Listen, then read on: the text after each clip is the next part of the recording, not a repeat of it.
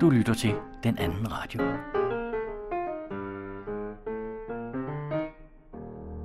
Du finder os på adressen den2radio.dk. Velkommen til den anden radio, lige herop til forårets begyndelse. Der sker så meget omkring os, og Geomet ser på lighedsprincippet i dansk lov. For dansk lov diskriminerer ikke på køn, religion, politisk overbevisning og etnisk ophav. Her ligger den danske statsindretningsfundament. Forestillingen om, at alle i udgangspunktet er stillet lige, er imidlertid ikke konkurrent med virkeligheden – og bestemmes snarere af sæd og skik, sociale forhold, flertallet og tidsånden, og fordomme spiller en ikke uvæsentlig rolle. Forskelsbehandling er sådan set ikke ulovlig, men det klares mere eller mindre maskeret ved opregning af forskelle i kultur, religion og sprog, undtagen ukrainsk selvfølgelig, altså målestok for flygtningens ret og barmhjertighedens rækkevidde. Når afvielser fra danske normer summer sig op, lukkes døren. Så der er god grund til en lovændring om lighed og værdier. Forskelsbehandling i udvalgt barmhjertighed er svaret, så medmenneskeligheden endda ikke overrumpler os.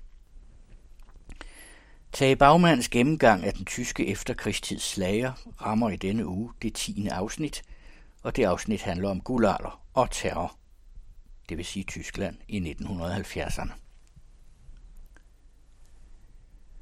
Over en periode på knap 120 år har Dansk Folkemindesamling indsamlet lydoptagelser af dagliglivets kultur og musik, og i denne uge sender den anden radio femte og sidste afsnit af serien Genlyd, hvor musikvidenskaber Kasper Jebsen og antropolog Ole Møller Markusen tager på skattejagt i lydarkivet.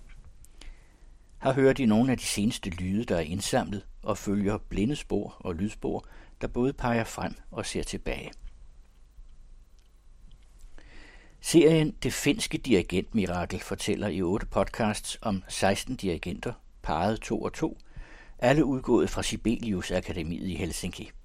Professor Jorma Pannula er fikspunktet. Han er vidt berømt for sin sans for at se talenterne og uddanne dem. Denne gang er det Leif Segerstam og Hannu Koivula, I skal høre om.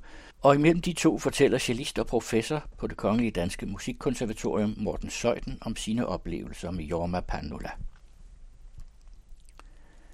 Kalenderen viser 1. april, men hvad betyder det, udover at foråret nu bebuder sin ankomst?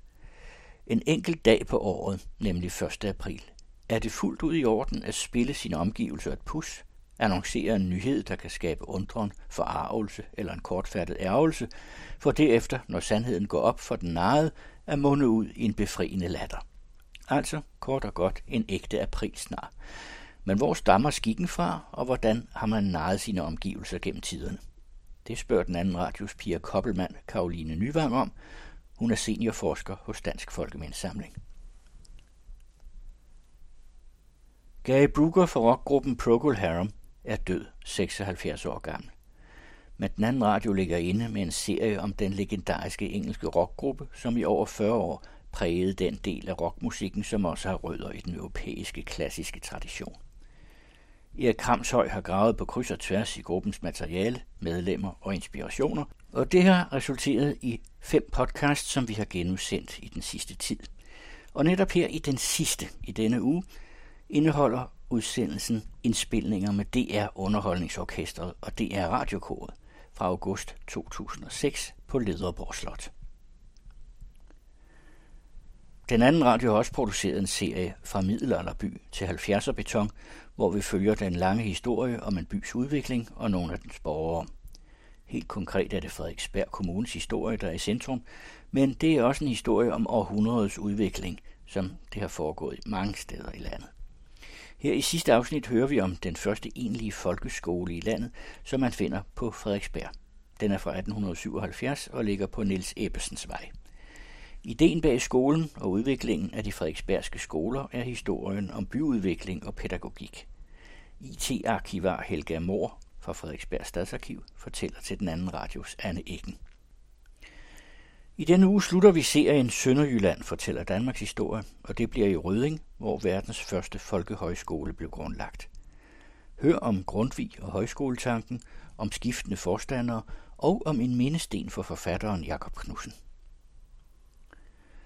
I Farovs klassikere fortsætter vi H.C. Andersens store rejsebeskrivelse, en digters bazar, hvor vi følger hans rejse gennem Europa til Istanbul i 1840-41.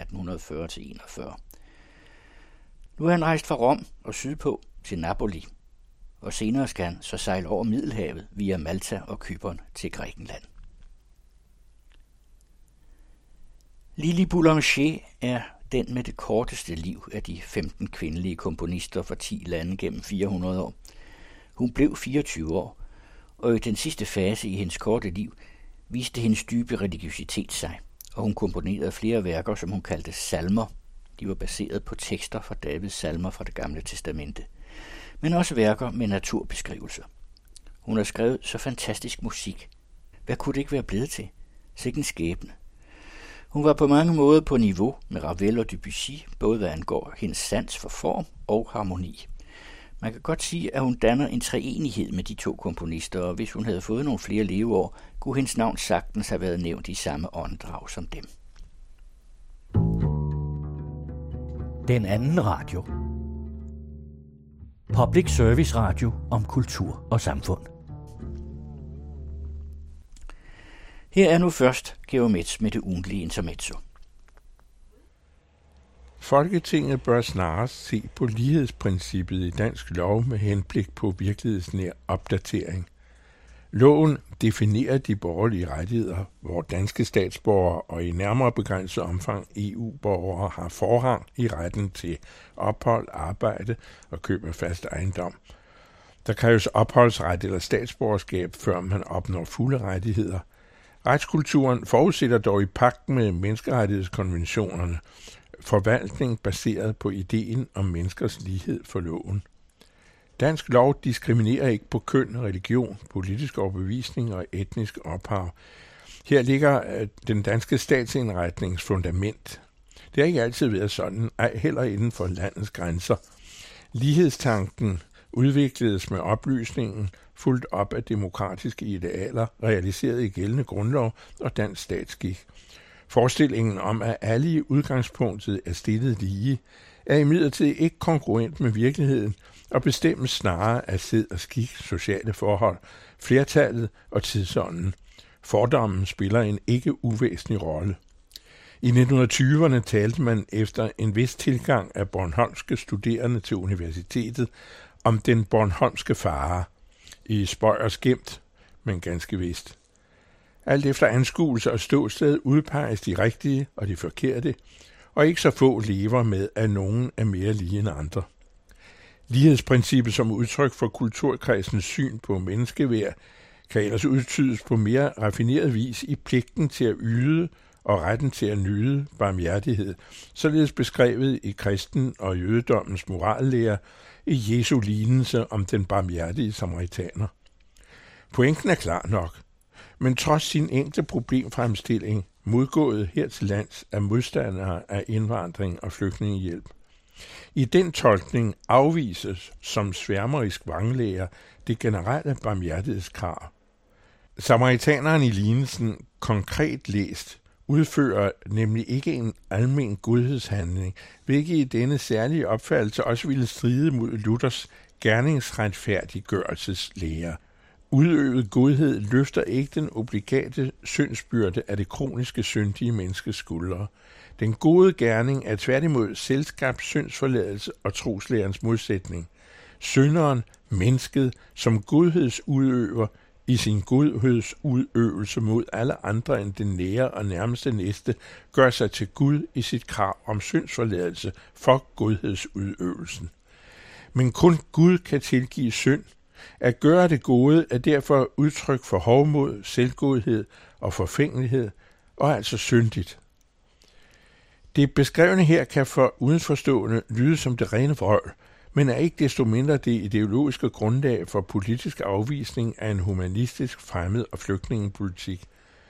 Således er samaritanerens historie vigtig i den konfronterende politiske debat om fremmedlovgivningen, særdeles udtrykt i det yderste højre, senere mere bredt i kampen mod flygtningelovene fra 1980'erne.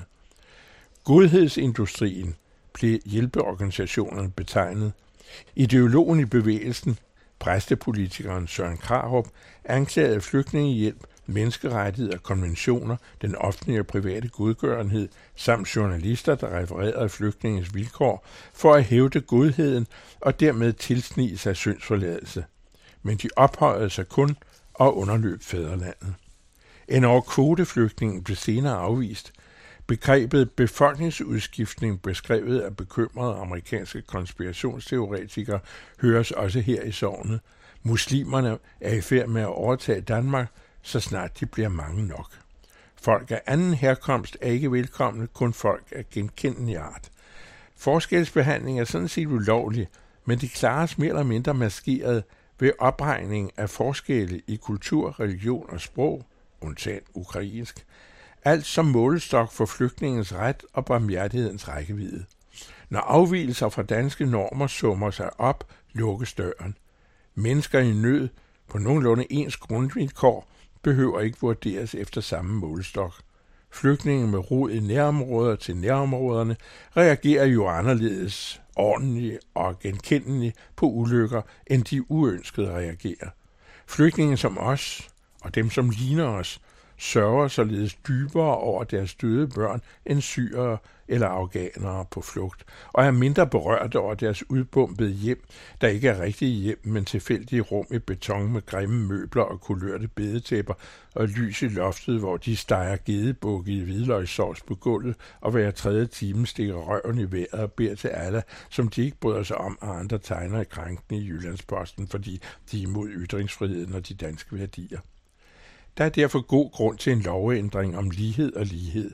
Næste gang de kommer storkende på vores motorveje lige fra Islamistan eller over Middelhavet i en gummibåd, siger vi som den rigsretsdømte tidligere minister, da hun afviste kvoteflygtningene, vi er fyldt op. Godt de ikke kom, uanset at tallet var mindre, end der kan sidde en middelstor bus fra Ukraine. Forskelsbehandling i udvalgt barmhjertighed er svaret, som medmenneskeligheden en dag ikke overrumpler os. I hørte Intermezzo med Geomets, som det kan høres hver uge her på den anden radio og læses hver fredag i Information. I Tage Bagmands store fortælling om tyskerne og deres slagere bevæger vi os i denne uge ind i selveste slagerens guldalder, 70'erne. Det var herhjemme, som i de to Tyskland, et årti præget af krise, som i Vesttyskland til med blev suppleret med terror. Men det var også i disse år, James Last lavede hele to smukke Ruslandsplader. Den første af dem lød sådan her.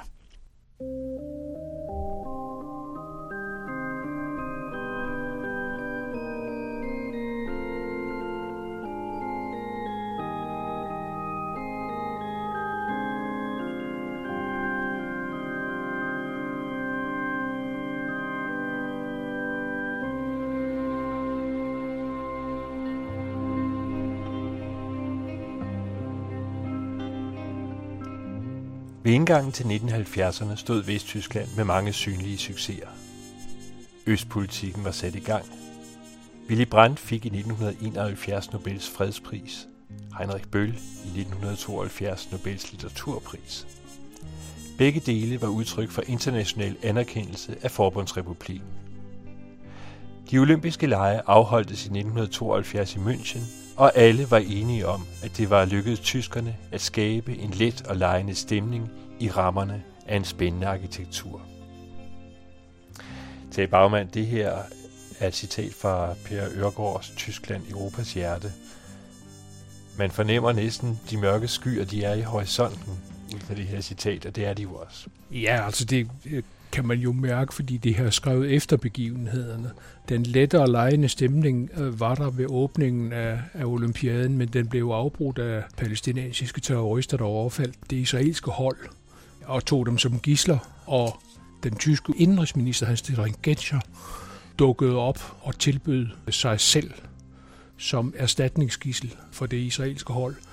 Øh, palæstinenserne sagde nej, Willy Brandt var i øh, konstant telefonforbindelse øh, med øh, Israels leder Golda Meir, som sagde til ham, det er muligt, at det her det kommer til at koste jødiske liv, men stå fast. Og det gjorde han. Og det endte jo med en massakre. Altså, de israelske gisler blev dræbt, Men det gjorde de palæstinensiske terrorister også. Det hele det endte i en forkludret befrielsesaktion på en lufthavn uden for München. Og det blev et traume for tyskerne, at de ikke havde været i stand til at beskytte jødisk liv på tysk territorium. Så på den måde kan man sige, at, at i bevidstheden om det her, så kan det godt være, at det er derfor Ørgaard ligesom skriver op til det her brud, der så kommer.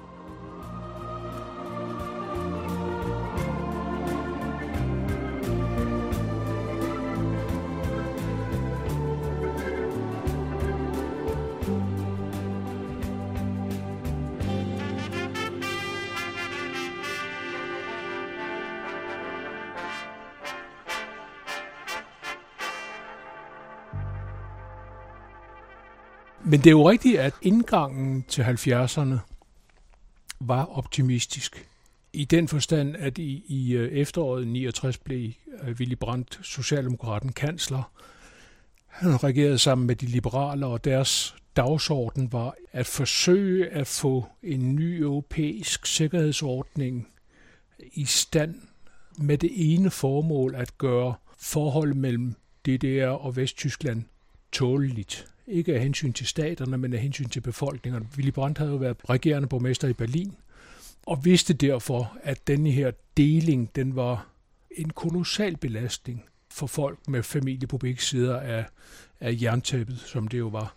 Han havde indset, at man kunne ikke tvinge Sovjetunionen og Østblokken og DDR øh, til at gøre noget som helst mod deres vilje. Sovjetunionen havde jo vokset sig til en, en super atommagt i løbet af 60'erne, så, så der var ikke ret meget at gøre derfor et atomfrit Tyskland. Han kunne heller ikke, opdagede han under krisen i 1961, da, da muren blev bygget i Berlin, han kunne ikke råbe amerikanerne op i den forstand, at øh, de havde en større dagsorden end kun Berlin fordi de var allerede så småt ved at øje rivaliseringen med Sovjetunionen i et nyt lys, i et større lys. Og derfor var det pludselig ikke sikkert for tyskerne, at amerikanerne ville være der, hvis der skete noget omkring Berlin. Så derfor så mente han, at nu måtte man finde en først en tysk og så en europæisk løsning på det her, som gjorde, at man kunne leve tåleligt med hinanden øh, og kunne overvinde de hårdheder, som, som delingen af Tyskland skabte.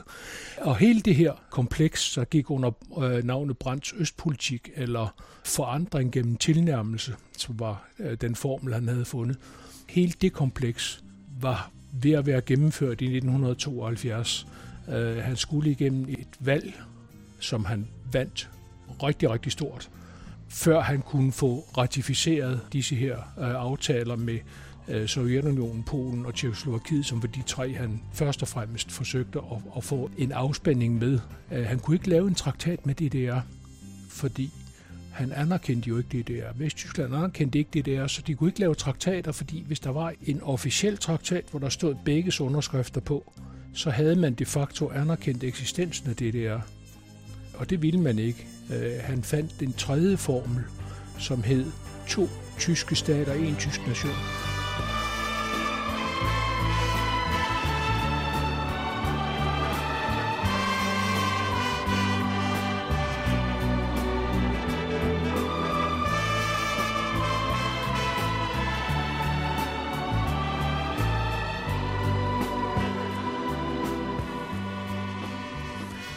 Der stod man i, i, i 1972-73 i Vesttyskland og tænkte, ha, nye tider måske. Mm-hmm.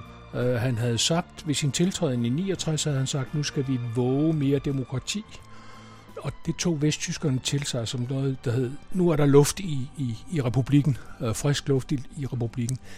I DDR var der sådan set et, et parallelt forløb, forstået på den måde, at uh, i 1971 tog man endelig mod til sig og sagde til Walter Ulbricht, at han måtte nok gå af. Hvad han så også gjorde, måske ikke helt med sin gode vilje, men han gik dog af. Og efterlod for øvrigt, altså DDR i en ret god økonomisk forfatning. I hvert fald på papiret, ja. Noget af det, man jo så opdagede senere, det var, at de havde fuldstændig misset tilknytningen til den teknologiske udvikling. Øh, men det blev ikke tydeligt før meget, meget senere. Men Ulbricht blev afløst af Honecker, og det blev i DDR sådan opfattet lidt som en fornyelse. Hvad man udefra måske kan være lidt Lidt har også ret, for man lyst til Øh, at sige. fordi Erik Honecker var altså en af Ulbrichts drenge, øh, og i øvrigt en af arkitekterne bag Berlinmuren. Men han havde altså også et nyt syn på tingene, kan man sige. Han, han placerede sig et andet sted, end Ulbricht gjorde, og derfor så fornemmede man, at her kunne der måske ske et eller andet. Øh, Og en, en, en rolle i det her spillede også DDR's øh, præsident, Willy Stuf, som øh, Brandt havde en god rapport med, kan man sige. Man kan ikke sige et godt forhold, for det eksisterede ikke mellem DDR og, og Vesttyskland. Men, men der stod man altså, da man så pludselig øh, oplever massakren i München, og vesttyskerne bliver rystet. Og, og det her var kun, hvad skal man sige, første del af en udvikling, som sagde til tyskerne, alt er ikke så godt, som det ser ud. 73 fik vi den første olieforsyningskrise. Det var de arabiske olieeksporterende lande, øh, som lukkede for oliehandlen, fordi de ville have, at fronterne flyttede sig i den øh, mellemøstlige øh, konflikt, sådan at den arabiske side blev hørt mere. Men det korte og det lange var, at pludselig så oplevede vi bilfri søndag i Vesteuropa, og tyskernes yndlingslegetøj, bilen, var pludselig tørlagt. Og det fik Og det gik i øvrigt, og Østtyskland blev også ramt af det her. ikke? Østtyskland blev også ramt af det, øh, og Østtyskland blev især måske ramt af, af de øh, kolossale prisstigninger på, på den internationale olie, som vi fik. Og alt det her gjorde, at vesttyskerne ligesom stod med en fornemmelse af, at tingene var rigtig gode i virkeligheden, men øh, rigtig dårlige i virkeligheden. Og det der skulle de til at, at passe sammen. Og samtidig så spirede ganske langsomt i, i Vesttyskland jo det, der så blev til den vesttyske terrorscene. Øh, vi havde været igennem ungdomsoprøret. Øh, Staten havde svaret med noget, der hed bekendtgørelsen om ekstremister. Det kom vi i øh, hele Vesteuropa til at kende som berugsverbot. Der var kommet en modreaktion i Vesttyskland, så også den konflikt lå der. Og alt det her skulle man forholde sig til i sine, om så må sige, vågne øjeblikke. Men når man havde fri, så ville man feste. Og det var med fuld drøn på.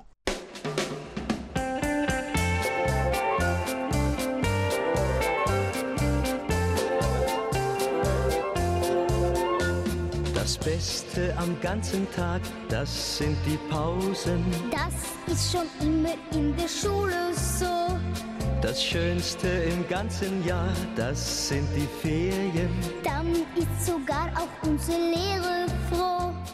Og derfor så bliver 70'erne også det årti, hvor de tyske partymusikere, de får øh, deres blomstringstid. Det var navne som Rex Gildo, det var Tony Marshall, det var øh, Roberto Blanco, det var disse her partysange, som man kunne danse til, og som man kunne køre i sløjfe, for nu at sige det kort. Så man kunne blive ved hele natten.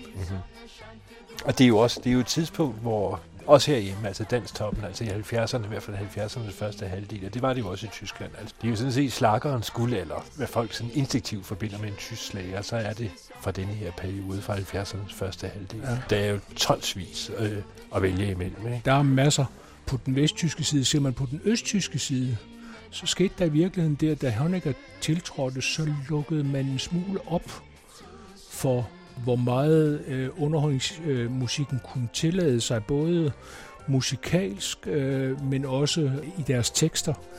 Så der var en slags tøbrud det også, som var dikteret ovenfra. Man ville have en, en ungdomskultur i DDR, der kunne matche ungdomskulturen i Vesttyskland, men som var styret, sådan at den passede det ideologiske formål. Welt wird immer kleiner und die Wünsche riesengroß. Warum nur schön ist auch ein Frosch im Moos. Das Schönste im Leben ist die Freiheit, denn dann sagen wir, schön ist es auf der Welt zu sein, wenn die Sonne scheint für groß und klein. Du kannst atmen, du kannst gehen, dich an allen freuen und alles sehen. Schön ist es auf der Welt zu sein, sagt die Biene zu dem Stachelschwein. Du und ich, wir stimmen ein. Schön ist es auf der Welt zu sein. Det vi hører, det er Roy Black med Annika, som er norsk i øvrigt. Øh, Schön ist es auf der Welt zu sein. Den periode her med oliekriser og terror og det hele, den kan for så vidt minde om den allertidligste efterkrigstid, hvor det også er som om slageren den bliver næsten krampagtig lystig, ikke? Jo, det kan den. I, øh, I efterkrigstiden, der handlede det om, at man ikke ville konfronteres med en uønsket fortid, fordi man jo på en eller anden måde måtte stille sig selv spørgsmål om, hvor man havde placeret sig i øh, nazisternes øh, øh, ideologiske billede. Det her, det var noget andet. Det var det, jeg talte om før, nemlig at brudfladerne i det tyske samfund, og i det vesteuropæiske samfund, forskød sig. Det brød op. Det var ikke længere højre og venstre. Der kom nogle nye brudflader, som gik på tværs af de gamle. Og det hele blev uoverskueligt. Altså hvis vi tager fredsbevægelserne og miljøbevægelserne, som, som øh, starter her, øh, kvindebevægelsen også, så var det jo nogle nye tanker, der gik på tværs af et øst-vest, eller et, et øh, venstre-højre spektrum. Mm-hmm. Og derfor så kan du se fredsbevægelsen for eksempel, som har rødder på venstrefløjen, men som har, ja, han har sagt, fangerarme helt ind, langt ind i et borgerligt kristent miljø i Tyskland. På samme måde kan du se miljøbevægelsen, øh, som jo også starter sådan ude på venstrefløjen, men øh, meget hurtigt bliver omfavnet af store dele af det tyske landbrug, som bestemt ikke hørte til på den øh, politiske venstrefløj, kan man sige. Mennesker... De grønne opstår også i det her årti. Altså der kan man sige, der er Tyskland, altså der er Vesttyskland, altså der har de været tidligt ude. Ja, og, og, og menneske, menneskeretsbevægelsen, de her tre, det er de tre elementer, der udgør kernen i partiet De Grønne i dag.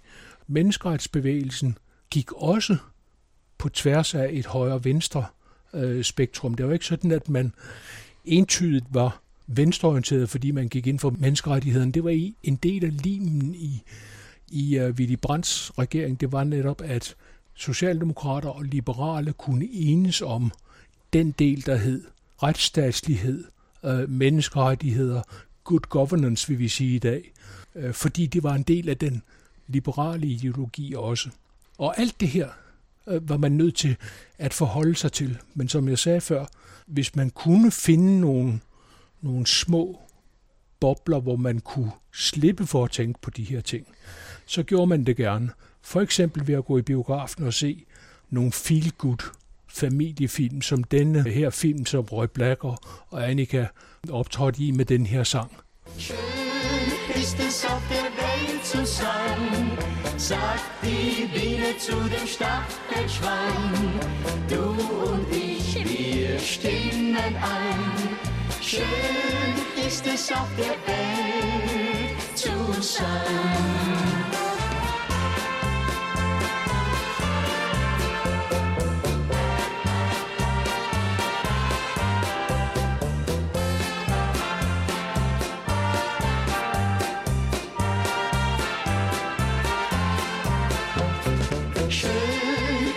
Es auf der Welt zu sein, sagt die Biene zu dem Stachelschwein. Du und ich, wir stimmen ein. Schön ist es auf der Welt zu sein.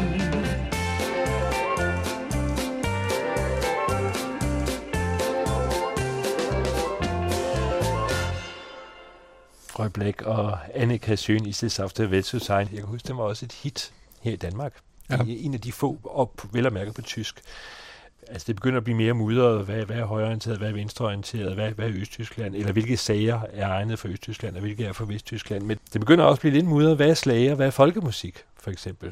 Ja, i Vesttyskland begynder det i slutningen af 60'erne, hvor nogle slager, sanger og nogle rene underholdningssanger, skal vi kalde det Bjørn Tidemann-formatet, øh, hvor de ligesom lige så stille bevæger sig over i retning af noget politisk indhold. John Mogensens øh, Dybel Mølmaler helt af helvede til et, et stjerneeksempel, men også for eksempel Peter Belli, som jo i indholdet af sine sange øh, nærmede sig nogle politiske emner med modstand mod byfornyelse og, og, og, og den slags ting. Og længere op i 70'erne, så får vi jo gasserne, som man godt kan fortolke noget, en, en politisk i hvert fald en livsfølelse ind i, øh, som ikke kun er øh, underholdning, underholdning, underholdning, men måske noget mere. Og vi får også Røde Mor og Clausen og Petersen, altså rene Ja. De kopierede, som simpelthen prøver på at erobre øh, danstopscenen, ikke? Øh, med succes. Og øh, også det, måske gjorde det bevidst, og så omvendt, så havde vi en Nils Havsgaard, som ikke havde tænkt sig, at han skulle optræde på danstoppen, men kom til at lande der alligevel, fordi han kom til at lave en sang, der var mere folkelig, end han måske selv troede. Men i Vesttyskland, der spiger denne her politisering af popmusikken, eller øh, omvendt tilnærmelsen af den agit-prop-musikken, øh, tilnærmelsen til et slagerformat, simpelthen for at, at nå længere ud. Også fordi de jo også et eller andet sted måske ubevidst fornemmede, at at fronterne rykkede sig, og man talte ikke ind i ekorummet mere. Man havde en langt større mulighed for at nå ud, simpelthen fordi publikum var et andet sted også. Fordi de tog jo også imod de nye strømninger og, og gik selv og tumlede med nogle af de her nye problemstillinger i dagligdagen, altså når de ikke lige hørte James Last eller Rick Skildo. Så der sker sådan en glidning der, øh, og man, man får en slags folkesangs eller protestsangens eller den politiske sangs årti i øh, Vesttyskland i 70'erne også. En af de sange, der ligger sådan på grænsen mellem dette at være noget politisk og dette at være noget livsfornemmelsesagtigt. Det er en sang, som den vesttysk-franske er man nødt til at sige, fordi han er et meget stort navn i Frankrig også. Sanger Reinhard May øh, skrev i 1975, hvad jeg tror, den er fra, som hedder Über den Wolken. Über den Wolken muss die Freiheit wohl grenzenlos sein. Alle Ängste, alle Sorgen, sagt man, blieben darunter verborgen und dann würde, was uns groß und wichtig erscheint, plötzlich nichtig und klein. Øh, Reinhard Meyer voksede op i Berlin, og han er vokset op i Berlin med muren. Og den her sang, den handler simpelthen om, hvordan han står og ser på øh, flyvemaskinerne, der letter og lander i, øh, i lufthavnen Tempelhof, som ligger midt i Berlin. Og hvordan han sådan tænker, jamen, når man er ovenover alle skyerne her, så må alle de problemer, vi kan se hernede, de må jo blive ganske små. Og måske i virkeligheden ikke så vigtige, som vi tror, de er. Og den slutter sådan med linjen, ich vil gerne mit geflogen.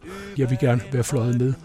Hvad der jo var en fornemmelse, man havde i Berlin, nemlig man kunne jo ikke komme ud, med mindre man havde råd til en flyvebillet. I og senere, med mindre man planlagde det meget godt i tide, ikke? Jo, jo. Reinhard May er den der blanding af stærk underholdning, virkelig stærk underholdning, øh, satire, men også noget politisk, også noget meget politisk. Og en af hans øh, mest barske sange er en sang, der hedder Nein, meine Söhne gebe ich nicht. I får ikke mine sønner. I kan godt komme og sige, at de skal være soldater, men I får dem ikke. Og hvis I insisterer, så flygter jeg med dem i nattens mulm og mørke, og jeg vil opdrage dem til at være ulydige og ikke til at stå ret for nogen, bortset fra sig selv.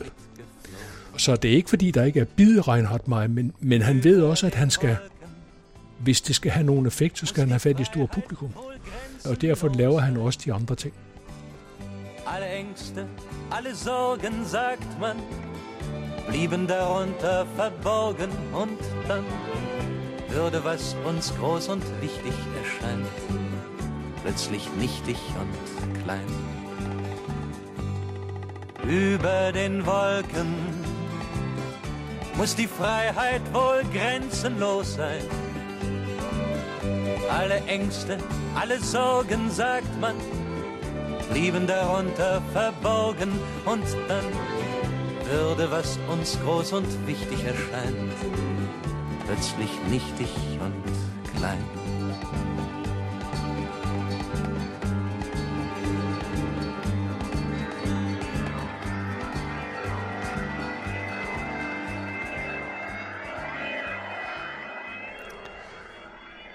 Altså, vi er inde i nogle år, hvor musikken står i kø, men det gør begivenhederne også. Vi bliver næsten nødt til lige øh, og, og, og i forhold til øh, øh, Reinhard Meyer gå et lille skridt tilbage til 1974, fordi der finder jo det sted, som hedder et kanslerstyrts.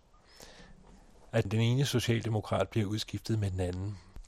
Ja, altså denne her optimisme over Willy Brandts østpolitik, og over at den havde overvundet modstanden, som var kolossal fra kirkelige kredse og fra de hjemstavnsfordrevnes organisationers kredse, fordi de var bange for, at han var på vej til at fraskrive sig muligheden for at få nogle af de tabte områder tilbage igen. At vi taler om Vestpolen der, ikke? Jeg, jeg taler om Vestpolen, jeg taler om, om Sudeterlandet, jeg taler om, om Østpreussen.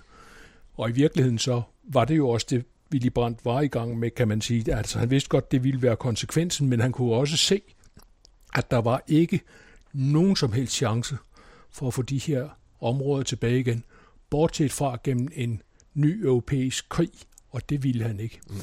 Så de hjemstavnfordrevnes øh, organisationer, de mobiliserede imod Brandt. De var lige ved at vælte ham. Der manglede to eller tre stemmer i forbundsdagen. Hvornår sker det? Det sker i 1972, og han vinder altså helt, helt knap en afstemning i forbundsdagen, og må så udskrive valg for at få et nyt folkeligt mandat, hvad han så får massivt i 72. Men så sker der det, at øh, efterretningstjenesten, den vesttyske efterretningstjeneste, afslører, at hans nærmeste rådgiver, hans nærmeste privatsekretærrådgiver, en mand ved navn Günther Guillaume, i virkeligheden er spion for DDR.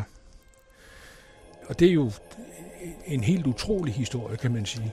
Og den vesttyske efterretningstjeneste var måske ikke selv helt sikker på, at de nu også havde ret i det her. De synes, de havde stærke beviser, men man kan jo aldrig vide. Så de tog hen og ringede på hans dør, og da han lukkede op, så sagde de, vi fra den vesttyske efterretningstjeneste, så han, jeg goddag, dag, mit navn er Günther Guillaume. Jeg er oberst i den nationale folkearmé. Og, og så var den ikke længere. Men, han havde været i Vesttyskland i mange år. Han havde været i Vesttyskland i mange år. Han var blevet plantet meget, meget tidligt af, af den tyske spionchef Markus Wolf. Mm. Var han blevet plantet i øh, Bonn-Bad Godesberg, som det hed dengang. Det var der, hvor regeringen sad. Og han arbejdede så langsomt op igennem rækkerne i det socialdemokratiske parti, og endte altså med at sidde, så at sige, lige ved siden af, af Willy Brandt.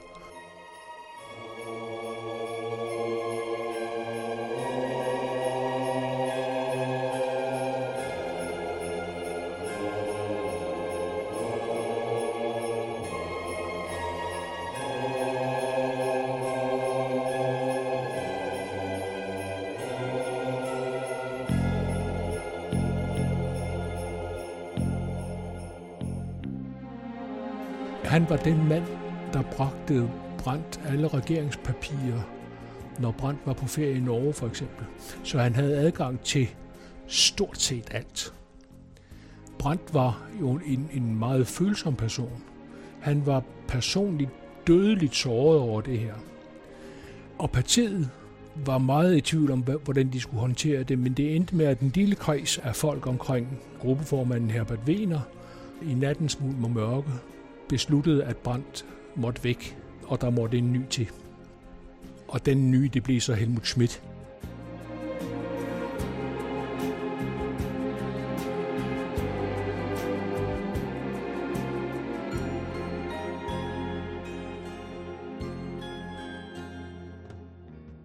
Øh, Helmut Schmidt er jo en, en lidt spændende person på den måde, at han, han var en af de mest uheldige personer i sin ungdom i Tyskland overhovedet. Uh, han blev indkaldt til den nydannede uh, nationalsocialistiske hær. Som den eneste kansler nogensinde. Ja. Han blev indkaldt for at aftjene sin værnepligt, mm. og det gjorde han i begyndelsen af 37. Og det skulle han så være i to, et halvt år eller tre år, jeg kan ikke huske, hvor lang tjenestetiden var, men i hvert fald, før han nåede at blive hjemsendt, så startede krigen. Og så blev al hjemsendelse inddraget. Så han var soldat fra 37 til 45, og derefter kom han i britisk krigsfangenskab i, i, i et tidsrum. Så hele hans ungdom forsvandt i det der soldater halløj. Og han glemte det aldrig helt. Der blev ved med at være en soldat inde i ham et eller andet sted. Men ikke sådan en blind lydighedssoldat. Men det gjorde, at han hele livet igennem blev præget af en holdning, der hed pligten frem for alt. Og det ved han sådan set aldrig fra. Han startede sin forbundspolitiske karriere ved at øh, være den mand, der greb tøjlerne, da øh, alle løb forvildet rundt øh, under den store øh, oversvømmelseskatastrofe i Hamburg. I 63. Ja. ja. Og en af de ting, han gjorde, det var at ringe til det tyske forbundsværn og sige, at jeg skal bruge nogle soldater. Han var indrigssenator i Hamburg, altså en slags indrigsminister i delstaten Hamburg. Øh, han ringede øh, til kasernen og sagde, at jeg skal bruge nogle soldater, og de sagde, at det kan vi også godt klare. Så de stillede op, og resultatet var, at forsvarsministeren nede i Bonn, som var den bayerske CSU-leder Franz Josef Strauss, han blev stikhammerne tosset. Og den duel, der startede der, den fortsatte de hele livet. Indtil Franz Josef døde i 1987. Der var dele af tysk øh, politik præget af opgøret mellem Helmut Schmidt og Franz Josef Strauss, de stødte jo sammen i valgkampen i 1980, øh, hvor Franz Josef Strauss blev den konservative øh, kanslerkandidat. Ja. Og en af de ting, Helmut Schmidt gjorde i den valgkamp, det var at nægte at sige hans navn. Han kaldte ham konsekvent denne mand fra Bayern. Og Franz Josef blev virkelig ophidset, men øh, Helmut Schmidt vandt altså opgøret. Når han blev kansler i 74, da Brandt faldt, så var det nok under indtryk af olieforsyningskrisen. Han havde været forsvarsminister, det var så det. Uh, han havde været gruppeformand i forbundsdagen, det var så det. Men så havde han været superfinansminister. Og superfinansminister i Tyskland, det betyder, at man er både finansminister og økonomiminister og erhvervsminister. Og det havde han været under den første olieforsyningskrise. Så han stod stærkt, fordi alle havde en fornemmelse af, at det var den krise, der man nu skulle mestre, man nu skulle håndtere. Så derfor måtte man hellere have en med, med forstand på tal. Og det blev så øh, Helmut Schmidt, som var en helt anden ledertype end Willy Brandt. Willy Brandt kunne godt lide sådan de lange, lidt filosofiske diskussioner om problemstillinger og hvor det kunne føre hen og principper og sådan noget. Helmut Schmidt sagde til sine ministre, hvis I kommer til mig med et forslag, der fylder mere end en af fire sider, så kan I glemme det. I får det ikke behandlet. Jeg vil ikke se det. Fordi hvis noget ikke kan fremstilles på en af fire sider, så er det ikke værd at beskæftige sig med. Han var i det hele taget en hård hund. Ja, ja, det er altså. bestemt. Hvis jeg lige må foregribe begivenhedens gang en lille smule. Det kommer jo så Tyskland til gode i det, der hedder det tyske efterår, hvor han er kansler, og hvor vesttyske terrorister bortfører øh, arbejdsgiverformanden Hans-Jørgen Schleier, og hvor han ikke giver sig. De vil have nogle af RAF-terroristerne, som sidder i fængsel i Stuttgart-Slamheim, vil de have presset fri, øh, og han giver sig ikke. Og så bortfører man en øh, Lufthansa-maskine, Landshut-maskinen, og dirigerer den til Mellemøsten, og ender i, øh, i lufthavnen i Mogadishu. Øh, og der har øh, Schmidt så fået sendt det nystiftede tyske antiterrorkorps, GSG-9-korpset, øh, fået sendt dem afsted, og de stormer flyet i Mogadishu, befrier alle gislerne, bortset fra den ene pilot, som er blevet dræbt undervejs, mm. og dræber eller sårer terroristerne. Men det, der sker undervejs, det er, at i en ophidset stemning, så øh, er den vesttyske krisestab samlet for at finde ud af, hvad man skal gøre og hvad man ikke skal gøre. Øh, og der dukker der pludselig et, øh, et forslag op, der hedder, jamen, det de her terrorister vil, det er, at de vil have deres kammerater, der sidder i Stuttgart Stamheim, ud af fængslet. Hvis vi nu, og vi ved, at der bliver lavet om det her, men hvis vi nu hiver dem ned i fængselgården og skyder dem, så har de ikke længere noget formål med deres, øh, med deres terroraktion, og så må det jo det slutte. Og der, øh, der siger Helmut Schmidt aldrig. Det bliver ikke på min vagt. Mm-hmm. Det gør vi ikke. Sådan er retsstaten ikke. Altså, det er Helmut Schmidt, der på det møde forhindrer, at Vesttyskland går et lille skridt for langt, som kunne være blevet et meget stort skridt i sin konsekvens. Men han gør det ikke. thank you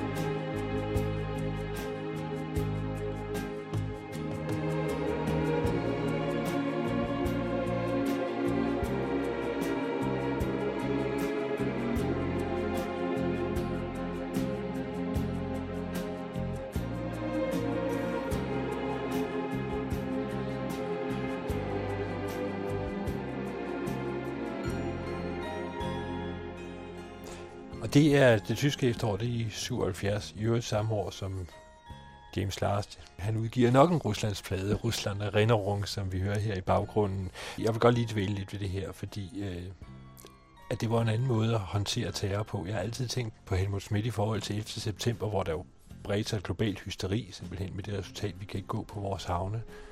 Der Helmut Schmidt, det, det var meget om, at man skulle bevare dagligdagen. Ja.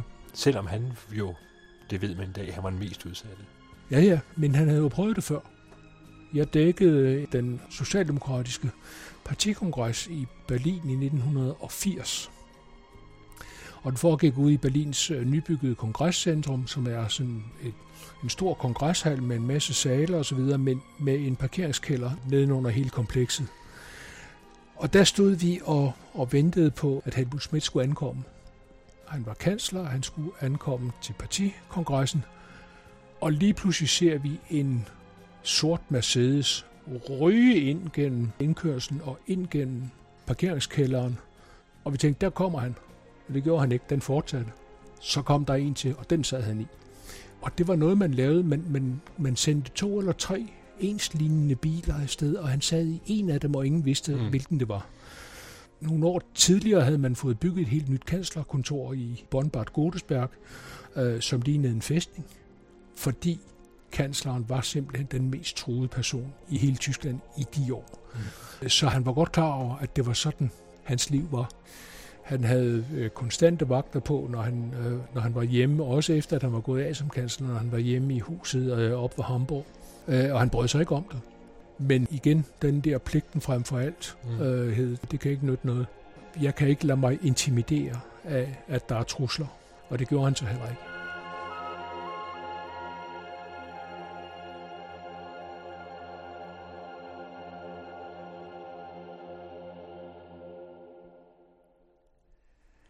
Seid nicht traurig, vær ikke ked af det, med James Last.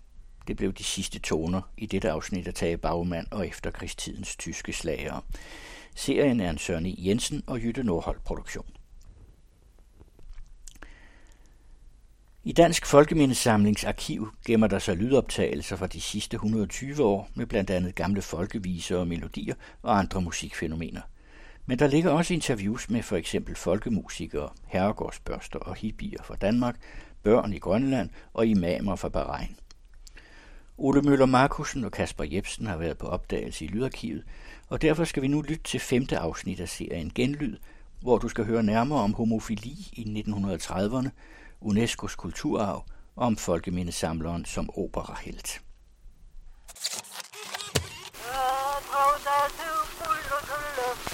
Jeg sorterede nap, da himlen sommeldag.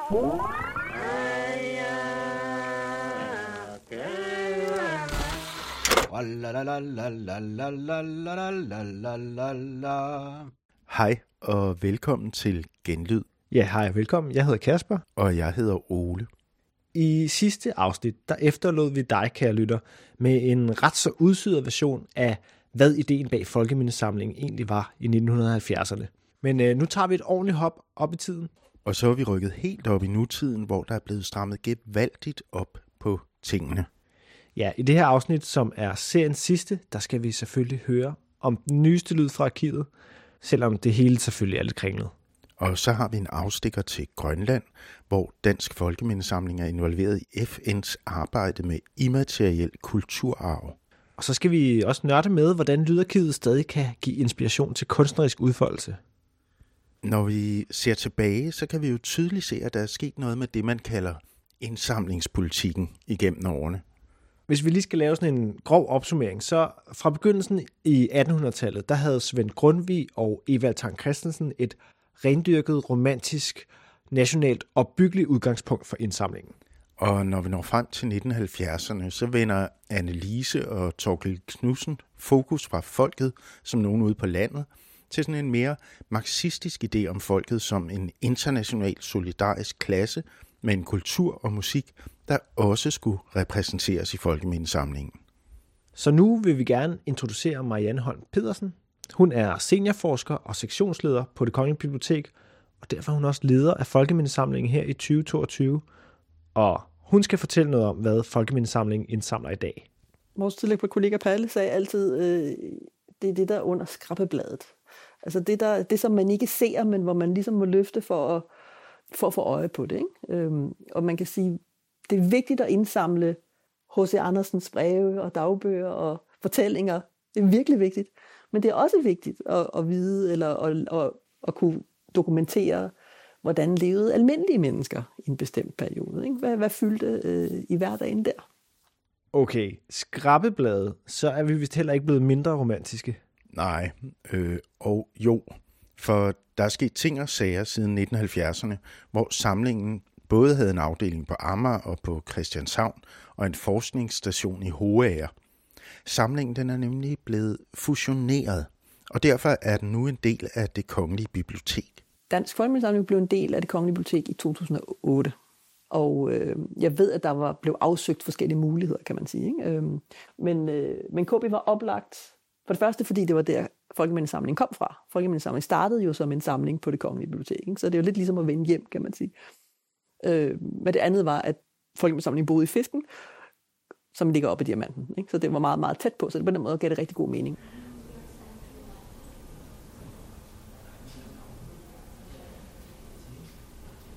Og nu sidder vi altså så inde på det kongelige bibliotek på Slottholmen, inde i den sorte diamant.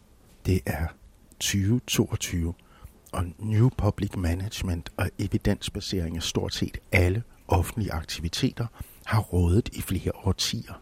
Anders Fogh har renset alle statslige smagsdommer ud.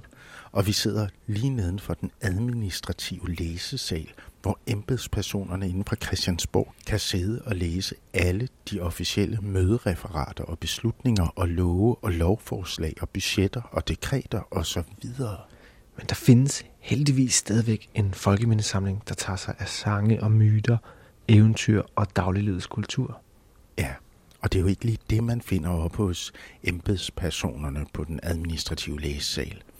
Hernede finder man de ting, der ikke sætter sig arkivale spor, som man siger på Folkemindesamlingen. Og det er jo ikke rigtigt en del af den officielle Danmarks historie. Nej, måske er det sådan en slags Danmarks røverhistorie. Ja, det er lige det. Hvad er det egentlig, Folkemindesamlingen skal samle ind i det 21. århundrede? På den ene side, så er Folkemindesamlingens indsamling i dag jo defineret af det kongelige biblioteks generelle indsamlingspolitik. Ikke? Det skal være at komme fra Danmark, eller have tilknytning til Danmark, og det skal have øh, historisk, kulturel, forskningsmæssigt osv. værdi. Øh, eller have national betydning. Det særlige ved folkemindesamlingen, det er jo i høj grad, at vi selv skal skabe vores materiale. Dagliglivets kultur eksisterer jo ikke altid i fysisk form. Det er noget, vi må ud og tale med folk om, eller ud og, og, og filme, eller tage billeder af, eller observere på anden vis. Og det kræver en særlig tilgang. Og vi gør det på to måder, kan man sige. Vi, gør, vi har den passive indsamling. Passiv indsamling vil sige, at øh, vi modtager donationer fra andre, for eksempel. Ikke? Det er andre, der, der, der sætter vores indsamling i gang. Du går på øh, loftet og finder øh, din bedstemors dagbog øh, fra 20 år, og tænker, det kunne være relevant for folkemindesamlingen, eller en musiketnolog vil gerne aflevere sit materiale, eller der kan være forskellige folk, som tænker, det jeg har her, det er relevant for folkemindesamlingen. Den anden type indsamling er den aktive indsamling. Det er den, vi selv initierer, hvor vi siger, det her, det vil vi gerne dokumentere, det mener vi er vigtigt at få ind i vores arkiv. Den passive giver os adgang til, at du ved, der er noget derude, der er vigtigt, som du synes, vi skal have. Men samtidig, så hvis vi kun får det, som folk sender til os, så kunne det også tænkes, at, at det primært følger, hvad, hvad der allerede er, kan man sige. Ikke? Fordi folk har en idé om, hvad er folkemindesamlingen. Derfor skal vi koordinere, eller kombinere det med det aktive, hvor vi går ud og siger, jamen det her er nødvendigt. Og det kan vi jo gøre på forskellige måder. Vi kan gøre det, fordi øh, vi forskningsmæssigt ved, det her er relevant øh, at indsamle i dag. Øh, vi kan gøre det, fordi vi ser, jamen arkivet, øh, det her mangler i arkivet, kan man sige. Eller vi kan gøre det øh, øh, for eksempel ved, at vi har et ansvar for at forvalte UNESCO-konventionen, og så siger vi, jamen der er noget her omkring immateriel kulturarv, som vi også gerne vil have. Så der kommer ting ind fra flere kanter, og øh, der er nogle bestemte rammer for, hvad der skal gemmes som folkeminder. Men hvis der er noget, vi har lært i de sidste afsnit, så er det jo, at det er rigtige mennesker, der samler ind.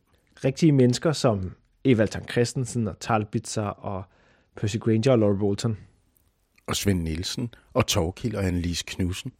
Ja, det er rigtige mennesker, der er med til at bestemme, hvad der bliver en del af den her kollektive hukommelse. Så må det jo være personbordet.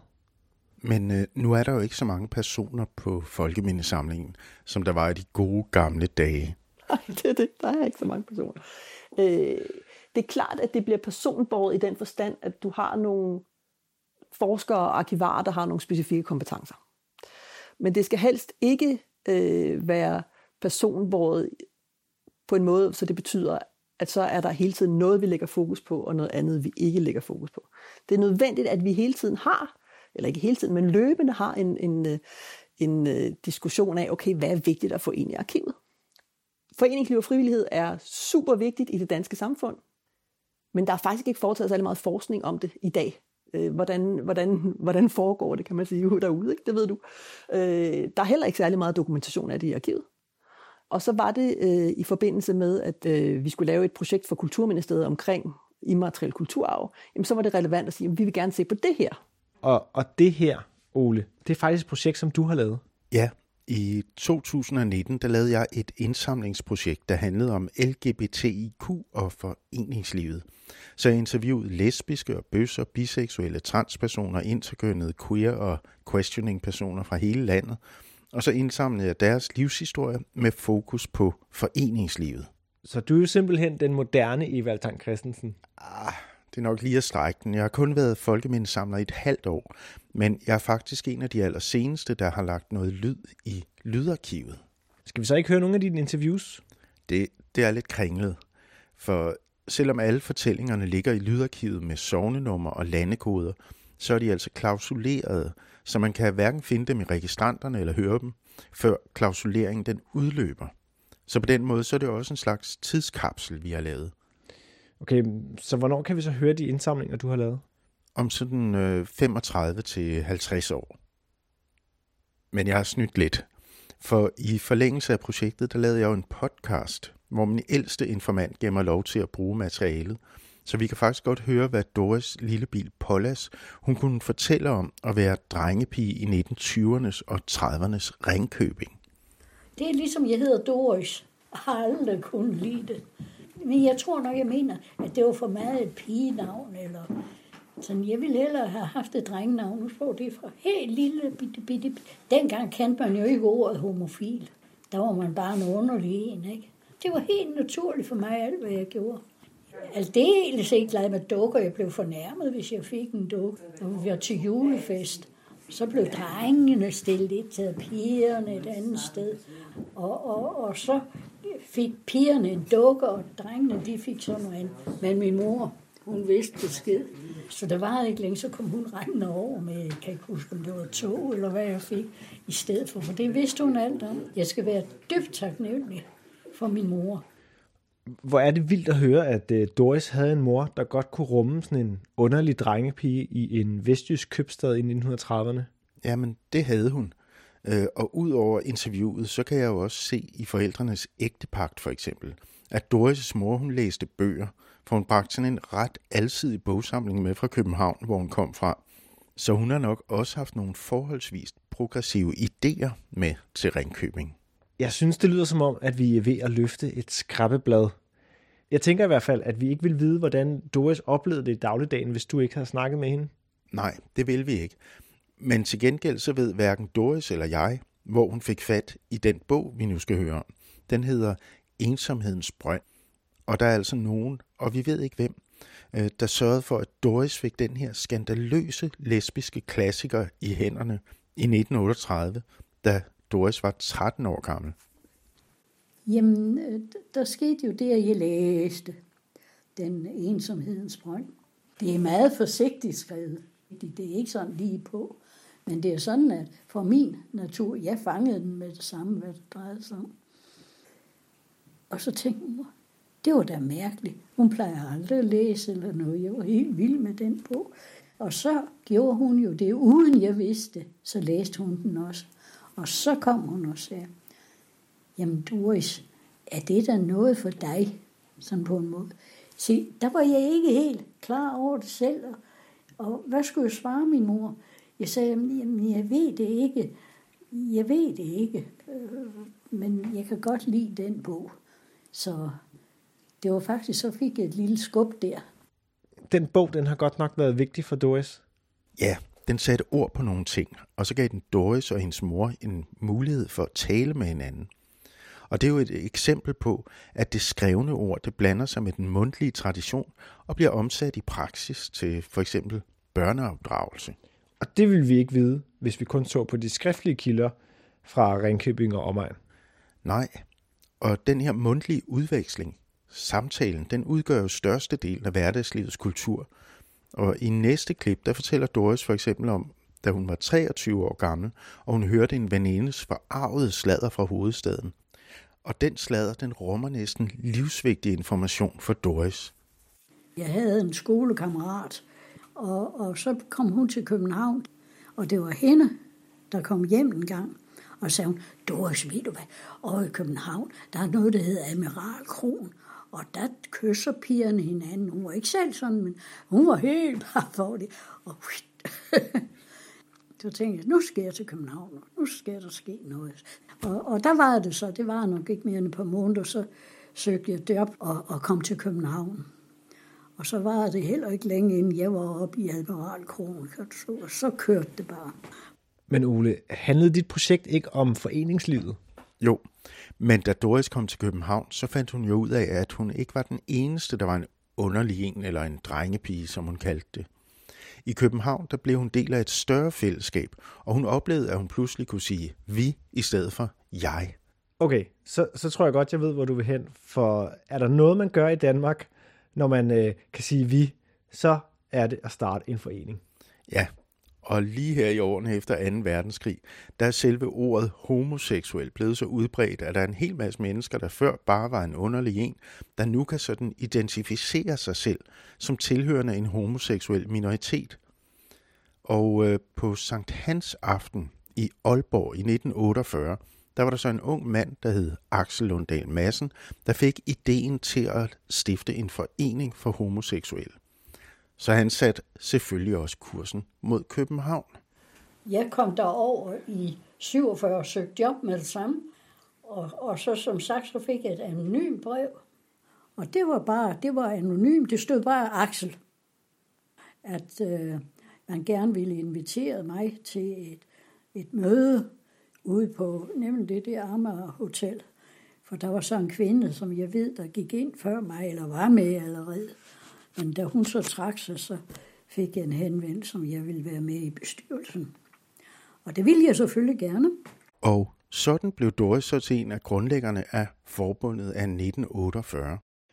Og så var de bare alle sammen glade og i forening og kunne sige, vi er homoseksuelle. Ah, så nemt var det ikke. I dag der hedder forbundet af 1948 jo LGBT plus Danmark. Og det handler ikke kun om homoseksualitet. Og lige fra starten, der har det der med, hvad man skulle kalde tingene, været et centralt spørgsmål. Men det kan jeg huske dengang, vi havde meget diskussion om. Og jeg arbejdede med på det. at vi ville have, at det skulle hedde homofile. Og jeg sagde, at det synes jeg, det der med homoseksuelle, det der homofile, det er sådan lidt blødere. Men det er, bliver altså også brugt i dag. Det bliver også brugt. Ja, det hedder altså stadig homofil i Norge, men efter at have interviewet folk fra 19 år op til 95 år, så kan jeg i hvert fald sige, at sproget, det er levende, og det forandrer sig. Vil man kunne sige, at en underlig drengepige i 1929, det er en genderqueer i 2019? Helt øh, så enkelt er det nu ikke. Men nu ligger materialet i hvert fald i Dansk Folkemindesamling, så nogle mennesker, der ikke er født endnu, kan dykke ned i det om 100 år måske. Og de kommer sgu nok til at stusse over det, vi kalder tingene nu, øh, ligesom vi undrer os over Doris' brug af drengepiger og homofil.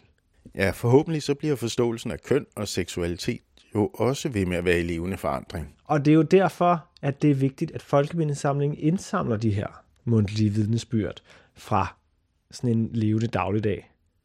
Og hvis vi lige tager fat i Marianne igen, så er det jo præcis det, der er Folkemindesamlingens opgave. Vi, Folkemindesamlingen har fokus på, på, på dagliglivets kultur. Øh, og det, man kan sige, den står på to ben. Det ene, det er, at vi skal dokumentere øh, dagliglivets kultur på forskellige måder. Vi skal indsamle, forske, formidle om det. Og det andet er så, at vi også er ansvarlige over for Kulturministeriets, øh, Kulturministeriet øh, for at øh, forvalte øh, UNESCO's øh, 2003-konvention om immateriel kulturarv. oh, oh, så er der dømt ministerrådsmøde og diplomatiske forhandlinger. Her må vi nok lige forlade Doris og dagliglivets kultur, og så snakke lidt mere om det her med den immaterielle kulturarv. Immateriel kulturarv.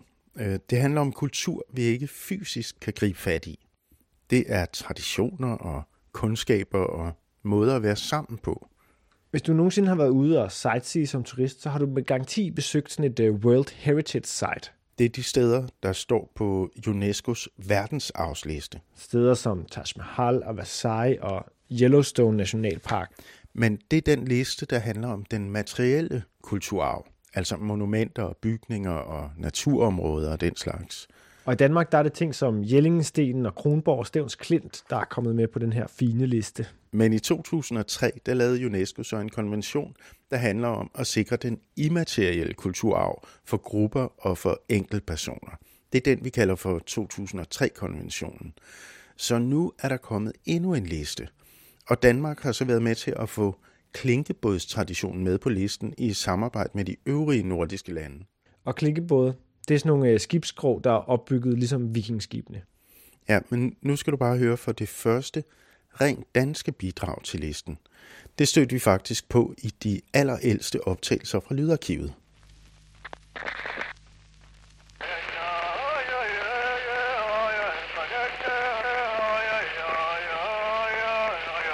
Trummedans. Lige præcis. Så må vi nok lige en tur til Nuuk igen. Jeg hedder Kirstine Møller, og jeg er Ph.D.-studerende. Kirstine hun har jo allerede fortalt om trommesangen og dansen i afsnittet om Arktis. Men hun har også arbejdet med 2003-konventionen på Nationalmuseet i Grønland. Jamen altså, vi arbejder jo med 2003-konventionen, som handler om at safeguarding, eller sikring af immateriel kulturarv. Og der sørger vi egentlig bare for, at Grønland, eller sørger bare for, øh, at Grønland overholder den konvention i forhold til, hvordan vi skal støtte vores kulturbærere. Immateriel kultur er det, som forsvinder, når der ikke er nogen mennesker. Så det er jo ikke tromme, der er knudepunktet her. Og i virkeligheden kunne vi have taget mange andre forskellige elementer, fordi at der, at der er sådan en rig immateriel kulturarv her, og folk, der har arbejdet med det altid. Men man skal jo starte et sted. Og hvis vi tænker på det, vi talte om i vores afsnit om Arktis, så, så giver det jo egentlig totalt god mening, at man starter med at få trommesang og dans med på sådan en liste. Det var det med, at hele fænomenet trommesang er så meget mere end bare rammetrummen og sangen. Og så er det en fuldkommen integreret del af den grønlandske og arktiske kultur. Men så tænker jeg altså bare, at det må være ret svært at skrive sådan noget ned i en ansøgning, så det kan blive til et punkt på en liste, når det nu er så levende. Man skal jo bare i talesætte det, der bliver gjort.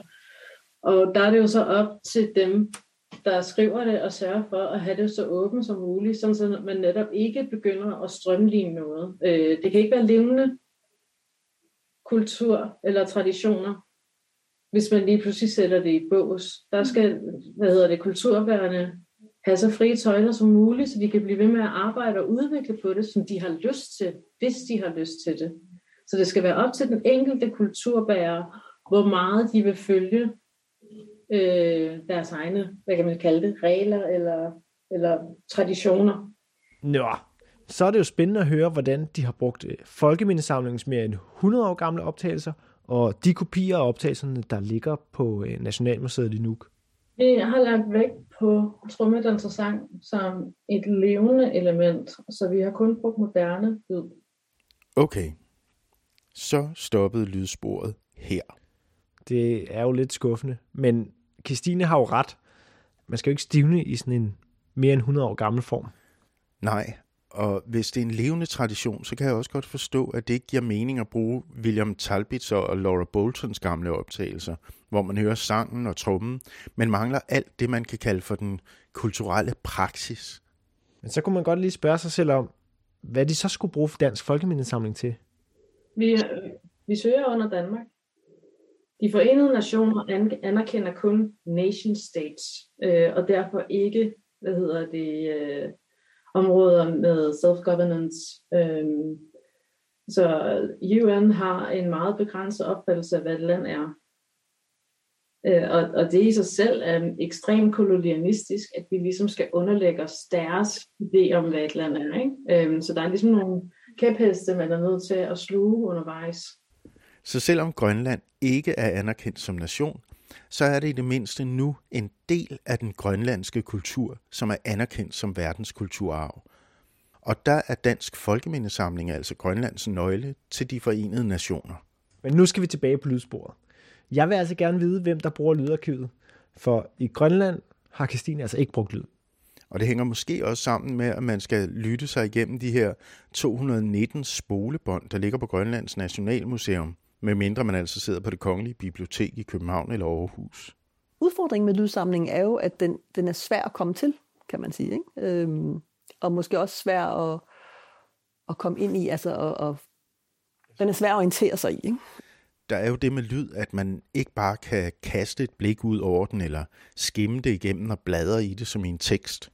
Vi kan selvfølgelig skrue op fra tempoet til ja, dobbelt hastighed, men det er sådan max.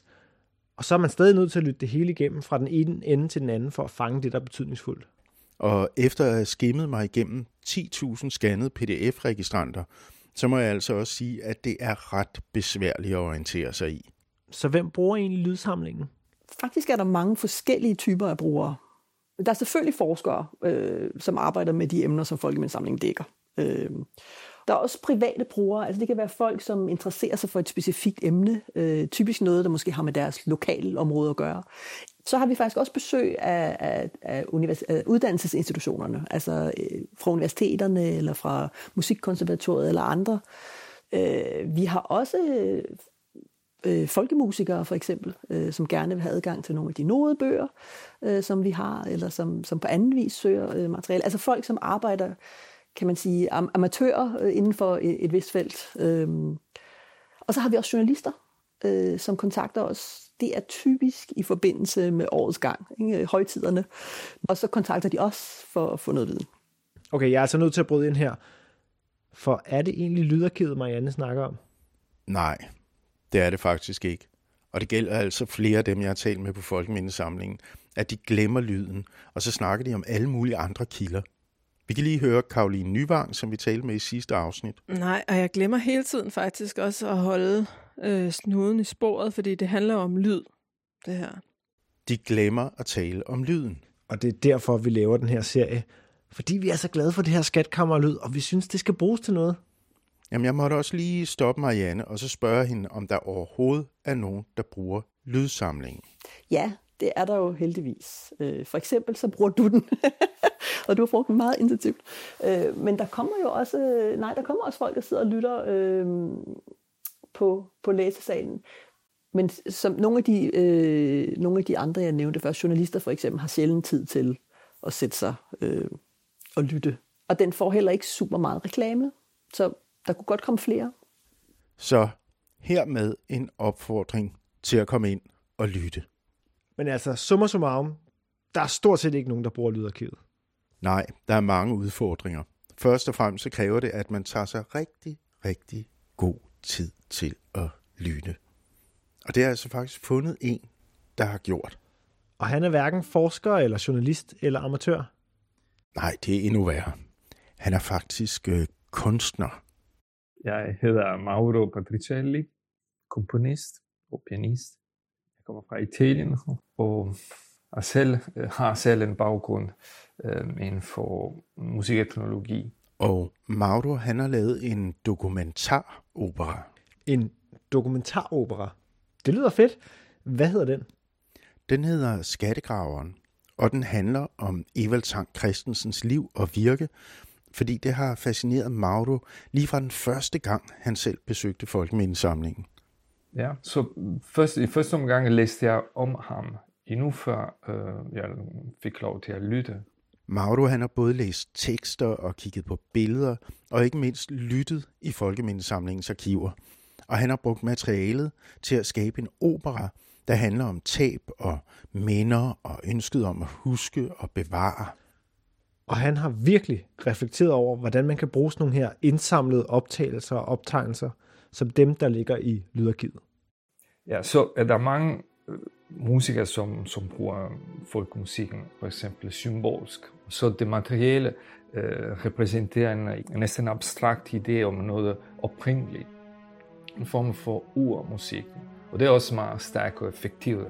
Men næsten alle romantiske eller senromantiske øh, værker kan defineres inden for den tilgang.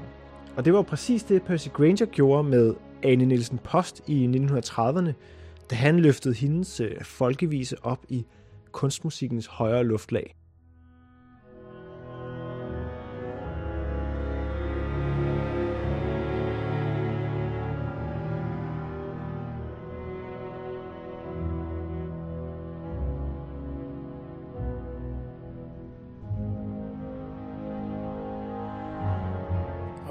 Lyder jo altså som noget, der kunne være underlægning til sådan en dokumentarserie om Danmarks vilde natur.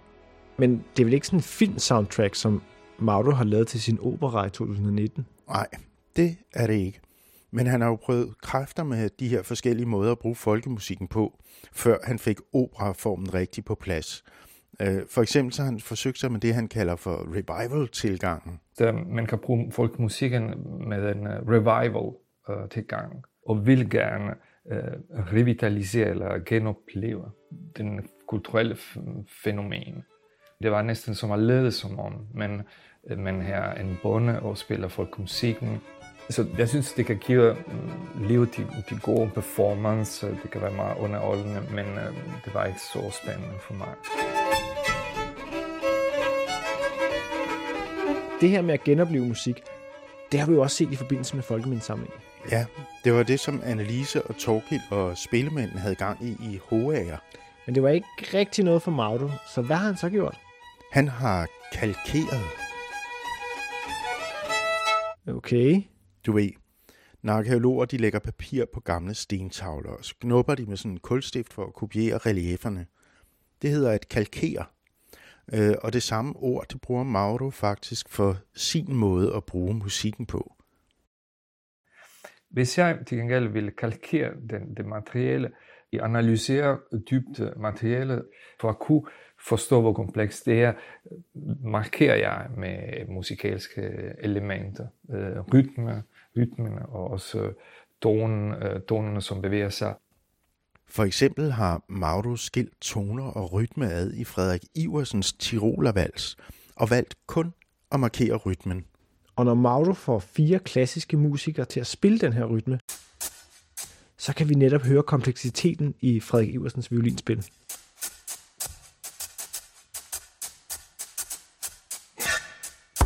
Og det bliver så til den ouverture, der åbner Skattegraveren. Skattegraverne øh, hører til den metaforiske hvad det, billedsprog, som var brugt i sen romantikken, fordi ideen var naturligvis at grave ind i hukommelsen for at finde skatten. Og så skrev jeg en, hvad det, et rytmisk stykke til øh, kvartet skål af spader, hvor spæderne naturligvis både kalkerer øh, stykket, og som om rent metaforisk repræsenterer skattegraveren. Og en gang imellem kom, kommer et lille stykke musik, og så til sidst kommer hele stykke musik, som de graver ud øh, skatten, som er faktisk musikken.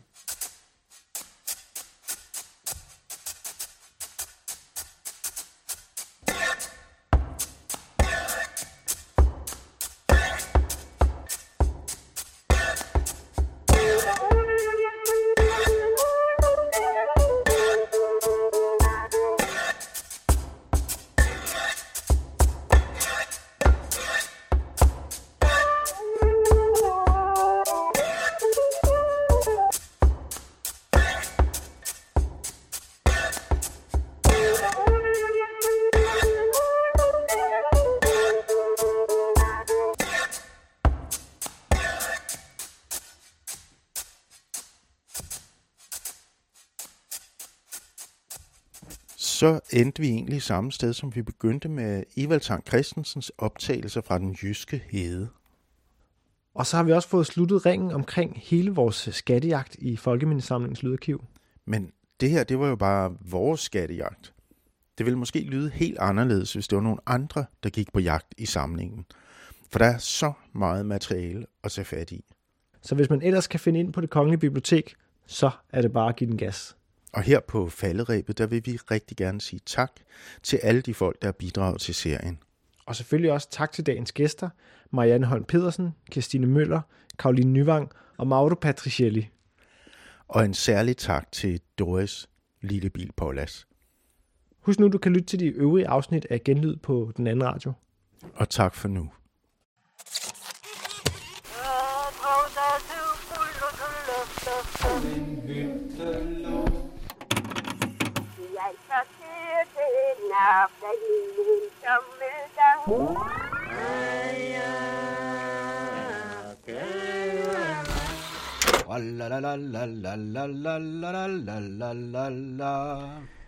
Det var musikvidenskaber Kasper Jebsen og antropolog Ole Møller Markusen, der havde tilrettelagt serien Genlyd her på den anden radio. En stor tak til Statens Kunstfond, Åge og Johanne Louis Hansens Fond, Sonningfonden og Lisier Måns Stålfonden, som har støttet serien. Og husk, at du altid selv kan gå på skattejagt i Dansk Folkemindesamlings Lydarkiv på det Kongelige Bibliotek.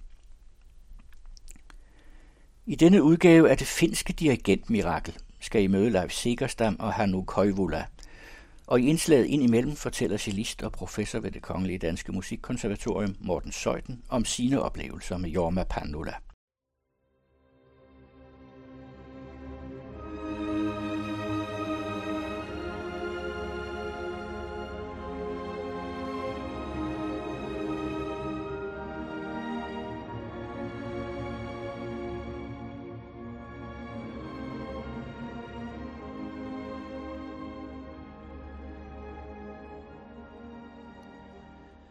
Det finske dirigentmirakel omfatter i disse podcast 16 finske dirigenter, alle med international karriere.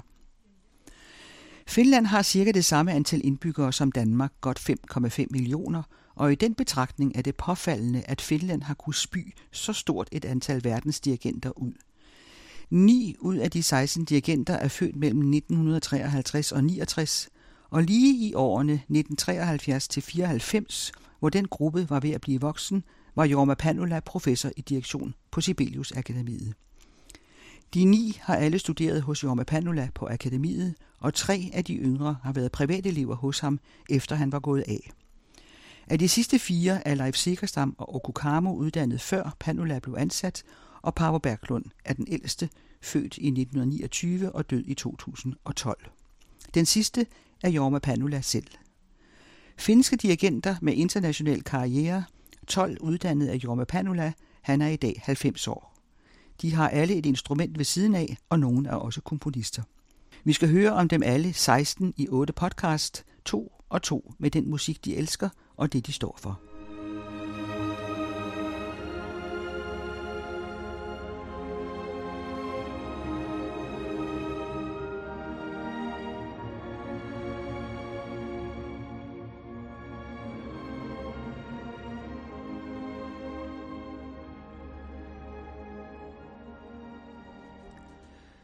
Leif Sikkerstam kender vi særdeles godt i Danmark. Han var chefdirigent for DR Radiosymfoniorkestret fra 1988 til 95, og i disse år er han æresdirigent ved Aarhus Symfoniorkester ved siden af deres chefdirigent Mark Sustro. Leif Sikkerstam er netop fyldt 78, så han er en af de få, der ikke har studeret hos Jerome Panula på Sibelius Akademiet, men han har til gengæld undervist sammen med ham der, og flere af dirigenterne i denne serie er blevet undervist af Leif Sikkerstam samtidig med Jorma Panula. På Sibelius Akademiet fik Sikkerstam undervisning i direktion af blandt andre Leo Funtek, der havde dirigentklassen fra 1950, og også Jorma Panula studerede hos ham. Siden blev Panula og Sikkerstam kolleger, og Sikkerstam blev selv professor der i 1997. Han var vidunderbarn og kom på Sibelius Akademiet som barn og både med klaver og violin. Han havde som helt ung en bemærkelsesværdig debutkoncert. På en og samme koncert optrådte han skiftevis som violinsolist og klaversolist med orkester, dirigerede og fik en komposition uafført. I mange år spillede han sideløbende i strygekvartet, både violin og bratsch. 19 år gammel afsluttede han så sine studier ved Sibelius Akademiet og vandt klaverkonkurrencen Mai Lind i 1962, og han afsluttede sine dirigentstudier ved Juilliard School i New York i 1965, der var han 21. Efter topstillinger i Norden, Østrig og Tyskland blev han i 1988 chef for DR Radiosymfoniorkestret, som han indspillede alle Gustav Mahlers symfonier med. Det var første gang, at et dansk symfoniorkester indspillede alle Mahlers orkesterværker. Også Sibelius symfonier indspillede han med DR Radiosymfoniorkestret. De første år i København var nærmest som en vulkan for symfoniorkestret og for publikum. Generøs og inspirerende var han, og han bad om at få installeret en sauna i radiohuset, hvilket gav mange overskrifter i medierne, og de spillede på Roskilde Festivalen. Det var der vist ingen, der havde forudset, at Radiosymfoniorkestret kom til. Efter seks år var det slut, og det var ikke med Sikkerstams gode vilje, men han gik videre til Helsinki Filharmonikerne, hvor han var chefdirigent til 2007. Han er en uhyre produktiv komponist. Kompositionerne fosser fra ham, og antallet af symfonier optalt i april 2021 er 344. Han blev tidligt spået en stor dirigentkarriere i USA, men hver gang han fik et tilbud, insisterede han på, at der skulle stå i kontrakten, at han skulle have sine egne værker opført, og så blev det ikke til noget. Men det danske musikpublikum fik dengang fornøjelsen af den karismatiske finde, der blev en af de mest inspirerende og generøse dirigenter i orkestrets historie. Han fortæller om sit arbejde her med at interessere publikum for musikken og for at få dem til at komme til koncerterne. Først må man sikre sig, at publikum overhovedet kommer ind i koncertsalen, siger han. Næste punkt er, hvad der så sker. Når man skal ramme de unge, må der skabes en intens udtrykskraft, som ved en rockkoncert.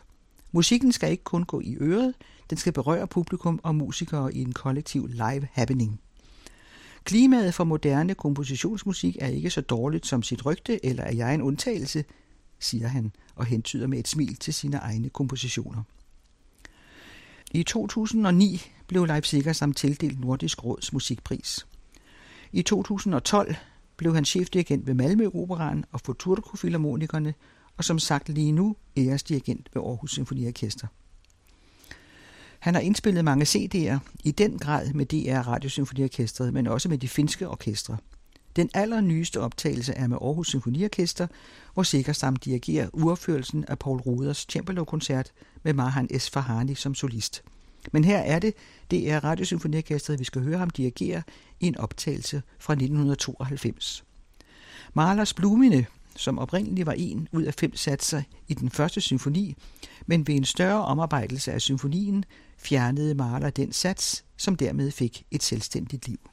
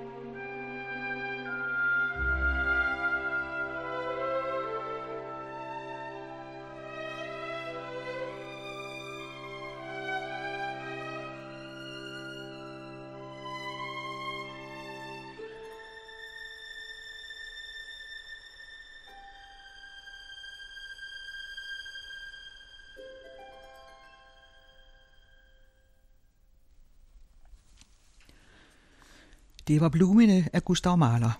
Leif Sikkerstam dirigerede DR Radiosymfoniorkestret. Nu fortæller cellist og professor på det Kongelige Danske Musikkonservatorium Morten Søjden om sine oplevelser med Jorma Panula, som også tilbød ham en dirigentuddannelse. Ja, han havde en meget klar profil. Det var muligvis første gang, jeg lærte ham at kende. Det var, jeg var på et sommerkursus i Jyväskylä i Finland. Og jeg studerede hos Arthur Noras, og der var der også et kammerorkester, som Panula ledede. Han var super ordknap, på det tidspunkt var han meget interesseret i løb, faktisk. Og vi øh, glade drenge, vi lå jo så og sov længe hen i, hen i, i højskolen der. Og så kom han og vækkede os øh, om morgenen, og så skulle vi med ud og løbe. Det synes jeg var en sjov profil at have som dirigent. Og det gjorde vi så. Det var min første kontakt med ham. Han var en meget ordknap mand, og, øh, og derfor så kunne man jo også nogle gange spekulere på, hvad han tænkte. Men når han så stod foran et orkester, så havde han den her klippe stærke tiltro til, at hans gestik formidlede det, han gerne ville have sagt. Han var meget tydelig og meget bevidst om alle sine øh, motiver og alle sine, øh, alle sine bevægelser. Og det var altså noget, som musikerne synes rigtig godt om. Der bliver jo, I symfoniorkester bliver der rigtig talt rigtig meget på musikerne i løbet af sådan et halvt års tid. Så når, når øh, der kommer en, som med sin gestik øh, regner med, at, at det må være nok, så forekommer det lidt mere som en dialog, end hvis man får en forelæsning. Og derfor var han, var han meget øh, afholdt faktisk i radioorkestret. Ja, for jeg tænker i hånden på, altså når man ikke siger noget, kan man virkelig vise det hele med hænderne og, og, og sin mimik? Ja, det kan man. Og det, det, kommunikationen til musikerne. Ja, ja men du, det, det er jo lidt ligesom musik. Det handler jo heller ikke om noget. Resultatet er jo ordløst. Og øh, på en eller anden måde var der, var der altså en tillid til musikeren og en tillid til værket og øh, en tillid til forståelsen, den forståelse, han forventede af os, som var meget øh, inspirerende, og som vi, øh, vi godt kunne lide. Alt tager selvfølgelig en grænse, og når en dirigent har været et stykke tid med et orkester, så, så, så, så ønsker man jo så øh, noget nyt.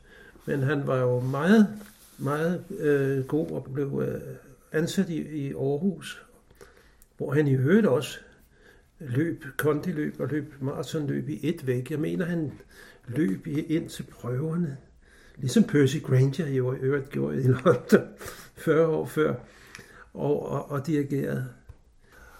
Han har jo været en del af juryen i den danske Malko-konkurrence flere gange, ikke? Ja. Og der har du så overværet ham som jurymedlem. Ja, jeg var ikke selv jurymedlem, så det er ikke der, jeg kender ham fra. Formålet med de her udsendelser er jo tydeligvis at prøve at indkredse, hvordan, hvordan pokker det kan være, at han øh, har haft sådan bravende succes som lærer. Og som øh, konservatorielærer er det jo en, øh, helt utroligt at, at betragte, hvor mange øh, fantastiske finske øh, dirigenter han har lavet. Det er jo en lille befolkning, øh, og, og, og så mange øh, internationale, virkelig markante internationale dirigenter kommer fra Finland. Det er altså tankevækkende. Har du nogen idé om, hvad det er, han kan? Altså, han må kunne noget mere end, end gestik. Ja, altså noget af det, som han har, der, der kendetegner hans, hans øh, virke, det er rekrutteringen. Han ville rigtig gerne undervise folk, som havde en orkesterbaggrund. Det tænker jeg også, du kommer frem til i løbet af dine udsendelser, når du kigger igennem øh, de her øh, musikere, som er blevet dirigenter, så er det ikke komponister eller pianister, eller, men det er meget, meget tit orkestermusikere, som han øh, tænkte, den der anden horn, eller den der violinist, eller øh, så har han stået og kigget folk ud, og tænkt, at de, at de har det, der skal til. Har du en fornemmelse af, at han prikker folk på skulderen, før de selv tænker tanken? Ja, ja så har han en skæg historie. Altså, han havde det her rudimentære sprog, og man kunne dårligt nok øh, forstå, hvad han sagde. Øh, faktisk. Måske var der også derfor, han ikke sagde så meget. Jeg ved ikke rigtigt, hvad der af virkning. Og jeg havde lige fået en ny telefonsvar. Det var der, det, jeg var en af, en af de første. Og så hørte jeg en telefonbesked. Og jeg kunne godt forstå, jeg kunne godt høre, det var jeg bare nogle Og øh, der, der direktion, og så det forstod jeg ikke rigtigt, hvad han sagde. Så jeg troede, han havde et job til mig som solist. Nu skal det siges, at jeg faktisk har spillet rigtig meget med ham som solist. Og også de her rigtig krævende store værker, som Per Nørgaards første cellokoncert, men også Bo Holtens og Pelle Gudmundsen, tror jeg også, det var ham. Nej, det var Michael. Men jeg havde optrådt flere gange med ham som solist i kompliceret ny musik. Og så var der på telefonsvaren den her historie, øh, bare der, der og så troede jeg, at jeg skulle ringe til Wilhelm Hansen koncertdirektion. det gjorde jeg så. Og de var, de var helt på bar bund. Og øh, så gik det op for mig, at han ville spørge, om jeg ville have nogle timer som dirigent. Og øh, det var jo en kæmpe chance. Der var med to andre, jeg to meget interessante yngre musikere. Så lavede han sådan en lille specialklasse. Han var jo professor på konservatoriet i København. Og så skulle vi en gang om ugen mødes nede i slagtøjskælderen. Og så fik vi undervisning, dirigentundervisning. Og det var på samme måde ret overknapt, men det var super konkret. Det var helt tydeligt, hvad han, hans råd gik ud på, og det galt bare om at spidse øre. Og det gjorde jeg også så godt jeg kunne. Jeg havde to problemer, som gjorde, at jeg ikke videreførte uddannelsen. Det ene var, at vi skulle dirigere hinanden, mens vi spillede klaver. Jeg kan huske tydeligt en time med ham, hvor jeg skulle spille øh, partitur fra Beethovens anden symfoni. Og selvom der ikke blev pillede alt for meget i perfektionen der, så kunne jeg simpelthen ikke gøre det godt nok. Det kunne jeg mærke. Og det andet var, at jeg lige havde fået mit første barn. Og jeg havde et stort job på radioorkestret som solocellist. Så jeg måtte altså stå af, men det er en beslutning, jeg har vendt tilbage til mange gange senere, for det var jo en kanon chance. Og det er et meget spændende felt. Så er det spørgsmål, om jeg havde den begavelse, først og fremmest den psyke, der skal til for at være en, en, en god dirigent. Det finder vi sgu aldrig ud af, men, men det var en chance, som han gav mig, ligesom han gav andre, andre orkestermusikere chancer. Og det tror jeg er en del af hans succes. Han har været rigtig, rigtig god til at kigge folk ud, når han var ude og dirigere, og finde nogle unge, der, der, men, der kunne noget med. Men det. han, han ville altid have en, der havde et instrument først. Ikke? Du skulle jo ikke både kunne spille cello og klaver. Men det, altså, jo, det, det havde han forventet. Det havde, nå. Ja. Og der dumpede Morten. Ja. Ej, han smed mig ikke ud, det var slet ikke det. Men ja. jeg kunne se, at jeg kunne ikke, jeg kunne ikke løfte. Nej den opgave. Og det skulle også gå skide hurtigt, når han, det, alt hvad han lavede, der gik hurtigt. Og, og, og i, hans, i undervisningssituationer, han var ikke sådan en, der tykkede på ordene og vendte og drejede det filosofiske aspekter om det ene eller det andet. Det var helt konkret. Mm. Jeg har tænkt på en anden ting, og det er øh, ham selv som dirigent. Mm. Før i tiden, hvor han jo har haft en fin karriere i Aarhus og flere orkestre i Finland, men han har jo ikke haft sådan en verdenskarriere, som så mange af hans egne studerende har haft. Nej. Øh, er det så fordi måske han øh, ikke vil rejse så meget, eller ikke være så meget væk fra Finland, eller, eller hvad er det så, at han ikke selv ja. er helt så fantastisk? Jamen det tænkte vi jo selvfølgelig også over øh, i orkesterne, fordi han havde ikke en helt stor karisma. Man kan måske sige, at den der øh, konkrete, nøgterne og fuldstændig fuldstændig klare tilgang til værkerne, den er ikke så medrivende for publikum. På den måde var han ikke mester i at formidle de store følelser. Mm. Ikke på orkester, til, til orkestrene heller. Det kunne vi godt klare selv mange gange, tænkte jeg. Men jeg tror nok, at koncertlivet publikum først og fremmest godt ville have en, en mere, noget mere subjektivitet, noget mere øh, varme eller vildskab, eller hvad det nu kunne være i, i, i hans musik. Men så blev han til gengæld verdensberømt som underviser, ja. må man jo så sige. Ikke? Ja. Og det er jo stadigvæk det, der er så spændende. Jeg, jeg forsøger hele tiden at komme ind til kernen af det, men, men det handler jo altså først og fremmest om, at han er god til at se materialet i den enkelte musiker, ja. og så kan han på en eller anden måde få det frem med, uden ord og med få ja. bevægelser. Ja. Jeg tror, at øh, Der er ikke noget mu- fag inden for musikken, der i grunden er mere krævende end det, end det at dirigere et professionelt symfoniorkester.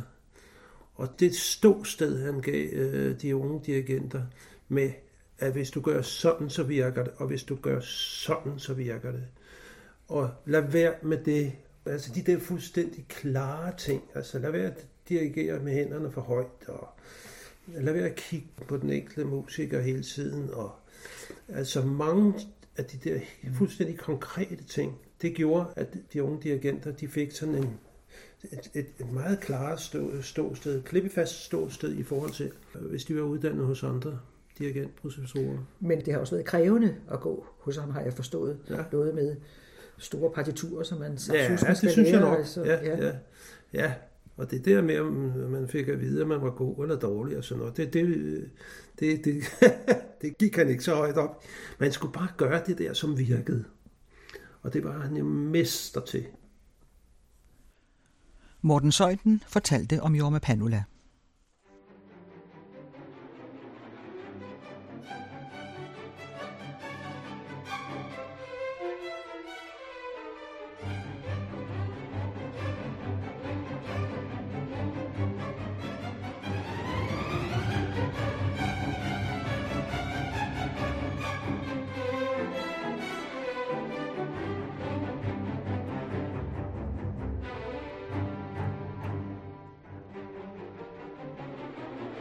Thank you.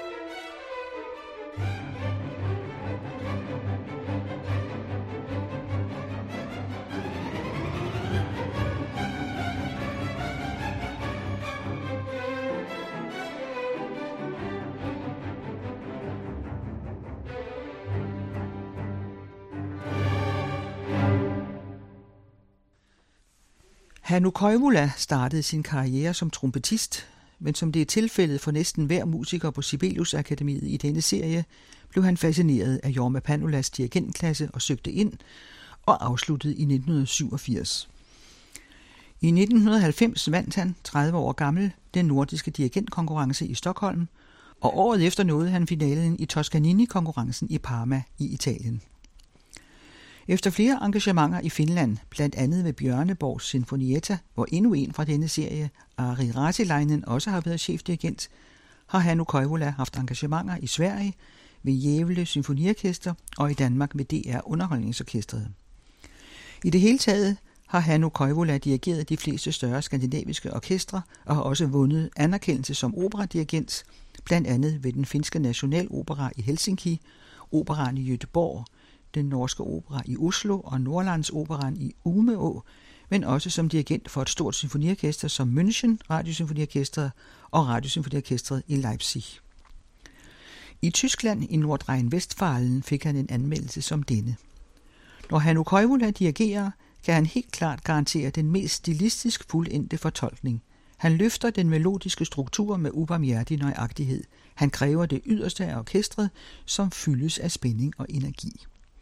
Og igen, i en svensk omtale blev de finske dirigenter nævnt sammen med Hannu Koivula, at i vores naboland synes jordbunden at være sjældent god for karismatiske og talentfulde dirigenter.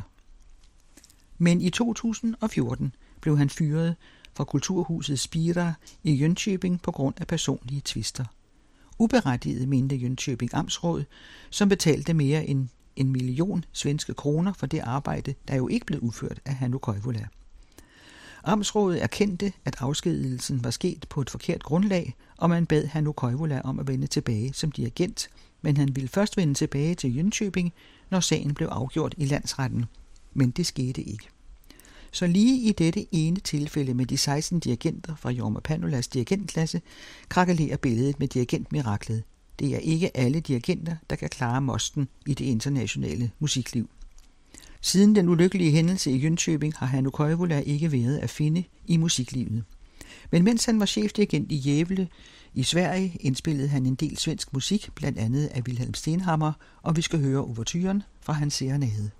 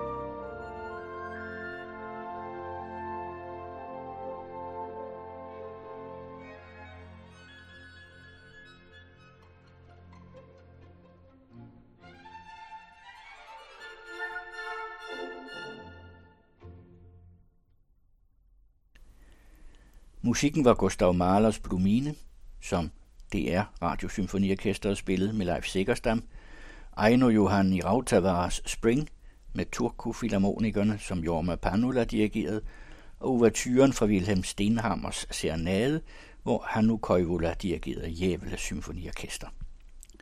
De to næste finske dirigenter er Susanne Melki og Hannu Lintu. Det er Kirsten Røn, der står for serien. Du lytter til den anden radio. Kalenderen viser april. Men hvad betyder det, udover at foråret nu for alvor er på vej? På en enkelt dag om året, nemlig den 1. april, er det fuldt ud i orden at spille sine omgivelser et pus. Og for eksempel annoncere en nyhed, der kan skabe undren, forarvelse eller en kortfattet ærgelse, for derefter, når sandheden går op for den narede, er munde ud i en befriende latter. Altså kort og godt en ægte aprilsnar, men hvor stammer skikken fra, og hvordan har man narret sine omgivelser gennem tiderne, spørger den anden radios Pia Koppelmann, Karoline Nyvang. Hun er seniorforsker hos Dansk Folkemindesamling. Der er meget stor uenighed blandt forskere om, hvornår traditionen opstod. Øh, og i virkeligheden, som med rigtig mange andre traditioner, der har overlevet mange hundrede år, så er det nok også en sammenblanding. Og øh, jeg tror, at vi kan være enige om, at den har nok forskellige rødder. Der er nogen, der mener, at den går tilbage til, da man ifølge øh, Matteus Matthæus evangeliet kunne se, at Jesus skulle løbe fra Herodes til Pilatus. Så der er nogen, der tager den så langt tilbage. Der er andre, der mener, at det skyldes en kalenderreform fra 1500-tallet, som gjorde, at man rykkede nytåret fra foråret og hen imod januar, og at dem, der så stedigt, eller fordi de var dumme, blev ved med at fejre nytår i foråret, de var altså aprilsnar. Dem, der holdt fast i den gamle kalendertradition. Præcis, præcis. Og hvad med Jesus? Øh, var han i en april snart, da han øh, løb fra Herodes til Pilatus? Jeg tror, det element, forskere peger på, det er den der idé om, at man bliver sendt ud, i hvert fald i sådan den klassiske april snart, der bliver man jo sendt ud i et formålsløst ærne. For eksempel bliver man sendt afsted efter en venstrehånds skruetrækker eller en boble til vatterpasset. Eller, som man også kunne se i medierne, især det 20. århundrede, så blev man sendt afsted for at se et eller andet spektakulært, som aldrig havde fundet sted. For eksempel en, en UFO, der landede på det lokale tog osv. Så der er det her element øh, i, at man sender folk afsted i formålsløse ærner, og i 1700- og 1800-tallet i Danmark, der snakkede man også om, at man sendte folk ud at løbe april i virkeligheden. Og hvad skulle ideen være med det? Jamen, mange humorforskere peger på, at humor handler lidt om at øh, sætte øh, verden lidt på hovedet. Og vi kan også se, at vi har tradition for, også ud over 1. april, at særlige overgangsfaser i løbet af året er en anledning og en legitim anledning til at øh, gøre grin med hinanden. Vi kan se det fra nytår, hvor folk, der voksede op i 80'erne, måske kunne ikke genkende til, at de smurte barberskum på dørhåndtaget. Øh, I 1800-tallet kunne man finde på at hænge trillebøgerne op i flagstangen. Øhm, og foråret er som sådan også at betragte som en overgangsfase, så humorforskere peger på, at vi altså har perioder på året, hvor det bliver opfattet som legitimt, og hvor der opstår et vindue, hvor vi gerne må vende verden lidt på hovedet. Så her den første forårsmåned er april vel. Der man så med at sige, der fik jeg da godt nok. Præcis. Og man kender det også i andre afskygninger. Altså vi forsøger også at narre hinanden, når vi driver hinanden det, man kalder gæk, ikke? når vi sender gækkebreve, og når vi øh, sender tørrede blomster med vintergækker, som jo egentlig er sådan en blomst, der driller om forårets komme, men alligevel er, er sådan en blomst, der kan komme op af den frosne jord. Så den driller os lidt på en eller anden måde, og den er så blevet symbol på alle de her forårsdrillerier, som, som vi igennem mange århundreder har kendt, i hvert fald i en dansk sammenhæng. Men medierne har jo gennem tiden også været flittige brugere af aprilsnar. Jeg kan selv huske en om øh, kl. 2 om natten i en lokal radio, blev der fortalt, at der var en øh, pengetransport, der var kørt galt inde på Kongens Nytorv. Øh, og bagklappen var så gået op, og der var røget to millioner i småmønt, som lå og rode rundt ude på kørebanen. Ja. Og det fik så folk til at tage ind på Kongens Nytorv den nat. Ja. ja, og det er jo netop det, hvor man kan sige, der har aprilsnaren, selv når medierne overtager den, et islet af den traditionelle aprilsnar, hvor man lurer nogen til at løbe afsted efter et eller andet formålsløst. Øh, men jeg vil samtidig også sige, at aprilsnaren er ikke sådan ved at uddø, men den er ved at få en anden udformning i kraft af, at medierne har taget den til sig. og det skyldes simpelthen, at den form for aprilsnar, hvor man sender folk afsted efter et eller andet, de skal se, der er spektakulært eller noget, der foregår, den kan man simpelthen ikke lave i dag med de sociale medier og med internettets udbredelse. Fordi det vil med det samme blive afsløret. Øh, så i dag laver man en lidt anden type aprilsnar, både i medierne, men altså også på internettet. Og vi kan se i løbet af det 20. århundrede, og især øh, de seneste 10 år, der er 1. april faktisk også blevet en anledning for rigtig mange virksomheder til at profilere sig selv.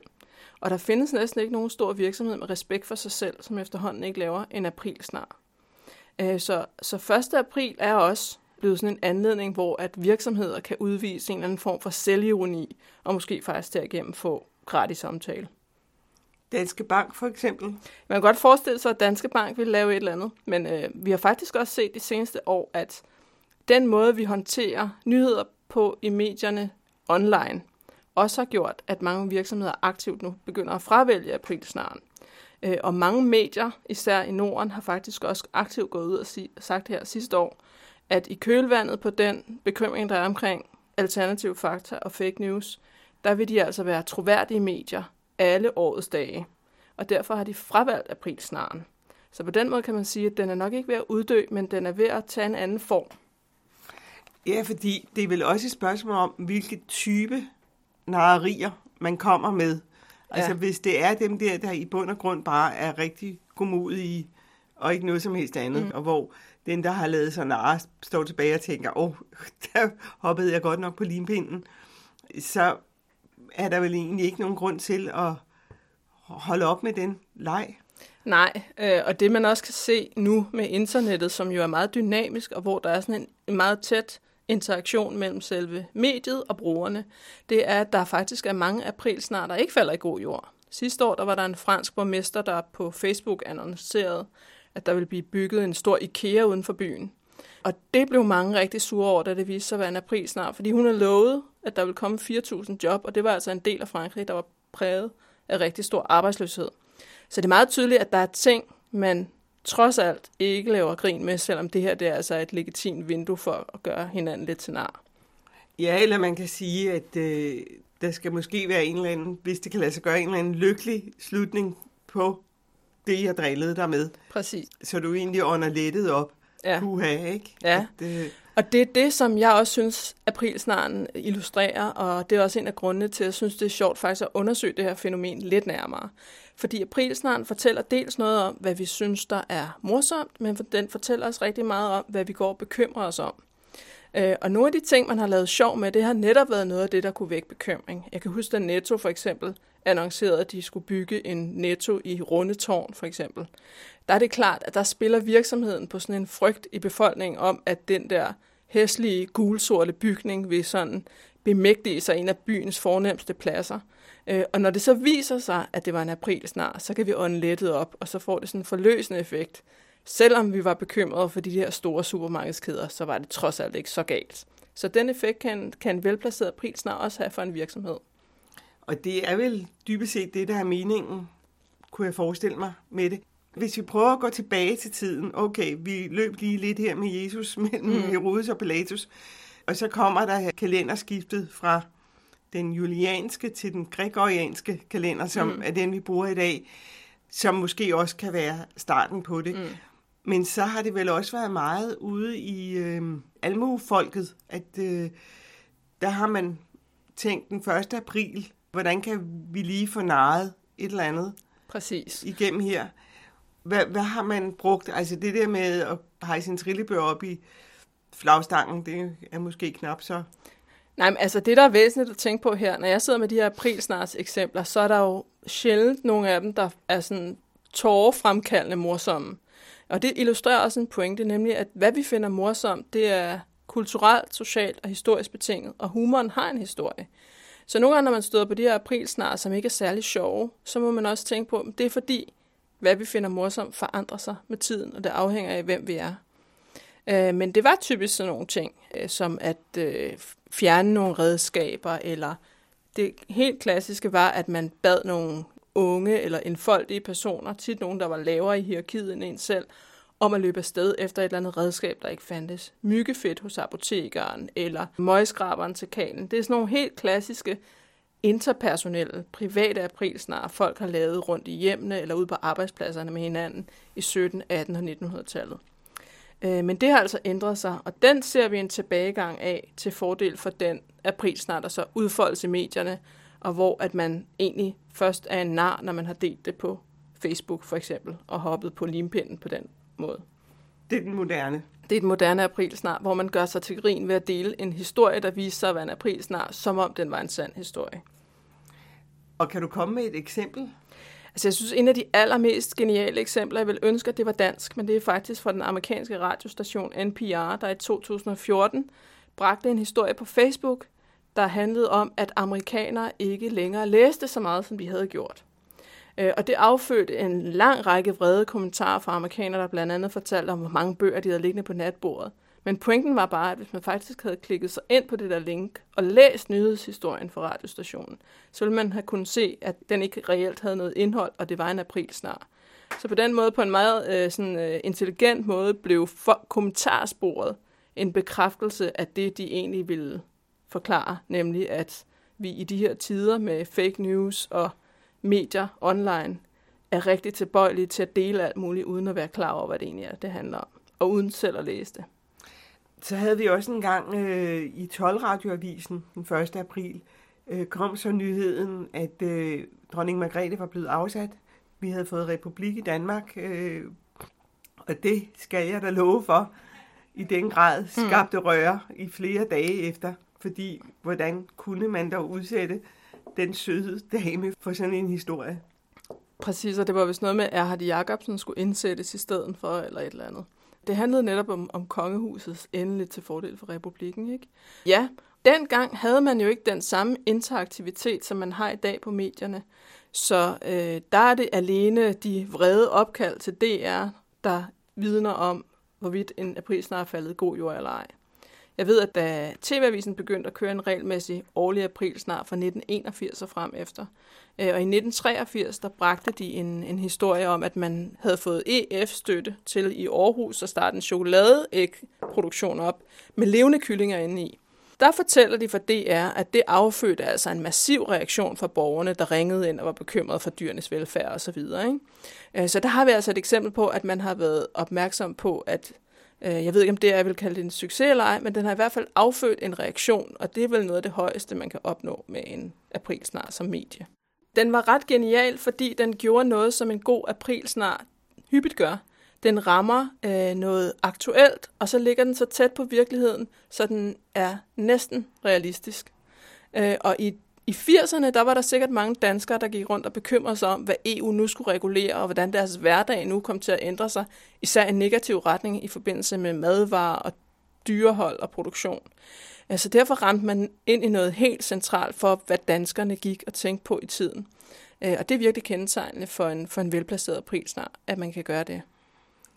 Men hvad vil en snart så være, hvis du gik ind til din kollega inde ved siden af Hvordan vil du narre vedkommende? I dag er der rigtig mange af sådan kontorspøgefugle, der kan finde på at sætte tape hen over øh, den lille laserplet under ens mus, så den ikke fungerer, eller øh, skifte skrivebordet på ens computer ud med et andet billede. Det er sådan nogle klassiske aprilsnar i dag. Men uden at have tal for det, så er min fornemmelse faktisk, at vi i mindre grad laver den type personlige aprilsnar med hinanden og i højere grad snakker om, og det gør man også i medierne, om de aprilsnar, der bliver bragt i aviser og på hjemmesider osv. Så i stedet for selv at lave en aprilsnar, så snakker man om det, som de andre laver? Præcis, og det kan man også se, at øh, en af de øh, tidligste nyheder 1. april, det er klassisk på, på nettet, fangede du de her dagens 10 største aprilsnar, hvor man allerede fra morgenstunden, når man åbner sin computer, faktisk får spøjlet nogle af de her historier. Så aprilsnaren bliver i sig selv en historie, der bider sig i halen på den måde. Og det bliver jo lidt også ødelagt, så fordi aprilsnaren opstår jo også, fordi du render ikke rundt lige og tænker, at det er 1. april i dag, jeg skal være. Øh, Præcis. Altså, medierne har nogle udskrevne regler for, at man gerne skal nævne dagen flere gange, den særlige dato, så den, den særlige vågne læser fanger den.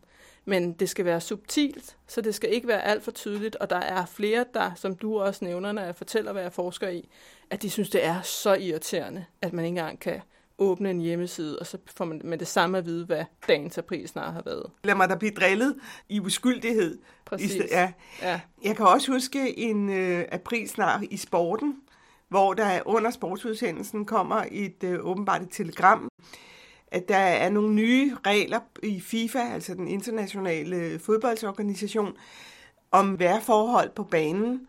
Og derfor er der et øh, dansk landskampsmål, der er blevet underkendt, fordi der var for meget vind på banen. Ja. Og det har man ikke vidst, men det her, det betyder jo så virkelig Mhm. store konsekvenser. Men altså, det er jo også en af de der, som er rigtig sjovt tænkt, og hvor der så til sidst bliver sagt ja, og mm. vi fortæller selvfølgelig videre i morgen den 2. april.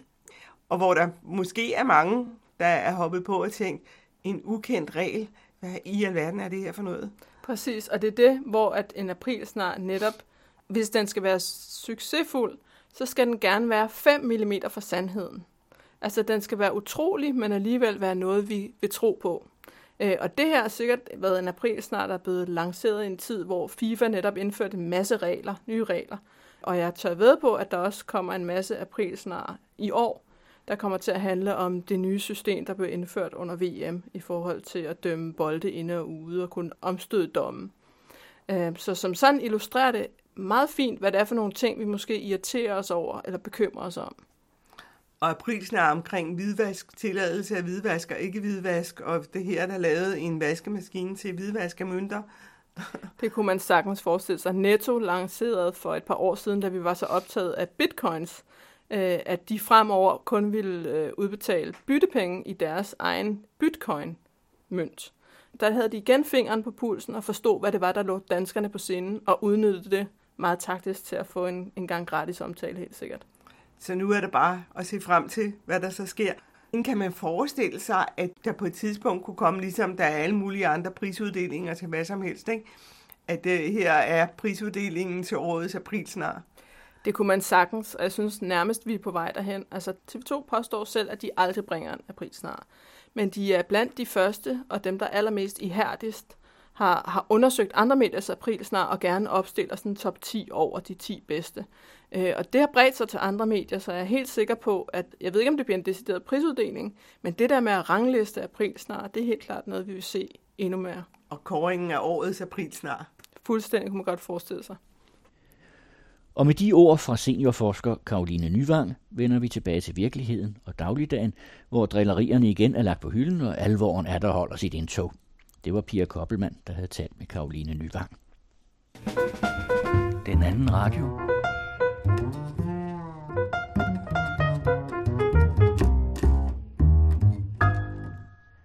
Erik Kramshøj præsenterer nu det femte og sidste program om den legendariske rockgruppe Procol Harum. I udsendelsen indgår der optagelser med DR Underholdningsorkestret og Radiokoret.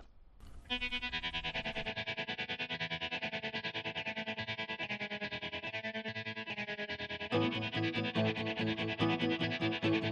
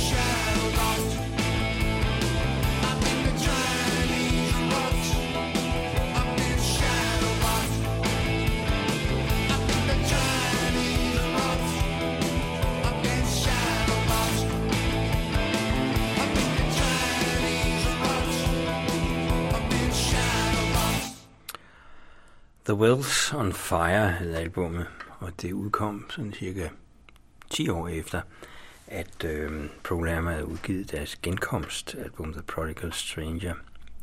Gruppen bestod nu af Gary Brooker, Matthew Fisher, Jeff Whitehorn på guitar, Mark Brzezinski på trommer stadig, og så Matt Peck på bass. Matt Peck var så øh, anden generations rocker, nemlig søn af bassisten Dave Peck, som mange nok husker fra grupper som Fairport Convention og også Jethro Tull. Matthew Fisher øh, røg ud af en af gruppen, det, som han altid har gjort frem til dagen i dag. Men ellers blev den her gruppe den faste Procol gruppe i godt og vel 10 år frem. Materialet var nyt. Det nummer, vi hørte her, var den mest rocket sang på pladen. Men ellers så er resten typisk Paul Herm, som den her vel egentlig også var, en blanding af det meget ørefaldende balladeagtige, en enkelt hymne, og så en rocker, vi hørte her, og så et stykke klassisk musik. Nummeret her er så tekstmæssigt taget fra H.C. Andersens eventyr.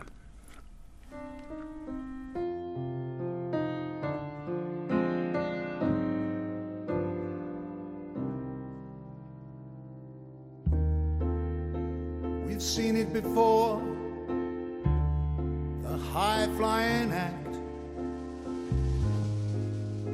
Is it manic delusion or a statement of fact? That hot fevered brow, them bright shining eyes, the hand on the heart those self-serving lies. It's an ancient tradition, that everyone knows them guardian ranks are the emperor's new clothes.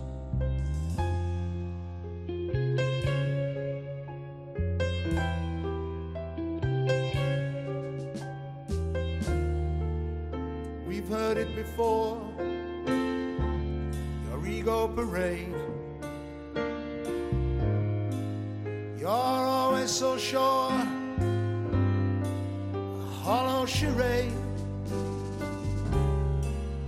You promise the moon and squander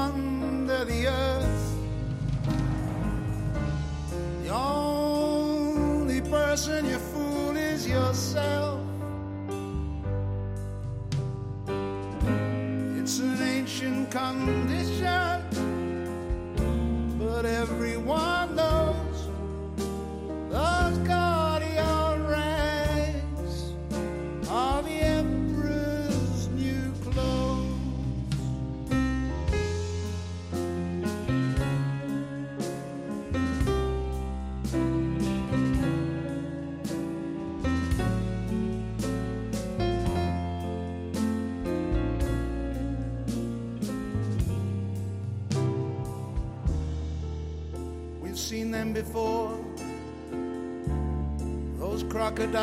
Tears.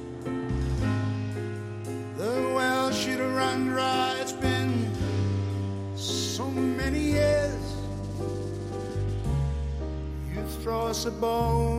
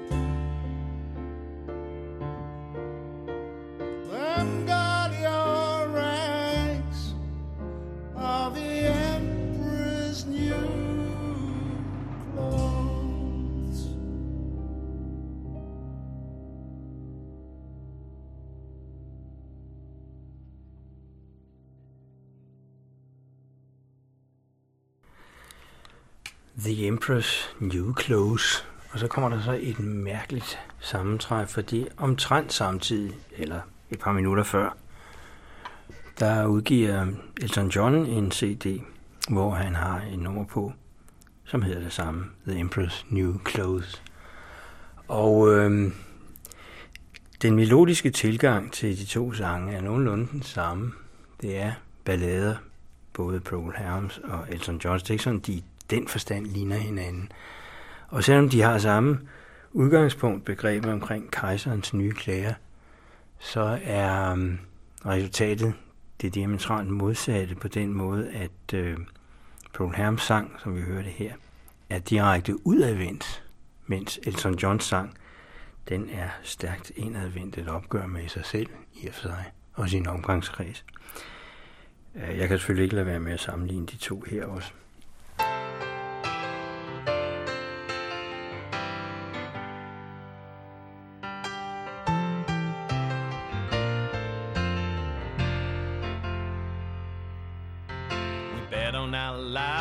Bet on the horses in that upstairs apartment on Orlando and Fourth.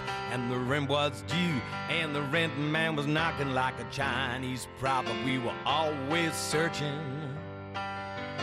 Nightlife's a knowing, but nobody noticed how we killed up the bottles looking good on the surface. The dog days barked, and the house cat got old. We were Bonnie and Clyde in the Emperor's new clothes.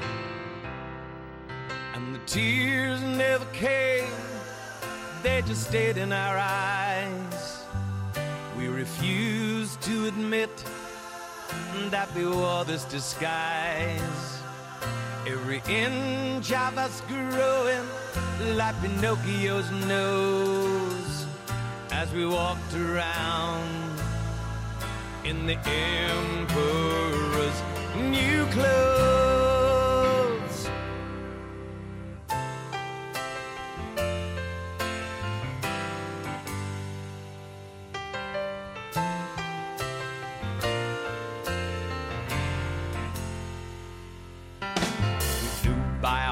By the seat of our pants in the state of illusion in the nation of chance. And the repo was hauling the wreck we've been driving as the dashboard. Madonna smiled back at us kindly.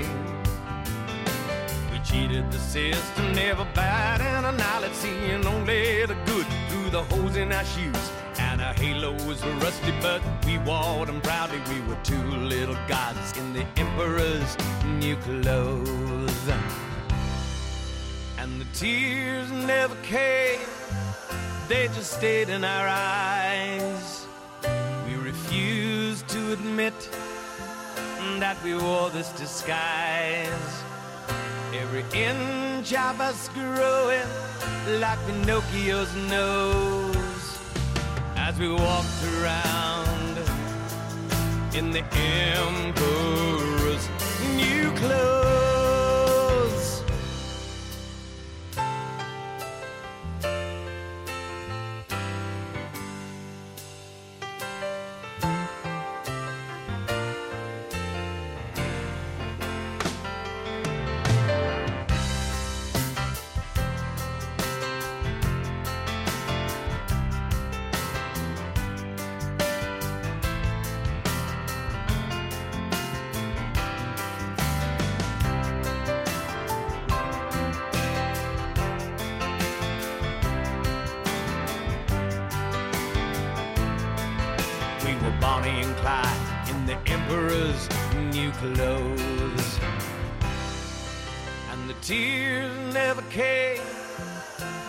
Stayed in our eyes.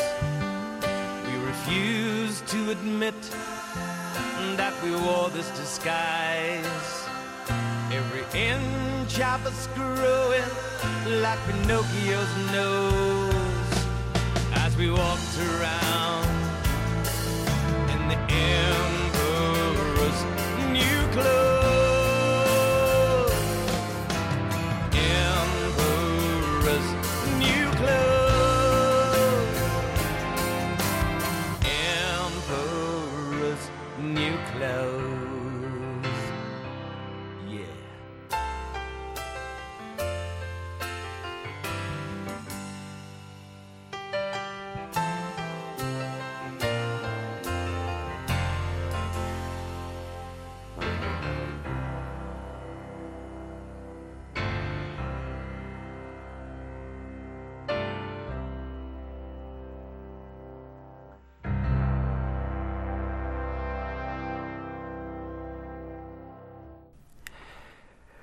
Og så var det det der med det klassiske, og der kan vi jo lige så godt starte med forlægget.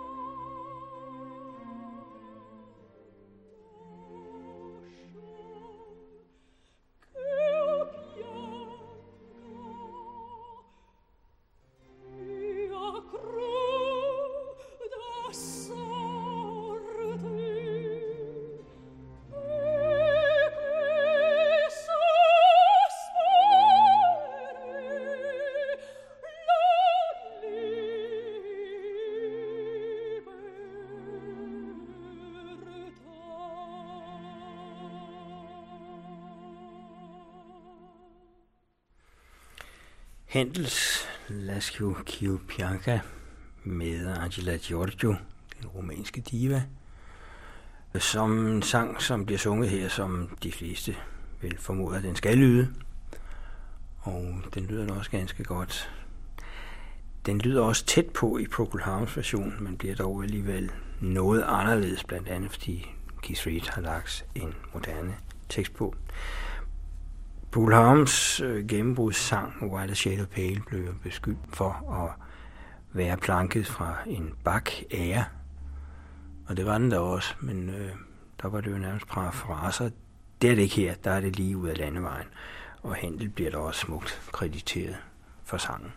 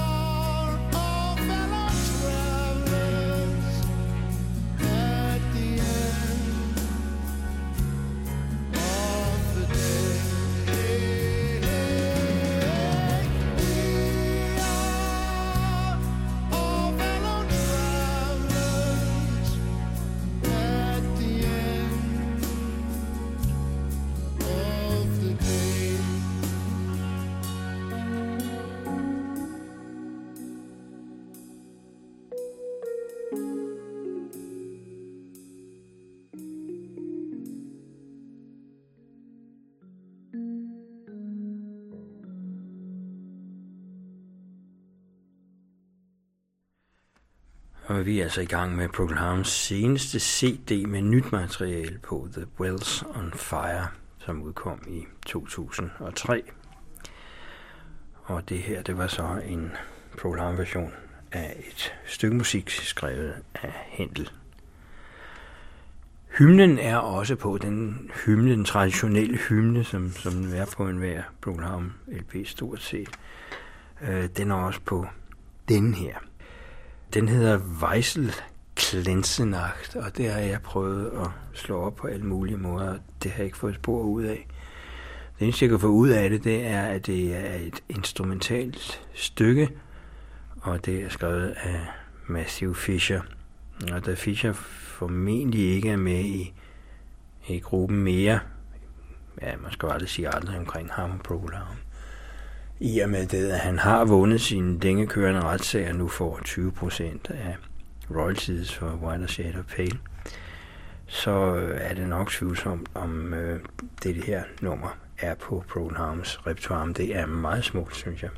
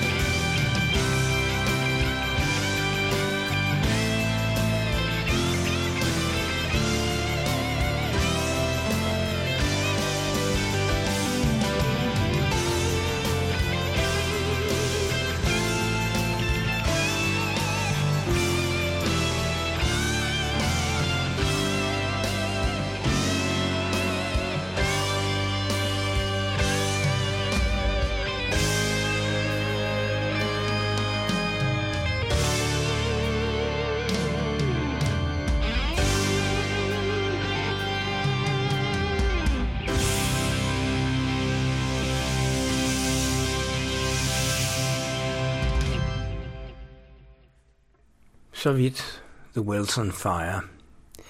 Så nu, var der 10 år imellem øh, de to CD'er, øh, Prodigal Stranger og Wilson Fire. Men det betyder ikke, at der ikke er sket noget.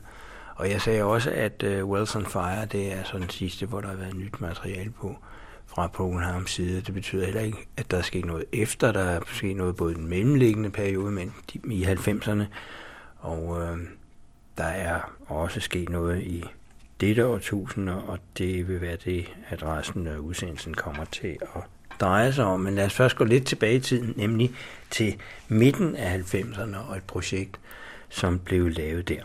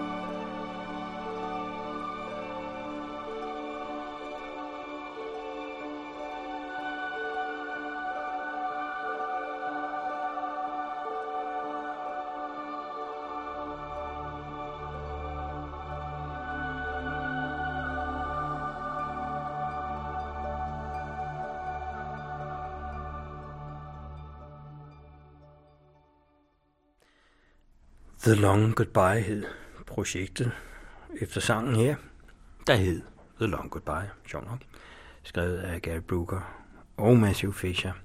Muligvis til begivenheden, det er jeg nu ikke helt sikker på. Det kan også bare være en, der har ligget der, og så har man brugt den. Pladen havde undertitlen The Symphonic Music of Procol Harum. Og det var så et samarbejde mest med Gary Brooker og så arrangøren og dirigenten Nicolas Dott, og så brugte man diverse orkestre. Her var det øh, London Sinfonia, men også London Symphony Orchestra og London Philharmonic Orchestra var med i projektet. Og det tog næsten et år at lave det fra april 1994 til marts 1995. Så det var sådan en gang on and off indspilninger. Og det synes jeg godt nok også, den bærer præg af. Den er meget uhomogen, den CD, men alligevel er den jo interessant i belysningen af Progenhavns musik. Nicolas Dott, som altså stod for den orkestrale del af projektet, er en mand, der arbejdede en hel del som arrangør og dirigent, specielt med filmmusik. Det kan man også godt høre.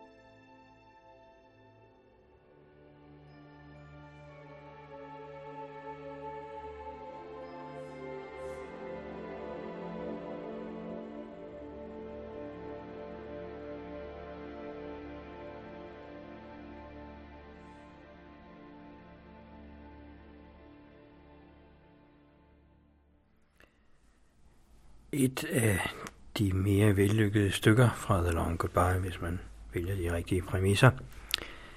Strangers in Space, oprindeligt fra albumet Something Magic 1977, men her udsat for kor, Chameleon Arts Chorus og The London Symphony Orchestra, og dirigeret og arrangeret af Nicholas Dodd. Og sjov nok er han i øvrigt aktuelt i øjeblikket hjemme som med i det musikalske i filmen Avatar.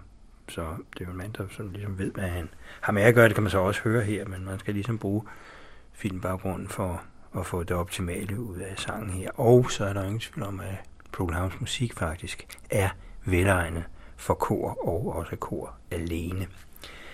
Dot har arrangeret det meste af det, men Gary Brooker har også været inde og arrangere nogle af numrene på denne her CD.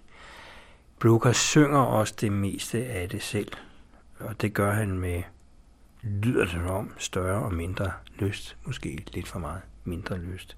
Her har han lavet en anden gøre det, og det er sådan set en meget god idé.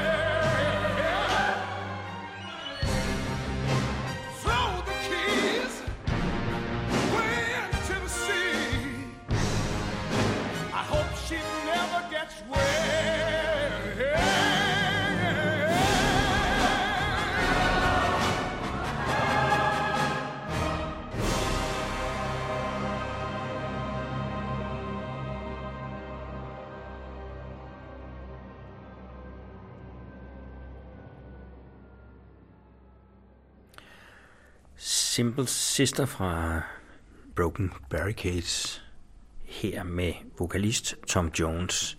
Og jeg, sagde, jeg synes, det var en meget god idé. Det synes jeg stadig, det er, hvis ikke det skulle være Gary Brooker selv, og så netop få Tom Jones, som jo kan få sit stemme ud over rampen, til at synge en sang som den her i et stort orkestralt arrangement.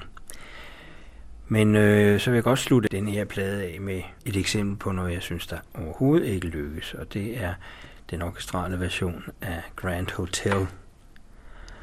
Og det skyldes, at øh, man valgte, og det har været Nicolas Stott, dirigenten og arrangøren, at bruge en tenor, en opera tenor til at synge sangen. Men samtidig arrangerer den, så den er nærmest ja, sådan, at par parafraserer som jazz-sanger. Det klæder ikke sangen, det klæder egentlig heller ikke operasangeren, som er al ære og respekt og til minde om den store tenor, Jerry Hadley, som døde alt for tidligt for et par år siden. Men øh, det lykkedes ikke rigtigt. Det synes jeg ikke. Og så synes jeg også, at selve produktionen godt kunne have været en produktion, man havde kælet lidt mere for, når den nu skulle være.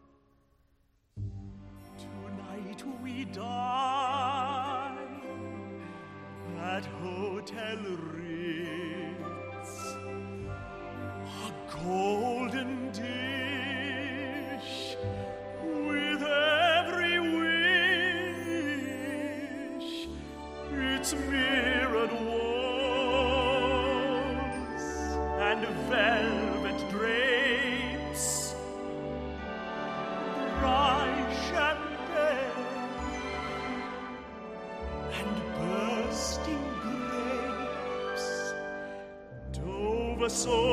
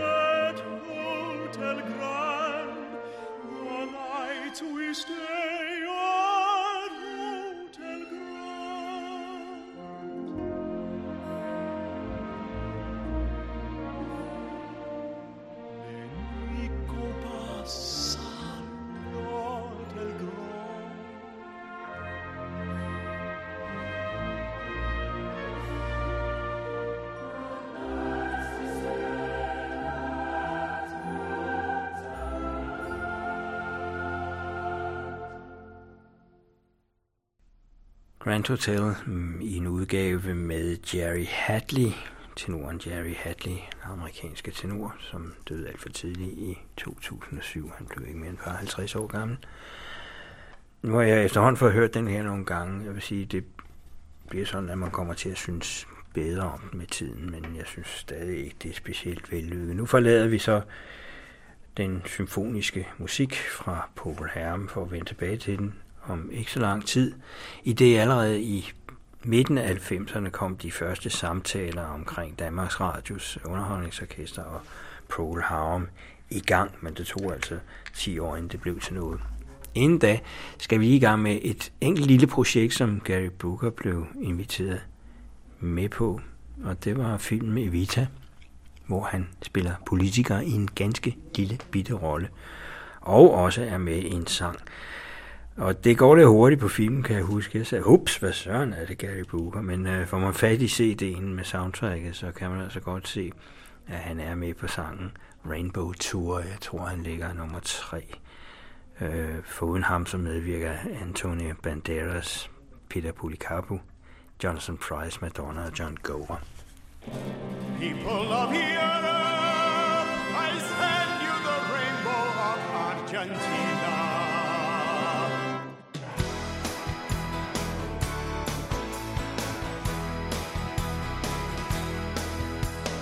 Spain has fallen to the charms of Evita. She can do what she likes, it doesn't matter much. She's Our Lady of the New World with a golden tongue. She filled the bull ring 45,000 seater. But if you're prettier than General Franco, that's not hard. Franco's reign in Spain should see out the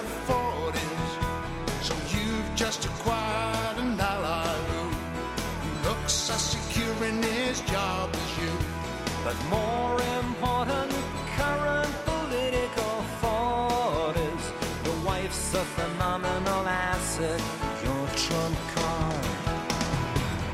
Let's hear it for the Rainbow Tour. It's been an incredible success. We weren't quite sure, we had a few doubts. Will Evita win through? But the answer is yes. There you are, so. Makes no difference where she goes. The whole world over, just the same. Just listen to them call her name. And who would underestimate the actress now? Now I don't like to spoil a wonderful story, but the news from Rome isn't quite as good. She hasn't gone down like they thought she would. Italy's unconvinced by Argentine glory. They equate Perón with Mussolini. Can't think why.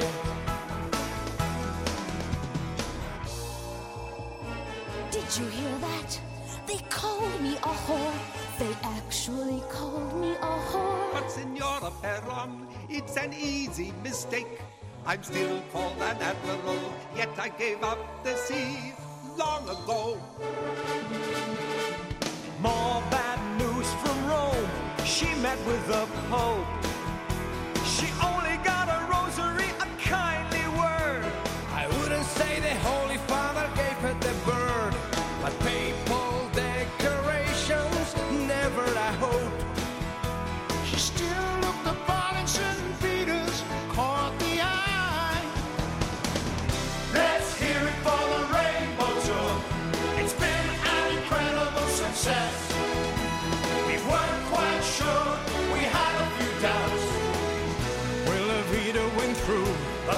answer is I qualified. yes. Have I started well? No question in France. Shining like a sun through the post-war haze. A beautiful reminder of the carefree days.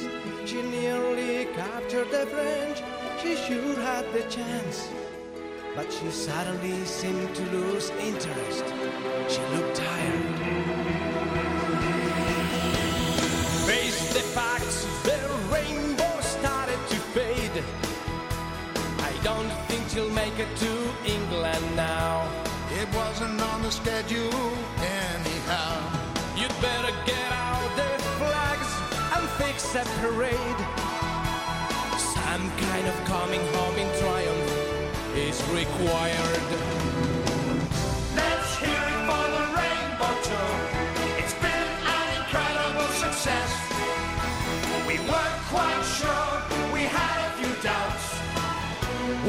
Evita win through? And the answer is yes. I know. And yes. I know. And yes. No. Let's hear it for the Rainbow Tour. It's been an incredible success. We weren't quite sure, we had a few doubts. Would Evita win through? But the answer is. Yes. Jamen, så hørte vi så her Gary Brooker som filmskuespiller i en musical. Ja, nok ikke noget, han har haft de store ambitioner om at fortsætte med. Til gengæld var der så noget, der tyder på efterhånden, ambitionerne om at fortsætte med store orkestre, de efterhånden steg og steg i løbet af 90'erne og især i det nye årtusinde. Og samarbejdet med Danmarks Radios underholdningsorkester har, så vidt jeg har hørt, været nærmest forbilledeligt. I hvert fald kan man høre det på de resultater, som er kommet ud af det. Jeg tænker her på den CD, som kom i 2008, og som også har gjort sig internationalt, øh, og som blev optaget i Letterborg i 2006. Prøv lige at høre deres orkestrale udgave af Hamburg.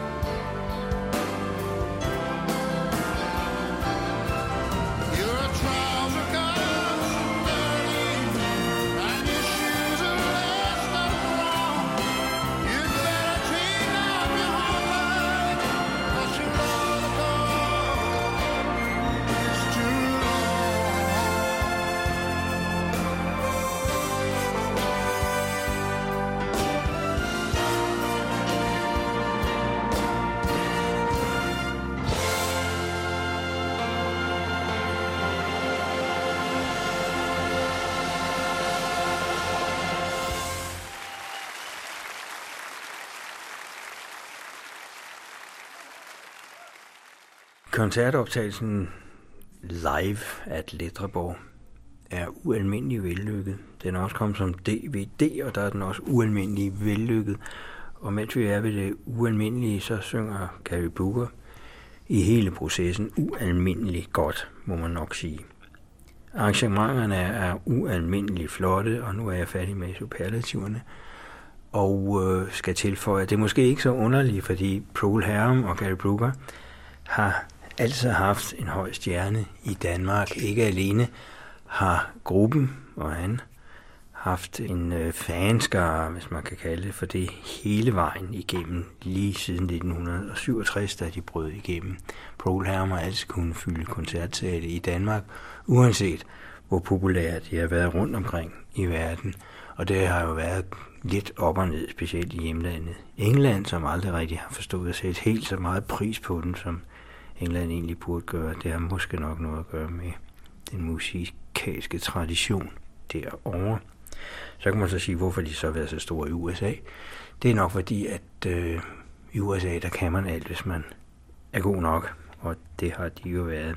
I Tyskland og i Danmark har de altid været kæmpestore. Nok på grund af de rødder, som de også har i deres rockmusik.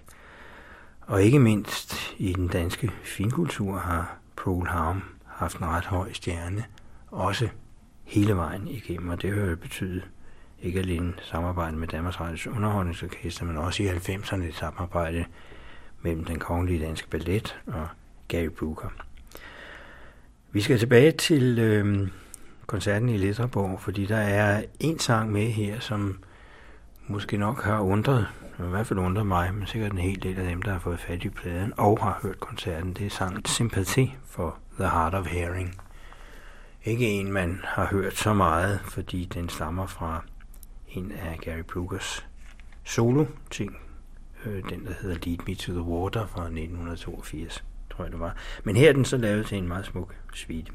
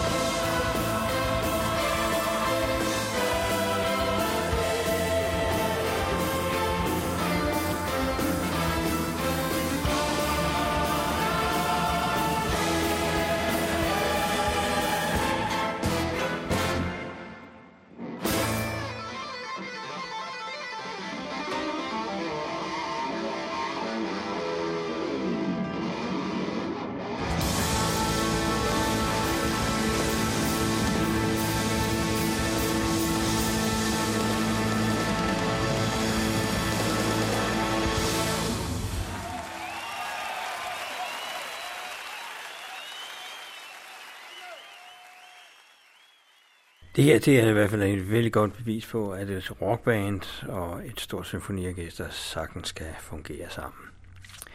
Jeg skal til at runde af. Det har været en stor fornøjelse at kunne præsentere en udsendelsesrække på fem udsendelser og næsten seks timer med musik omkring ens yndlingsgruppe, eller en af ens yndlingsgrupper, gennem, ja, 40 år, vil det efterhånden, Program. Og jeg synes, det er meget passende at slutte øh, af med en Letterborg-koncert version af den, jeg startede det hele med, og den, som startede Program, A Wider Shade of Pale.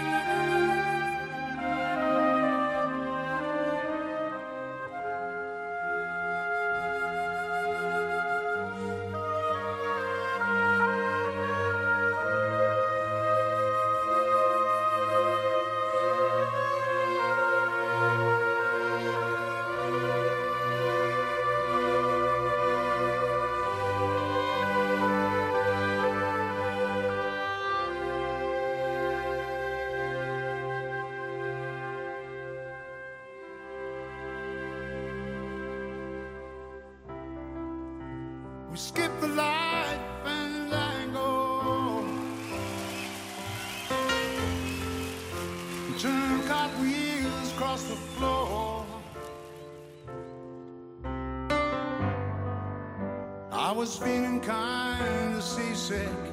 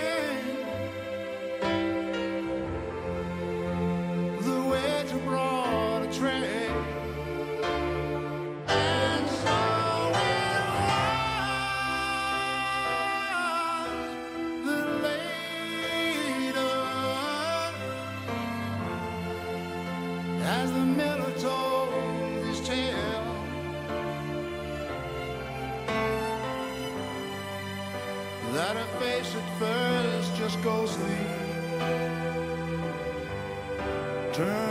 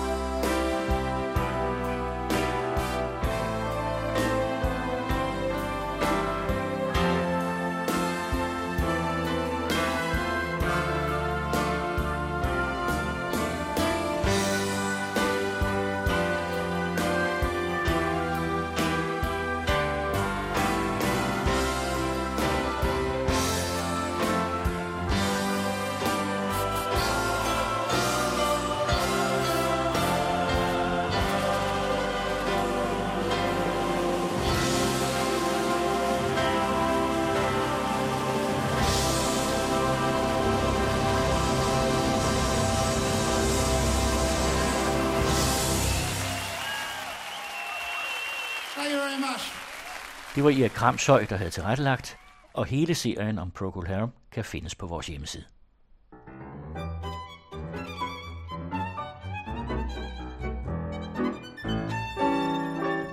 Det her er den anden radio. Det var på Frederiksberg, at den første egentlige folkeskole åbnede. Det var i 1877, og den ligger på Niels Ebbesens vej. Hvad tankerne var, og hvorfor skolebyggeriet tog fart der i slutningen af 1800-tallet, fortæller IT-arkivar Helga Mor om.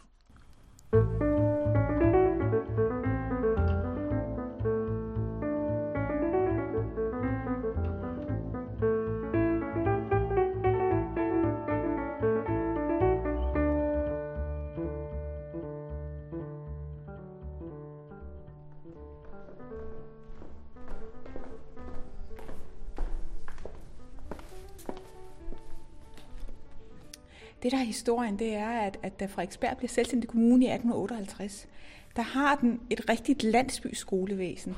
Den har én skole, skolen på Pile Allé, som så har nogle biskoler på Gamle Kongevej. Og der er én skolestue med et kammer, med et køkken, med cirka 400 elever, øh, som er delt i ældste og yngste klasse, præcis ligesom på landet, hvor øh, yngste klasse går i skole om vinteren to dage om ugen, og ældste klasse går i skole tre dage om ugen og lørdag formiddag om vinteren.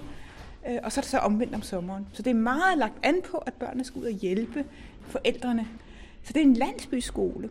Og det, der nok overvælder en, når man beskæftiger sig med en Frederiksbergske skolehistorie, det er den enorme udvikling, der sker i de kommende 30-40 år hvor man øh, omkring århundredeskiftet har et rigtigt købstadsskolevæsen med øh, flere tusind børn, et budget på næsten en halv million kroner, syv kommuneskoler, flere tusind lærere, flere tusind øh, klasselokaler, og hele den enorme udvikling fra en lille landsbyskole til et stort købstadsskolevæsen, den gennemløber Frederiksberg i løbet af 30-40 år. I 1869 træder Niels Johannes Fjord ind i skolekommissionen i Frederiksberg skolevæsen.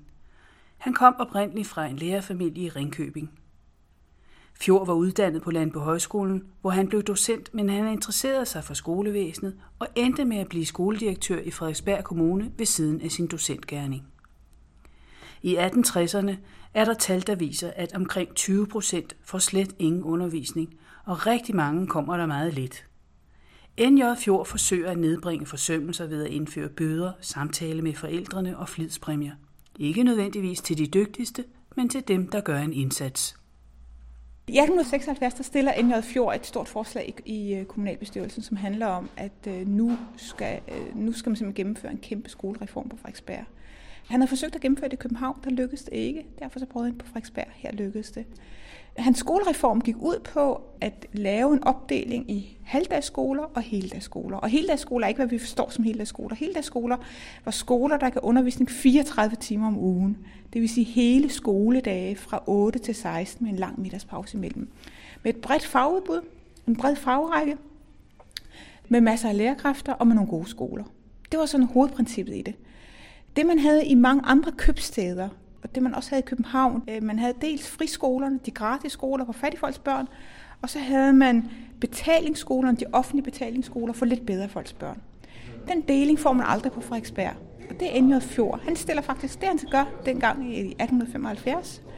Det er, han stiller sig op i kommunalbestyrelsen og siger, på Frederiksberg vil vi have én skole for alle børn. Uanset hvilket socialt lag de kommer fra, uanset hvem de er, uanset hvem deres forældre er.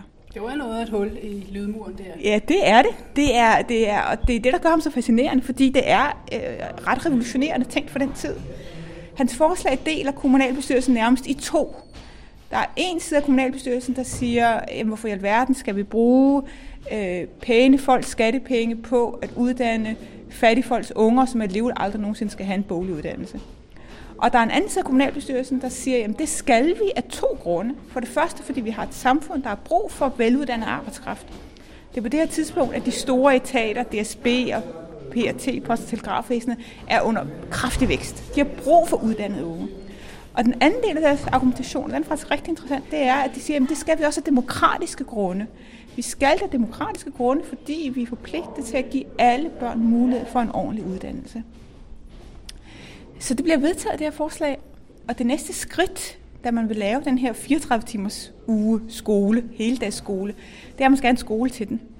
Øh, så vælger man at placere en skole, lave en skole midt i de allerstørste fattige kvarterer på Frederiksberg. Øh, skolen på Niels Ebbesens Vej ligger i nærheden af Sjønbergsgadekvarteret, som var et stort, stort fattigkvarter. Og hvor forældrene havde rigtig, rigtig meget brug for den indtægt, deres børn kunne, kunne, øh, kunne tjene hjem. Og derfor var meget, meget afhængige af, at deres børn fik fri kl. 12, eller kun gik i skole hver anden dag, eller man nu kunne forestille sig, at de simpelthen kunne tjene indtægt hjem. Efter at det var blevet vedtaget i kommunalbestyrelsen, at man for det første ville indføre heldagsskolen med de der 34 timers undervisning om ugen, at man for det andet ville lave en, en, øh, en folkeskole eller en skole, en kommuneskole, midt i et af de største slumkvarterer på Frederiksberg, nemlig Sjønbergsgadekvarteret, så indkaldte Endre Fjord til et kæmpestort møde på Landbohøjskolen, hvor han indkaldte alle forældrene for området her. Og så sagde han til dem, vi ved godt, at I er dybt afhængige af den indtægt, jeres børn tjener hjem. Det her, I får nu, er et tilbud fra kommunen om en ordentlig skoleuddannelse til jeres børn, og det er op til jer, om I vil tage imod det. Vi kan ikke gøre mere. Var der ikke skolepligt?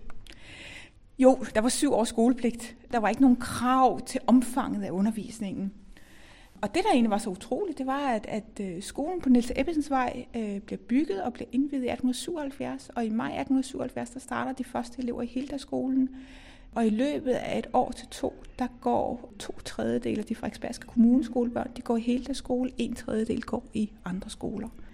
Øh, så hele skolen bliver en succes. Den starter på skolen på Niels Ebbesens Vej, og så breder den sig med lynets hast efterhånden, så man, fordi der, man sætter jo et kæmpe skolebyggeri i gang. Man har jo stort set lige akkurat indvidet den ene skole, så starter man på den næste. Så i løbet af de næste 20 år op til århundredeskiftet, der ser vi jo skolen på, udover skolen på Niels Ebbesens Vej, så har vi jo skolen på Nylandsvej, skolen på Solbjergvej, skolen på Lollandsvej. Øhm, så de kommer jo skolen på Fuglevangsvej, så de kommer jo rask væk. Og hovedparten af de nye skoler, de, de bliver bygget som det, man kaldte heldags skoler. Det vil sige skoler med 34 timers undervisning øh, om ugen til eleverne. Var der også nye strømninger i pædagogikken på det tidspunkt? De begynder at komme. Øh, vi ser jo på mange måder, sådan, der er mange brudflader øh, hen imod århundredeskiftet. For det første er der de her nye strømninger. Man får en ny skolelov i 1899, hvor man bruger ordet folkeskole for første gang. Hvor man jo, for, hvis man skal være lidt populær, har praktiseret det på Frederiksberg i 25 år med de her hele skoler. Men det er også på det tidspunkt, hvor reformpædagogikken begynder at vise sit ansigt. Reformpædagogikken i Danmark har to højborg, nemlig skolen på Lakursvej øh, og Vandløse skole. Og øh, den begynder så småt at dukke op øh, i de første årtier af århundredeskiftet, og får fra 1930-40 stykker efterhånden fuldstændig dominerende indflydelse på, på, på dansk skolehistorie. Kom øh, andre kommuner også til at efterligne Frederiksberg, når man nu lavede sådan nogle øh, store skoler og heldagsskoler? Altså København oplever nogle lignende reformer af sit skolevæsen på præcis samme tidspunkt, også i 1870'erne. Øh, men en heldagsskole indfører man, på, øh, eller indfører man i København 35-40 år efter man gjorde det på Frederiksberg. Øh, på Frederiksberg sker der det, at, at øh, man i 1910 laver en ny skoleplan, og der erkender man, at nu er tiden løbet fra de gammeldags halvdagsskoler, hvor børnene gik i skole enten eftermiddag eller formiddag. Øhm, og så indfører man heldagsskolen i 1910 på alle de frederiksbergske skoler. Jeg tror, vi holder lidt en pause, nu er der gang i det her. Og så skal vi også videre til en anden skole.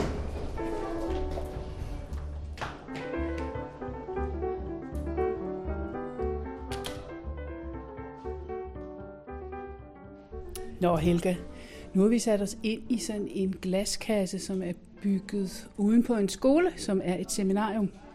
Og vi er på Nylandsvej, og lige over for os, der er der en meget fin gammel skole, kan man se, en 90'er skole. Og lidt længere ned ad vejen, der er en også ja. fra den tid på samme by, i samme byggeskik, ikke? Jo. Øh, 50 meter herfra. Hvad er det for en sammensurium af institutioner her? Vi sidder og kigger på skolen på Solbjergvej. Det kan jo virke lidt absurd, fordi vi sidder på Nylandsvej. Mm. Men der løb lige ved siden af skolen, der løb den tidligere Solbjergvej. Mm. Og det var den, skolen fik navn efter. Og ellers er det jo fuldstændig rigtigt, øh, som du er inde på, det er jo et samsurium af skoler.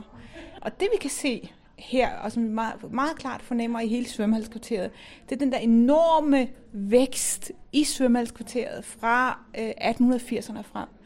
Og på Frederiksberg der har man det princip, at man bygger skolerne, hvor børnene er. Så da det vælter frem med børn i svømmehalskvarteret, øh, skolen på øh, Nylandsvej fra 1891, skolen på Solvejvej fra 1896, skolen på Lollandvej fra 1899, og de bygger stort set en skole hvert fjerde år øh, i svømmehalskvarteret i de her år i 1890'erne. Så det går enormt stærkt.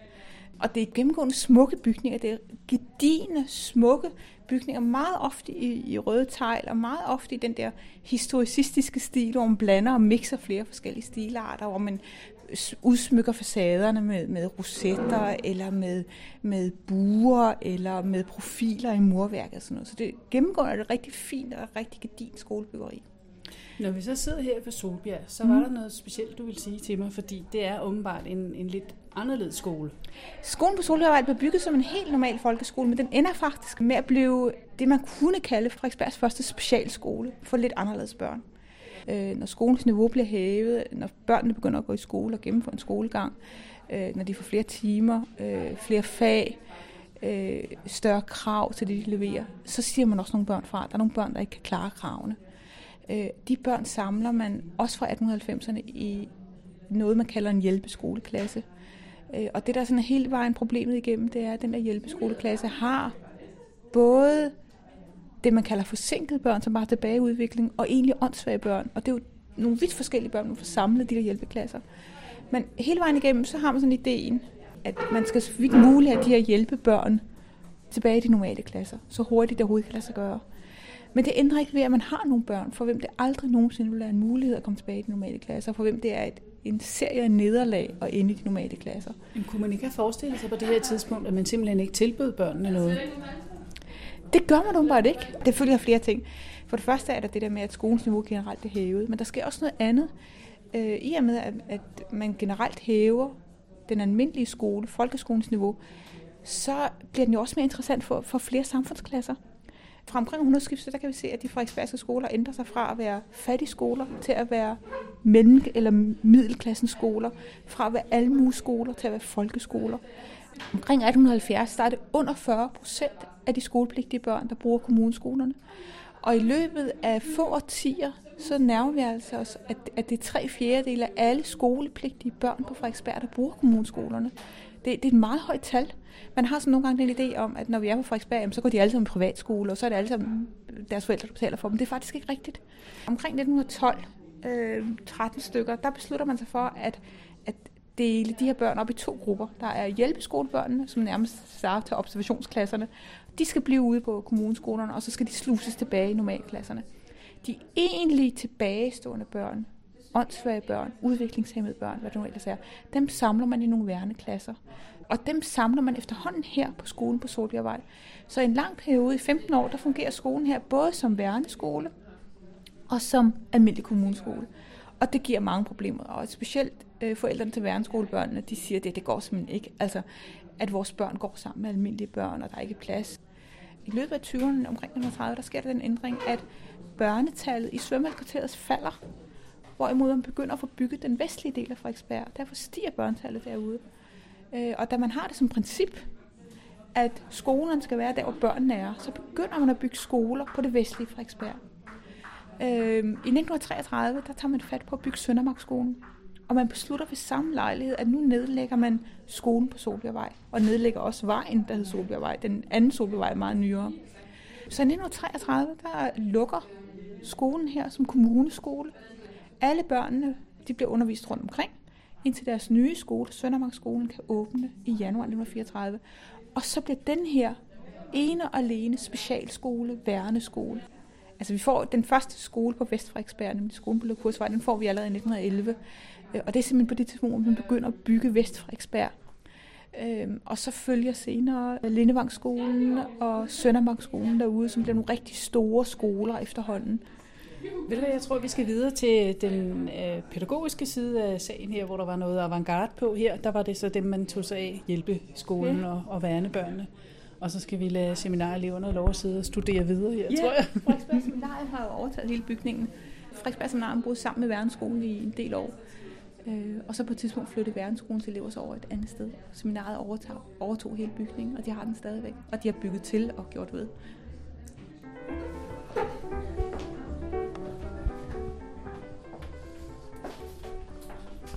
Nu er vi på skolen på Lakursvej, og vi står inde i en trappeopgang. Og har jo helt anderledes øh, smukt, vil jeg sige. Og ikke fordi, at Niels Ebbesen ikke var pæn, men det her er en øh, stil, som er virkelig gennemført. Kan du prøve at forklare den, Helga? Ja, skolen på Lakursvej, den er bygget i 1911, hvor det stadigvæk er den der historicistiske stil, der gør sig gældende. Det man ligesom gør i historicismen, det er, at man blander alle mulige historiske stilarter i en stor pellemelle. Det har man også gjort her i skolen på Lakursvej. Det vi at falde over, det er de mange smukke detaljer omkring trappegelænderet for eksempel, eller øh, dørene, eller de fine pilastre, vi, vi, er, vi er faldet over mange steder. Og det er sådan et nøgleelement i, i historicismen, det er de der mange dekorative ting. Ja, og på gelænder, der er sat knopper for, at børnene ikke skal tage den på enden ned hele vejen op fra fjerde sal. Ja. Og det er sådan nogle messingknopper. Messingknopper. Og, og selve gelænderet og er smadret pænt lavet, og som er sådan en fin smedejern. Det er en meget smuk, smukke detaljer, det er det. Og dørene er, er grønne i, i karmen og røde, ellers øh, rød og grøn. Skolen er først og fremmest øh, kendt for at være en af de skoler, der sådan virkelig gik nye veje pædagogisk set i, i 1900-tallet. Vi har herhjemme i Danmark to højborg for det, man kaldte reformpædagogikken. Den ene var Vandløse skole, den anden var skolen på Lakursvej.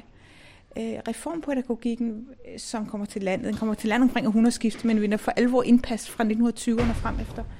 I dag er det nogle tanker, der sådan virker fuldstændig indlysende på os, men, men reformpædagogikken var først og fremmest et opgør med den autoritetsprægede, dogmatiske, sorte skole, der lagde vægt på udenadslæger og faktuel lærer og sådan noget. Altså der, hvor børnene sidder og taler ja, i kor og lige præcis. får et rap over fingrene, Ja. når noget, der ikke er blevet gjort rigtigt. Ja, lige præcis.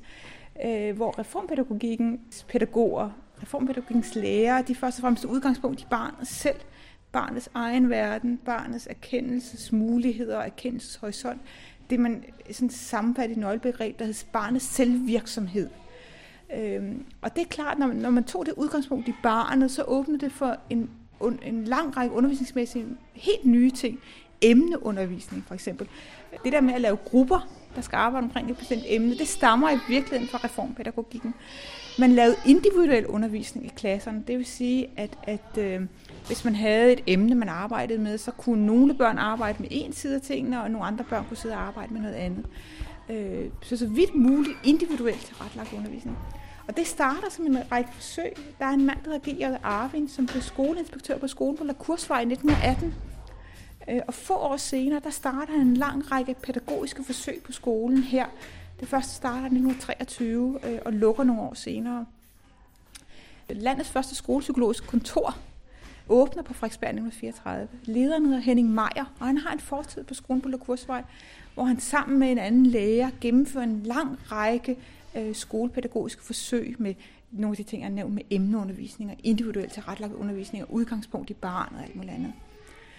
Reformpædagogikken er ikke mest interessant, fordi den får så enorm gennemslagskraft. Altså ordet selvvirksomhed kommer ind i folkeskoleloven 1937, øh, og senere så bliver reformpædagogikken som en integreret måde af hele den, den måde, man tænker pædagogik på, fra især 1960 og frem efter.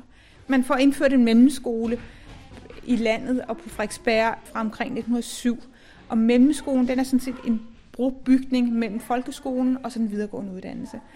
Øh, og man har hele tiden det der problem, hvad gør man med de mere praktisk orienterede elever? Og man laver blandt andet noget, der hedder en praktisk mellemskole, forsøger at have en teoretisk og en praktisk mellemskole, så man deler dem. Hele historien om den der udelte skole, med en, en samlet grundskole fra 1. til 7. klasse, det får man først i 1958, i en ny skolelov i 1958. Men på Frederiksberg og andre steder i landet, der har man arbejdet med den her idé om en uddelt skole. Øh, allerede tidligere, der gennemfører man store skolepædagogiske forsøg, hvor man undlader at dele eleverne og hvor man forsøger at holde børnene samlet, også selvom der er intelligensmæssige forskel, og så prøver at vende det til en styrke i stedet for til en ulempe. Prøv at få børnene til at arbejde sammen på tværs af intelligensmæssige forskelle og forudsætninger. Blandt andet ved nogle af de her temaarbejder og gruppearbejder. Øhm, så, så, det, i, så i reformpædagogikkens bedste ånd, der er det noget med samarbejde, og det er noget med hensyntagen og social øh, sammenhæng med andre, men også, at jeg som elev får noget ud af det. Ikke? Ja, det er det. Altså man forsøger at mixe de der to ting. Ikke? Reformpædagogikken i 20'erne er sådan en meget anarkistisk politisk retning. Det der meget anarkistiske, det mister den. Efter 2. verdenskrig, der, der får den en helt ny dimension, nemlig det at ville opdrage eleverne til demokrati, og det at vi alle sammen skal kunne være her. Så den får en meget klar demokratisk øh, dimension, en meget klar idé om demokratisk skoling. Så den forsøger at balancere mellem de to ting, samarbejde, at vi alle sammen skal kunne være her, øh, demokratisk medbestemmelse og sådan nogle ting, samtidig med, at den også hele tiden har det der individuelle udgangspunkt i barnets individuelle forudsætninger. Øh, skolen på Lakursvej blev bygget dels fordi, at børnetallet i svømmehalskvarteret var faldende, og det var voksen herude, 5. juni pladskvarteret, og man havde udsigt til, at man efterhånden ville få bygget en helt lille boligblokke langs Finsensvej. Skolen lå i hvert fald dengang, den blev øh, indviet og bygget i 1911 i et blandet kvarter. Men så er det, at det er gået hen og blevet lidt anderledes. I dag er det lidt anderledes, ja. Fordi hvis man skal have lov til at gå i skole i nærheden af, hvor man bor, så kan man godt regne ud, at så er det ikke helt arbejderklasse her. Øh, nej, den ligger i det, sådan i det pænere hjørne. Det er fuldstændig rigtigt, det gør den. Der er også nogen, sådan, øh, en enkelt i hvert fald, der toner frem som øh, lærer her. Det er Jørgen Klevin, som klippede ja. og klistrede i fjernsynet. Ja. Det er der nogen, der måske kan huske. Men han var jo lærer her på skolen. Han var lærer her en hel del år. Øh, og han er i virkeligheden en meget godt udtryk for den lærerstat, som G.J. Arvin øh, samlede omkring sig. Også dem, der fulgte efter ham. Altså netop fordi skolen havde et, et, et øh, sådan meget progressivt ry. Forældrene på skolen på Lakursvej var, var blandet med til at lave en stor boldplads til skolen i 1926.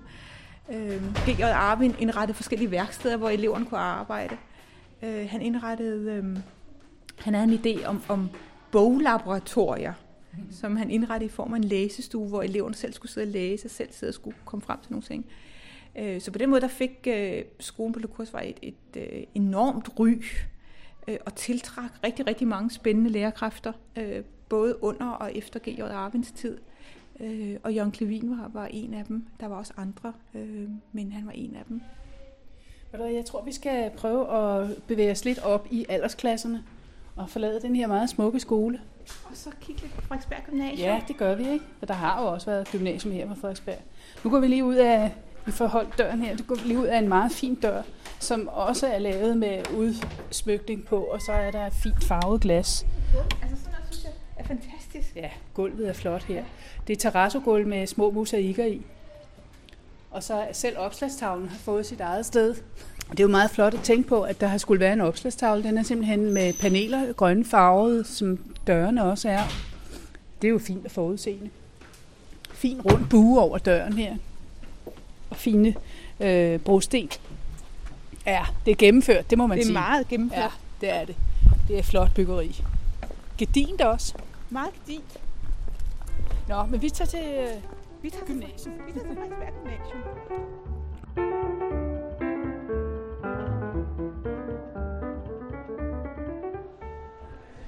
Helga, nu har vi cyklet en lille smule, og nu er vi på et gymnasium, og det er splinter nyt. Frederiksberg Gymnasium, tegnet af Henning Larsen fra 2004. Fra 2004? Ja. Har Frederiksberg altid haft et gymnasium? Frederiksberg har altid haft et gymnasium. Frederiksberg Gymnasium er oprettet i 1879. Og vi har på Stadsarkivet faktisk øh, gymnasiets arkiv helt tilbage til oprettelsen i 1879. Navnet Frederiksberg Gymnasium starter, stammer fra 1907. Men det blev jo en del af kommunen i 1919. Og, øh, før, før var det så privat? Så var det privat. Det var privat indtil 1919.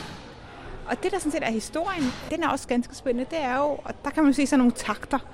Øh, forstået på den måde, at, at først får man lavet en rigtig god grundskole eller folkeskole og får løftet den. Øh, I 1903 kommer der en ny skolelov, hvor man indfører mellemskolen i Danmark. Øh, og mellemskolen, som i virkeligheden var en del af den lærte skole, skulle fungere som en bro fra folkeskolen til gymnasiet. Og det, det var sådan et skridt på vejen. Det, der var problemet, det var, at gymnasierne de var private. Der var et eneste offentligt gymnasium, nemlig Metropolitan, inde i København, og resten var private. Så det krævede jo trods alt en hel del penge, skolepenge, øh, hvis man skulle gå på et gymnasium, hvis man skulle tage en studentereksamen. Så studentereksamen var forbeholdt de få. I 1919, for at gøre en meget lang historie kort, øh, så bliver der lavet en lov, øh, hvor man, øh, om man så må sige, deler gymnasierne i København og på Frederiksberg mellem kommunen og staten. Og en af, en af de handler, øh, der bliver lavet, det er, at staten overtager det, der i dag hedder Falconergårds Gymnasium, og det, der engang hed Sankt Jørgens Gymnasium, og Frederiksberg Kommune overtager Frederiksberg Gymnasium. Så Frederiksberg Gymnasium og Frederiksberg Kommune har en rigtig, rigtig lang fælles historie siden 1919. Ideen, og det er jo det, man, man i skolekreds er meget begejstret for, det er, at man, da Frederiksberg Gymnasium bliver offentligt, og da en række gymnasier bliver offentlige, det er, at så er det, at man siger, at nu har vi fået en virkelig enhedsskole, hvor det er muligt for alle, uanset social herkomst eller baggrund, at få en offentlig skoleuddannelse fra første klasse til og med studentereksamen. Øh, så det, på den måde er det, der sker i 1919, et, et nybrud. En virkelig enhedsskole, sådan, sådan, sådan kalder man det. Sådan vil man gerne se det. Det er lidt ligesom en kejle, ikke? Og der er en stor bred åbning for neden, og så spidser det den til. til op efter, ikke? Fordi det hører afgjort, det er et fåtal, der tager en studentereksamen på det tidspunkt.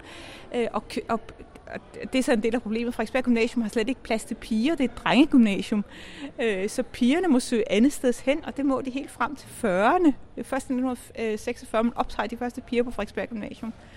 Så sker der jo, for at gøre en meget lang historie kort, der sker jo det, at, at i løbet af 60'erne, der bliver gymnasierne jo en masse uddannelse, hvilket skyldes mange ting. Men, men øh, i dag er vi jo oppe på, jeg tror, hvad er det, vi snakker om, at det er en tredjedel af en ungdomsårgang, der tager en studentereksamen i dag hvor det tidligere var nogle ganske, ganske få procenter, og i alt overvejende grad mænd, øh, er det nu blevet en, en almen samfundsmæssig ting for mig, rigtig, rigtig mange unge at tage en studentereksamen. Så sidder vi sådan et glaspalads her, som jo er flot, og det er jo en af Danmarks berømte arkitekter, ja. der har lavet det osv. Nu ved jeg ikke, om det fungerer som skole, det er jo måske en anden historie. Men øh, hvor startede det første Frederiksberg Gymnasium? Det startede på Hollændervej, øh, og lå nede på Hollændervej på mange måder så slår vi jo en smuk sløjfe, øh, flyttet senere til skolen på Niels Ebbesens vej. Da skolen på Niels Ebbesens vej lukker, øh, så står øh, lokalerne ledige, øh, og kommunen vælger så at lade gymnasiet flytte ind i skolen på Niels Ebbesens vej, også fordi gymnasiet har pladsproblemer.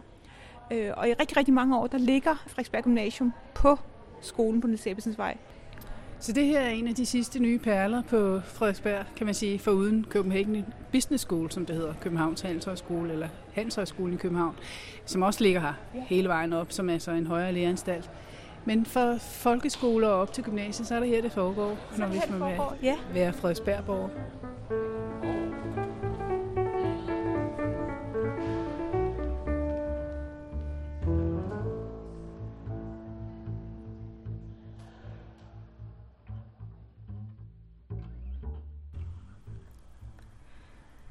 Helga Mor fra Frederiksberg Stadsarkiv fortalte om skolerne på Frederiksberg og skolepædagogikken.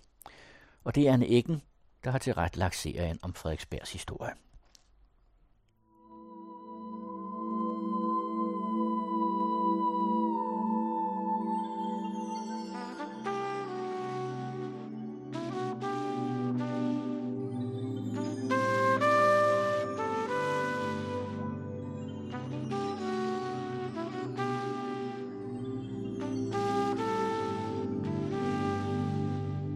Velkommen til Røding og Danmarks og verdens første folkehøjskole. Velkommen til Sønderjylland, og velkommen til det 10. og sidste program i serien Sønderjylland fortæller Danmarks historie. Jeg hedder Jørgen Johansen, og sammen med Finn Slumstrup besøger jeg en række sønderjyske erindringssteder, hvor geografien, historien, kulturen og mentalitetshistorien taler deres tydelige sprog. Programserien er støttet af Alvingfonden, Tusbys Fond og Veluxfonden.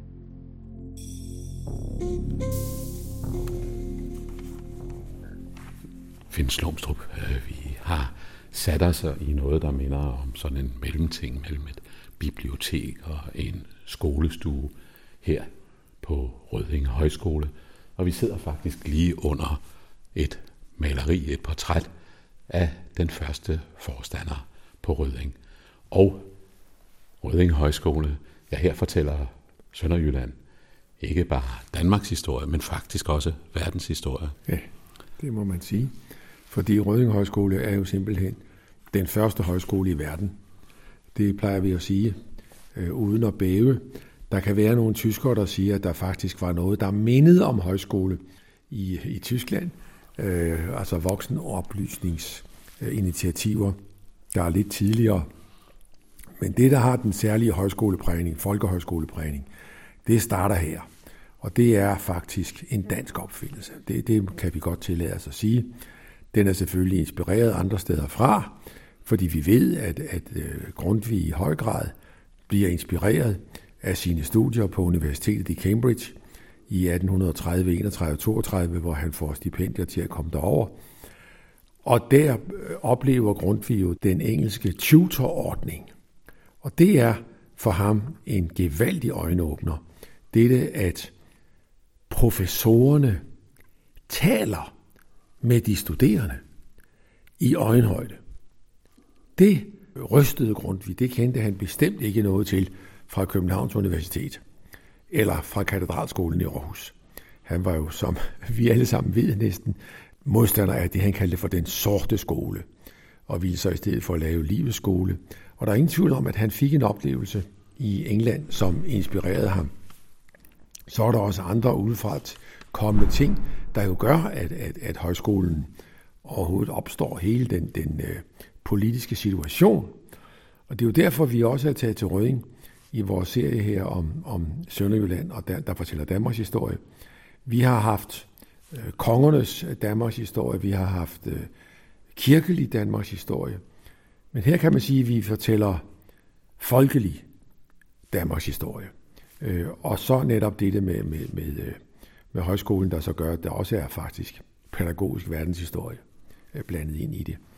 Vi har talt gentagende gange i de her udsendelser om med- og modspillet mellem dansk og tysk. Og det er jo præcis også det i høj grad modspil, der er med til, at højskolen opstår. Grundtvig er begyndt i 1830'erne og øh, tale og skrive ikke mindst, mindst en bog om året i 10 år om behovet for en ny slags skole. Og det skriver han om, fordi han kan se, at nu kommer demokratiet. Og demokratiet, det er han bestemt ikke i starten tilhænger af. Det er meget morsomt, at i dag, hvis folk overhovedet har et forhold til Grundtvig, så betragter de ham nærmest som superdemokrat. Øh, og den mest fotograferede byste i Danmark, tror jeg, det er Bissens Grundtvig-byste, der står inde i Folketinget. Og det er altid der, folketingsmedlemmer bliver interviewet øh, i tv-aviser og på TV2, så har ser man Grundtvig i baggrunden. Men han var bestemt ikke superdemokrat, for i starten kunne han slet ikke forestille sig, at hvis ikke der sad en svævende over vandene, hvordan i alverden kunne man så nå frem til det, han altid kaldte for det fælles bedste. For det var det, der var meningen med politik. Det var at nå frem til det fælles bedste. Og det krævede, at der altså sad en op i helikopteren, og hvem var bedre til det end den enevældige majestæt. Så han var vældig godt tilfreds men han var også historiker, og en klog historiker. Og hvad gør en klog historiker, der ser en skandale komme, som ikke kan stoppes? I det tilfælde her, det frembrydende demokrati og folkestyre i Europa. Han sætter sig i spidsen for skandalen. Og det begyndte Grundtvig så at gøre, men var så samtidig optaget af, at skulle dette eksperiment, som han så komme, skulle det gå godt i Danmark, så var det nødvendigt med en ny slags skole, fordi så måtte man jo også have bønderne med i det store flertal. Vi havde godt nok fået loven om almue skolevæsen i 1814, men altså alligevel, noget, noget måtte der gøres, og en ny slags skole var nødvendig. Og den kommer jo også, og vi ved alle sammen, at, at Grundtvig er højskolens teoretiske far. Men det går slet ikke sådan, som Grundtvig forestiller sig. Fordi han har ikke på noget tidspunkt tænkt, at der skal vokse en stribe folkehøjskoler spredt ud over landet frem. Nej, han forestiller sig faktisk en statshøjskole. Og han forestiller sig, at den skal ligge på Sorø Akademi, som på det tidspunkt her er i store problemer. Og da Grundtvig selv var arbejdsløs, så var det vel passende, at han kunne blive højskoleforstander på øh, Sorø. Men udviklingen kommer til at gå helt anderledes. Og det er lige præcis modsætningen mellem dansk og tysk, der gør, at der så altså er nogle mennesker i Sønderjylland, der selvfølgelig læser Grundtvigs skrifter, og faktisk er der måske ikke nogen, der læser dem bedre en professor Christian Flor nede på Universitetet i Kiel. Og øh, han er meget optaget af det. Og efter det store skamlingsbankemøde i 1844, som er en stor dansk folkelig politisk manifestation, der øh, vokser planerne om en højskole kraftigt frem. Christian Flor er, er talsmand for den. Han arbejder sammen med noget, der hedder den Slesvigske Forening. De har god kontakt til pengestærke nationalliberale i København. Og så går det altså hverken værre bedre, end at næsten af bagdøren, på en helt anden måde end grund vi forestillede sig, så etableres her i Røding verdens første folkehøjskole. Den starter i november 1844. Den har 20 elever, mellem 16 og 20 år gamle, og det er helt rigtigt, som du siger, at Johan Wiener, der hænger lige her, teolog, han bliver verdens første højskoleforstander. Men han er det så heller ikke så længe, for man, ser man årstallene, ja, så bliver det til et år i posten. Ja, altså jeg øh, brugte ham tit, når man snakkede om, da jeg selv var i højskolen som forstander og som lærer, øh, og man synes, der er for voldsom udskiftning, så sagde jeg til husk nu, at verdens første højskoleforstander holdt i et år. Så fandt han ud af, at det var nok egentlig meget bedre at blive præst og sidde i fred og ro ved studerkammeret, frem for at skulle holde kostskole. Men altså, skolen her kommer i gang, og får jo så i stedet for Louis Skrøder som forstander, som der er en bystad herhenne.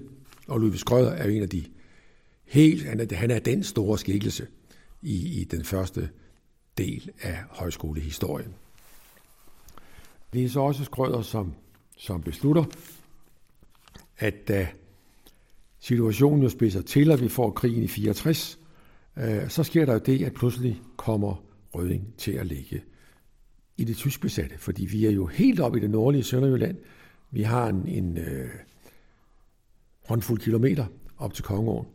Øh, og altså, Røding bliver besat, og Skrøder tager altså den beslutning at lukke og tage til øh, Askov og starte der. Han tager navnepladen hernede fra med, så skolen her hed egentlig Flors Højskole. Og når man kommer til Askov, så kan man se, at der står en plade Flors Højskole. Så den hedder i de første år Flors Højskole i Askov. Og nu skal vi ikke fortælle Askov historie, men i starten er Skrøder jo overbevist om, at det er et midlertidigt landflygtighedsophold. Og derfor går der den gamle historie, at, at man skulle kunne se hjem til det gamle land, og der må ikke være for pænt. For hvis der var for pænt, så kunne man fristes til at blive, og man skulle ikke blive. Men det gjorde Skrøder så altså alligevel. I 1864 opgiver man så skolevirksomhed her. Det vil sige, det gør man ikke alligevel. Fordi der er faktisk, og jeg tror ikke, det var begejstret Skrøder, fordi hans idé var jo, at, at den preussiske besættelse gjorde skoledriften umulig. Men der var altså en mærkelig skikkelse i det folkelige Danmark. Øh, han hed Cornelius Appel. Øh, og Cornelius Appel, han starter faktisk i 1864 en pigehøjskole her i Røding. Og på trods af tysk besættelse, så holder han den altså kørende frem til 1885. Så bliver det for besværligt. Og så drejer han nøglen om. Men Appel kan vi vende tilbage til øh, senere, for han får en særlig, en særlig vinkel. Røding Højskole, den genåbner så i 1920. Så snart øh, genforeningen kommer, så genåbner højskolen her, og har jo så øh, ligget her siden. Og hvis vi et øjeblik lytter efter, så kan vi måske fornemme, at øh, ja, højskolen har det på mange måder udmærket her i Røding i dag, og i hvert fald er der fuldt besat inde i foredragssalen, ja. og sangen er gået i gang.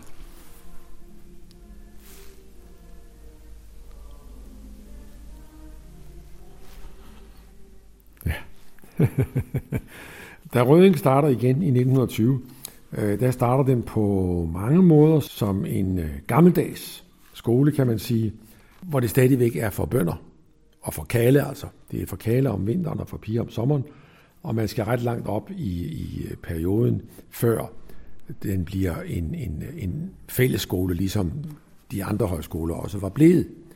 Der er i hvert fald et par af de forstandere, som er markante. De sidder faktisk over på den anden side af væggen og ser over på os. Den ene, det er Hans Lund, der sidder der med, med, med korslagte arme, øh, og han er forstander i en meget lang årrække. Han er historiker, øh, har skrevet en erindringsbog, der hedder Historiker i Højskolens Tjeneste, og øh, har i øvrigt også til Askov Højskoles øh, 100-års jubilæum i 1965, der skrev øh, Hans Lund bogen om den første del af, af Askov-historien. Han var en forstander af den helt gamle type, der kørte det som om en højskole er øh, i virkeligheden en bondegård med, med udvidet folkehold, kan man sige. Det er et hjem, og husbonden sidder for bordenden. På den måde kørte Hans Lund Askov. Ved siden af ham sidder Arne Fogh Petersen, der var øh, forstander i mange år, også op igennem 50'erne og 60'erne, efterfulgte altså Hans Lund. I 50'erne og 60'erne, så holdt han pause, fordi han var kirkeminister i øh, Bavnsgaards VKR-regering fra 68 til 71. Og så kom han tilbage og var højskoleforstander igen i en periode, inden han blev generalkonsul i Flensborg. Det er sådan to af de markante skikkelser. Ved siden af dem hænger Erik Høgsbro, som var ham, der, der satte skolen i gang igen efter 1920. Øh, men, men fedt, hvis vi vender tilbage til den periode i højskolehistorien, hvor det i høj grad var en skole for, ja, for bønderkale, der på en eller anden måde skulle have udvide deres øh, perspektiv og deres tilgang til verden og lære noget, og måske forberedes på demokratiet, så er det vel også en højskole, som på mange måder griber langt ind i Danmarks historien ved at være et øh, fødested også for en række bevægelser, der får en stor betydning. Kolossalt, øh, fordi dengang var man jo ikke i tvivl om, inden for højskolen. Man var ikke i tvivl om, hvad målet var. Det var jo på en tid, hvor højskolen ikke på nogen som helst måde egentlig var kompetencegivende eller formel kompetenceforberedende. Situationen er jo den, at højskolen skyder op som et fuldstændig frit initiativ, som så begynder at få statstilskud. Hvorfor gør den det? Det gør den jo, fordi Folketinget, rigsdagen, kan mærke, at det, der foregår på højskolerne, det er faktisk så vigtigt, at vi bør støtte det, samtidig med, at der jo også er det aspekt i det, at en ganske pæn procentdel af rigsdagens medlemmer viste sig efterhånden at være forhenværende højskoleelever. Øh, så hvad er formålet? Formålet er at få eleverne til at opdage, at de er en del af noget, der er større end dem selv. Og det går så på to leder, kan man sige. Den ene, det er naturligvis dette, at for de første højskolefolk i flere generationer, var det en given ting, at Danmark er et kristent land. Øh, Grundtvig havde ganske vist sagt igen og igen og igen, at troen er ikke en skolesag, Men der er ingen tvivl om, at de kunne slet ikke forestille sig et folkeliv og et menneskeliv uden kristendommen. Det er den ene ting. Det er den, det er den store overordnede dimension, om man vil. Ikke? Og så er der den, den mere jævne, og der er også dette, at man er en del af noget, der er større end en selv. Nemlig, at det eksperiment, der hedder det danske folks historie. Og det går man altså ud og arbejder på. Og det gør man jo lige præcis ved at danne en række organisationer. Altså man går ud, hvorfor skal man have øh, gymnastik og idræt på højskolerne? Jamen det skal man, fordi man skal ud og være med til at præge den folkelige idræt ude i bred, ikke i elitesport, men den folkelige idræt ude i foreningerne. Hvorfor skal øh, den landbrugsfaglige uddannelse, som man jo havde på mange højskoler, hvorfor skal den være så god og dygtig som muligt? Det skal den selvfølgelig, fordi eleverne skal ud og være med til at gøre Danmark til et foregangsland inden for landbruget. Og så den kører den hele vejen igen. Det er så også det, der gør, at det er i høj grad et fænomen, der foregår i det landlige Danmark. Højskolerne får ikke rigtig fat i byerne. Johan Borup starter jo Borups Højskole i København, og det er sådan i og for sig en undtagelse. Og det er så også karakteristisk, at, at det er Borups Højskole, der er en dispensation. Det er en højskole, som ikke er en kostskole. Det er et landligt fænomen. Og det er sådan en konflikt, der så efterhånden viser sig kraftigere og kraftigere, og som for alvor så slår igennem efter 2. verdenskrig. Men, men indtil 2. verdenskrig, der er højskolen på mange, mange måder fundamentalt forankret i det landlige Danmark. Og ligger spredt i det landlige Danmark, det gør de jo stadigvæk, de højskoler, vi stadigvæk har. Og hvis man siger andelsmejerier, hvis man siger andelsslagterier, og en lang række af de andelsinitiativer, der bliver taget, ja, så har de vel også en forankring i, øh, i højskole. Det har de helt afgjort. Og, og, det, og det slår jo igen netop her, hvor vi er nu, i den del af den gamle Røding Kommune, som vi er i, øh, den blev i folkemåne kaldt for det ideelle hjørne. Øh, det her oppe, det var det ideelle hjørne. Her stod højskolen, her stod den danske folkelighed meget stærkt. Øh, det slår sig også igennem ved, at, at det første andelsmarie heroppe kommer i 1884 i Mejlby. Det første forsamlingshus bliver rejst i Skrave i 1892. Og det vil sige, at, at det er jo altså et arbejde, der kører videre under tysk besættelse. Det slår igennem alligevel. Og det ses også på det kirkelige område, hvor man jo her laver frimenighed. Den første frimenighed i 1874. Så højskolen var et kraftcenter. Ikke bare Røding Højskole, men de gamle højskoler var et kraftcenter. Og man skal jo også huske på, at når vi nu siger, at, at Røding lukkede i 1864, øh, der var der på det tidspunkt kommet afskillige andre højskoler i Danmark. Danmarks ældste kontinuerligt eksisterende højskole, det er jo Uldum Højskole over ved Vejle, der har ligget der siden 1849. Øh, og så kommer det store boom, kommer jo så lige efter 1864. Fordi der står Danmark jo øh, i en situation, hvor man må sige, hvis vi taler om, at vi i dag har krise, hvad havde man så i 1864, øh, hvor vi havde mistet omkring 40 procent, ikke?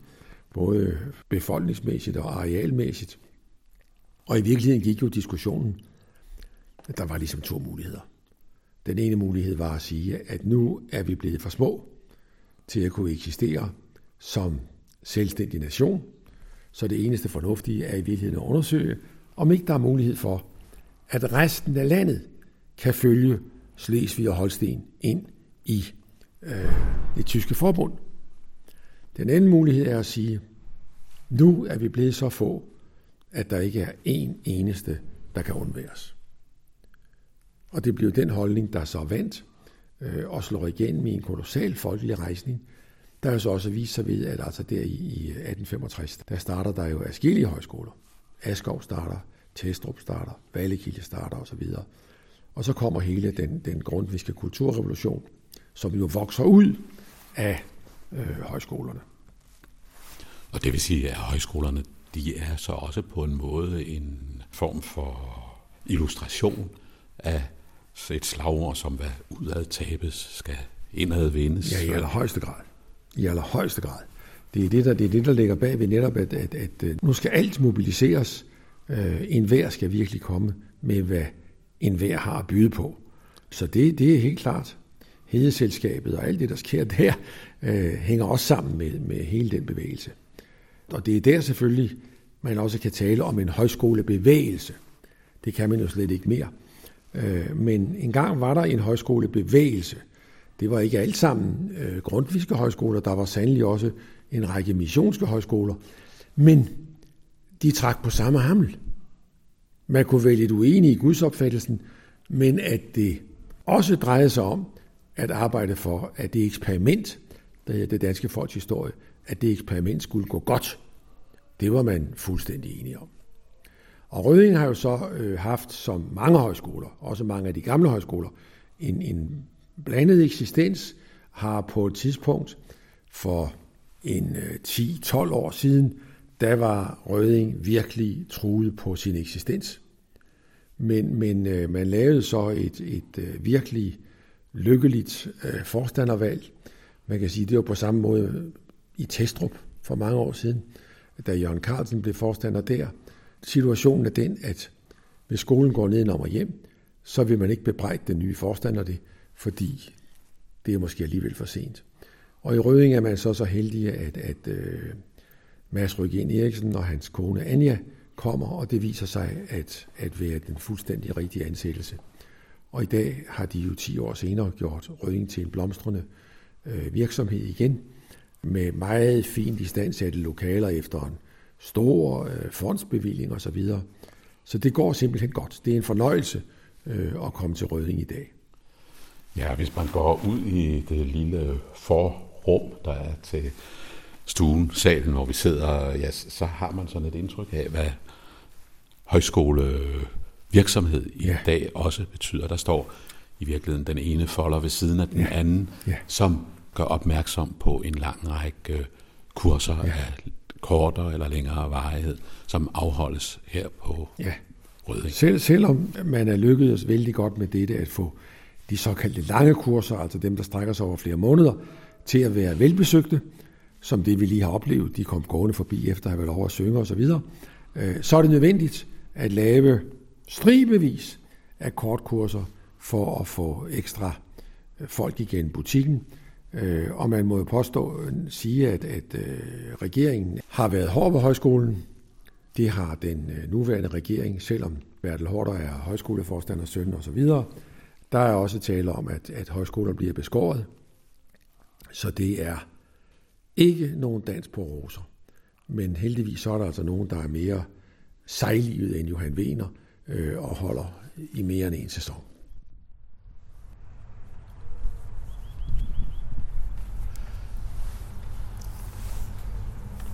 Fra selve højskolen er vi gået, ja ikke så mange skridt i virkeligheden, over til frimenighedskirken. Det er en mærkelig situation. Ikke? Vi står her i døren til Frimenighedskirken, kan se, højskolen ligger 50 meter foran os, og 200 meter derhen, der ligger Sognekirken. Øh, men sådan var det jo med mange af de gamle højskoler. De skulle have deres egen kirke. Det lavede man i øh, Valekilde, det lavede man i Askov, det laver man altså også her. Og her laver man det, før man laver det de andre steder. Fordi frimenigheden her bliver altså lavet i 1874.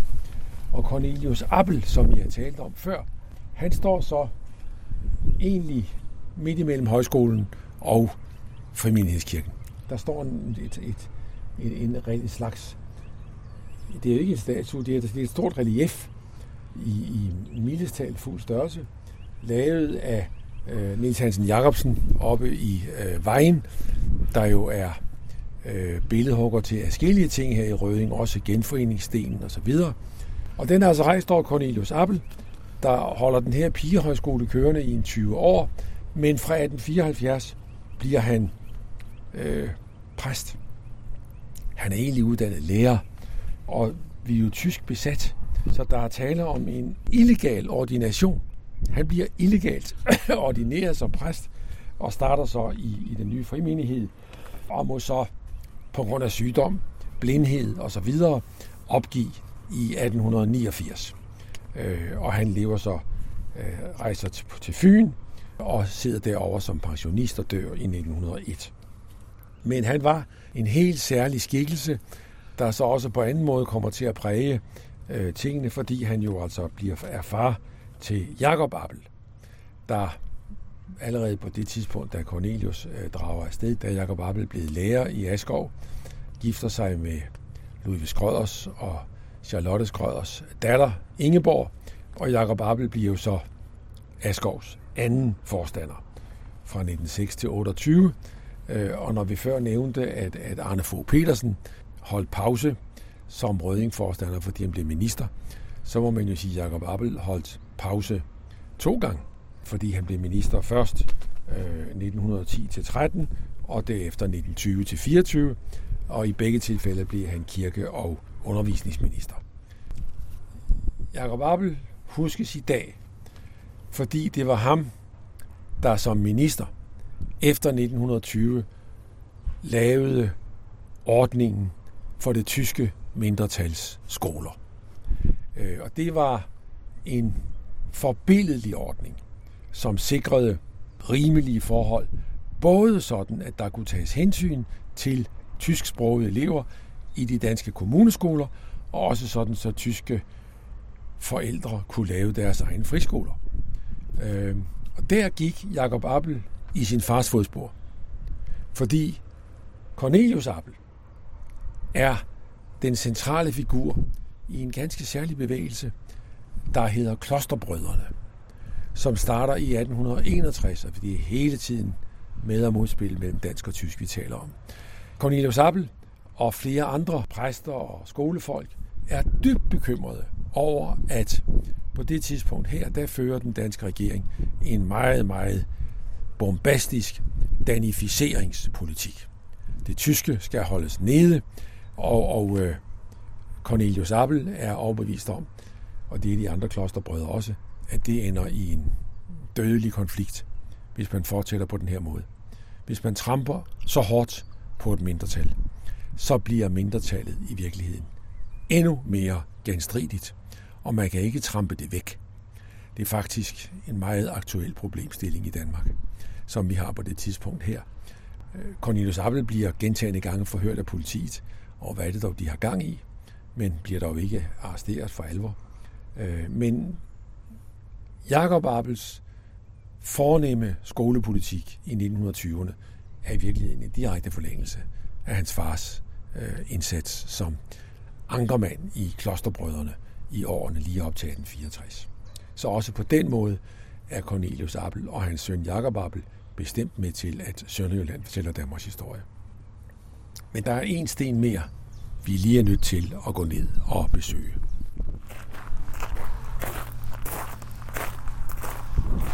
Ja, på vejen her, Svend, der passerer vi jo en sten, som godt nok øh, hører til de mere bemærkelsesværdige. Ja. Det ligner nærmest sådan et lidt øh, forvokset, lidt øh, nærmest forkrøblet træ, ja. men, men stor er den. Og det er Hansen Jacobsen en gang til. Hansen Jacobsen havde det med at finde sten. Han var, han var jo sådan meget jugendinspireret egentlig, og det afspejler sig også i meget af hans arbejde som stenhugger. Det her er monumentet over denne ejens faldende 1914-18.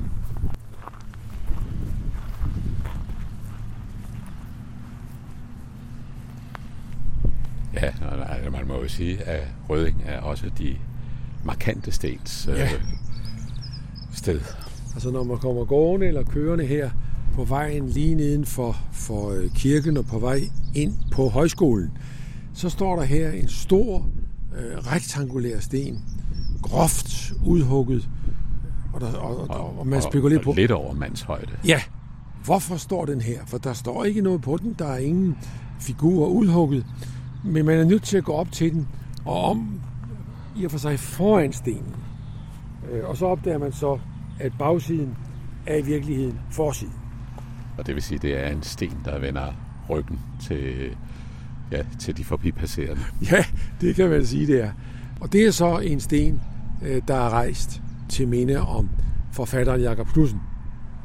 Øh, rejst på 100-året for hans øh, fødsel øh, i september 1858, og altså rejst i september øh, 1958. Hvorfor står der en sten for Jakob Knudsen i Røding? Det gør der, fordi han er født her. Hans far, Jens Lasten Knudsen, var højskolelærer i øh, Røding, og Jakob Knudsen kommer altså herfra. Og så har den her sten, synes jeg, en fantastisk øh, inskription. Der står, sådan husker vi dig, hård mod andre, krævende, fordi det vældige liv havde lagt sine læber mod dine og indvidet dig til opretholder af gudskabt mening.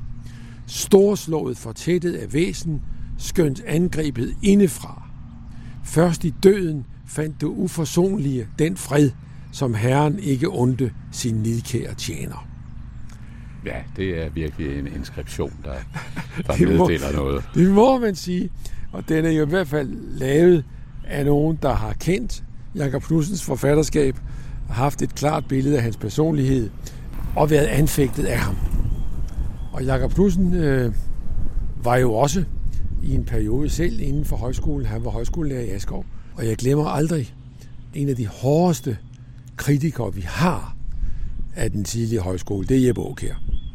Øh, Jeppe lavede jo øh, oprør i vinteren, så vidt jeg husker, 1887-88, hvor han var elev i øh, Askov, lavede sin egen studiekreds, fordi man underviste jo ikke i Askov øh, i de moderne digter, fordi deres, øh, de var brændetsinspireret, deres øh, gudsforhold var der måske slet ikke, så sådan noget kunne man ikke undervise i.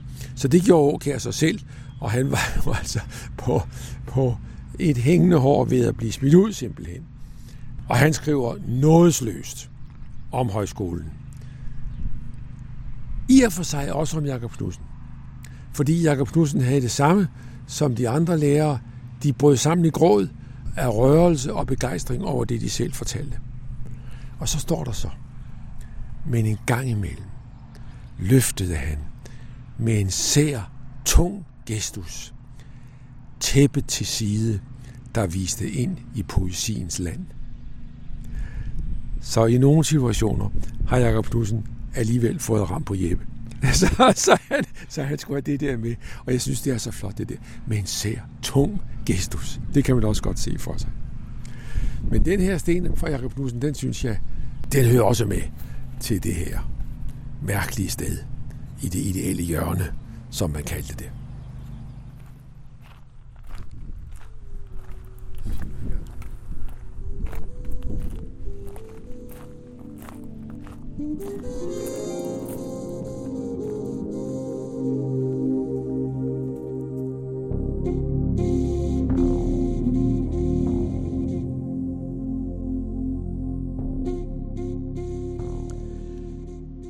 Til tonerne af Palle Mikkelborgs Bella, My Bella, forlader Finn Slumstrup og jeg, Jørgen Johansen, Rødding og Rødding Højskole, der var målet i det 10. og sidste program i serien Sønderjylland fortæller Danmarks historie.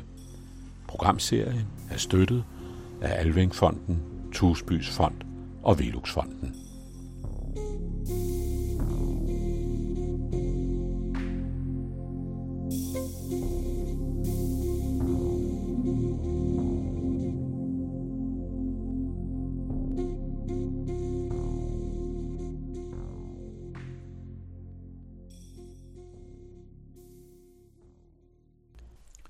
I Farovs klassikere fortsætter en digters bazar.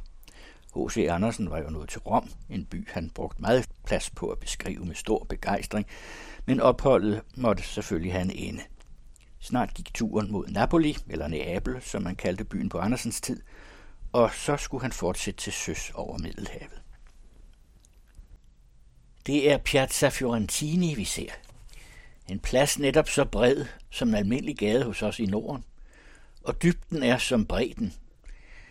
Lige for tæt ved et snævert bugtet stræde udbreder sig facaden af en lille kirke, over hvis åbne forhold nabomadammerne har hængt tøj ud af tørre, lige fra mysterierne, der ikke skulle ses, til de brogede kjoler, der skulle ses. To unge præster, læsende i deres evangeliebog, går op og ned i forhallen. Udenfor sidder en gammel mor lille og sælger penge.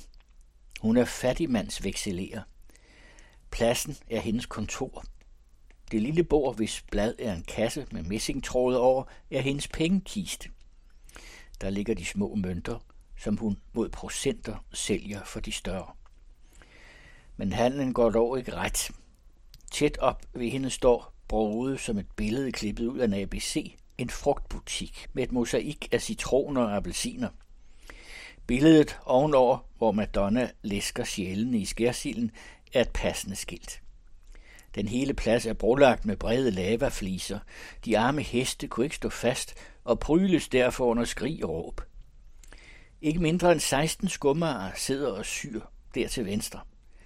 De to nærmest døren har allerede tændt lys. De river huen af en syndig dreng og slår ham med appelsiner for maven. Han synes at protestere imod, at de anvendes til udvortes brug. I alle husene er stueetagen uden vinduer, men med åbne brede butikdøre. Uden for den ene brænder kaffe, uden for den anden koges suppe på kastanjer og brød, og manden har søgning. Folk draperet med laser spiser et potteskår. I husenes højere etager har hver vindue sin balkon, eller denne går langs med den hele etage og bærer en blomstrende urtegård. Store baljer med citroner og appelsintræer. De modne frugter i det grønne skinner jo som Hesperiens stjerner. En englænder i Slobrok har sin gyngestol derude. Nu går stolen bagover, og britten slår stjerner med sin stolte nakke. Men højt under kirke og huse hæver sig klippen med fæstningen Sankt Elmo. Aftensolen beskinner de hvide mure, tårne og telegrafen. Nu sank solen, og klokkerne ringer til Ave Maria. Folk strømmer ind i kirken. Lamperne derinde stråler gennem vinduerne.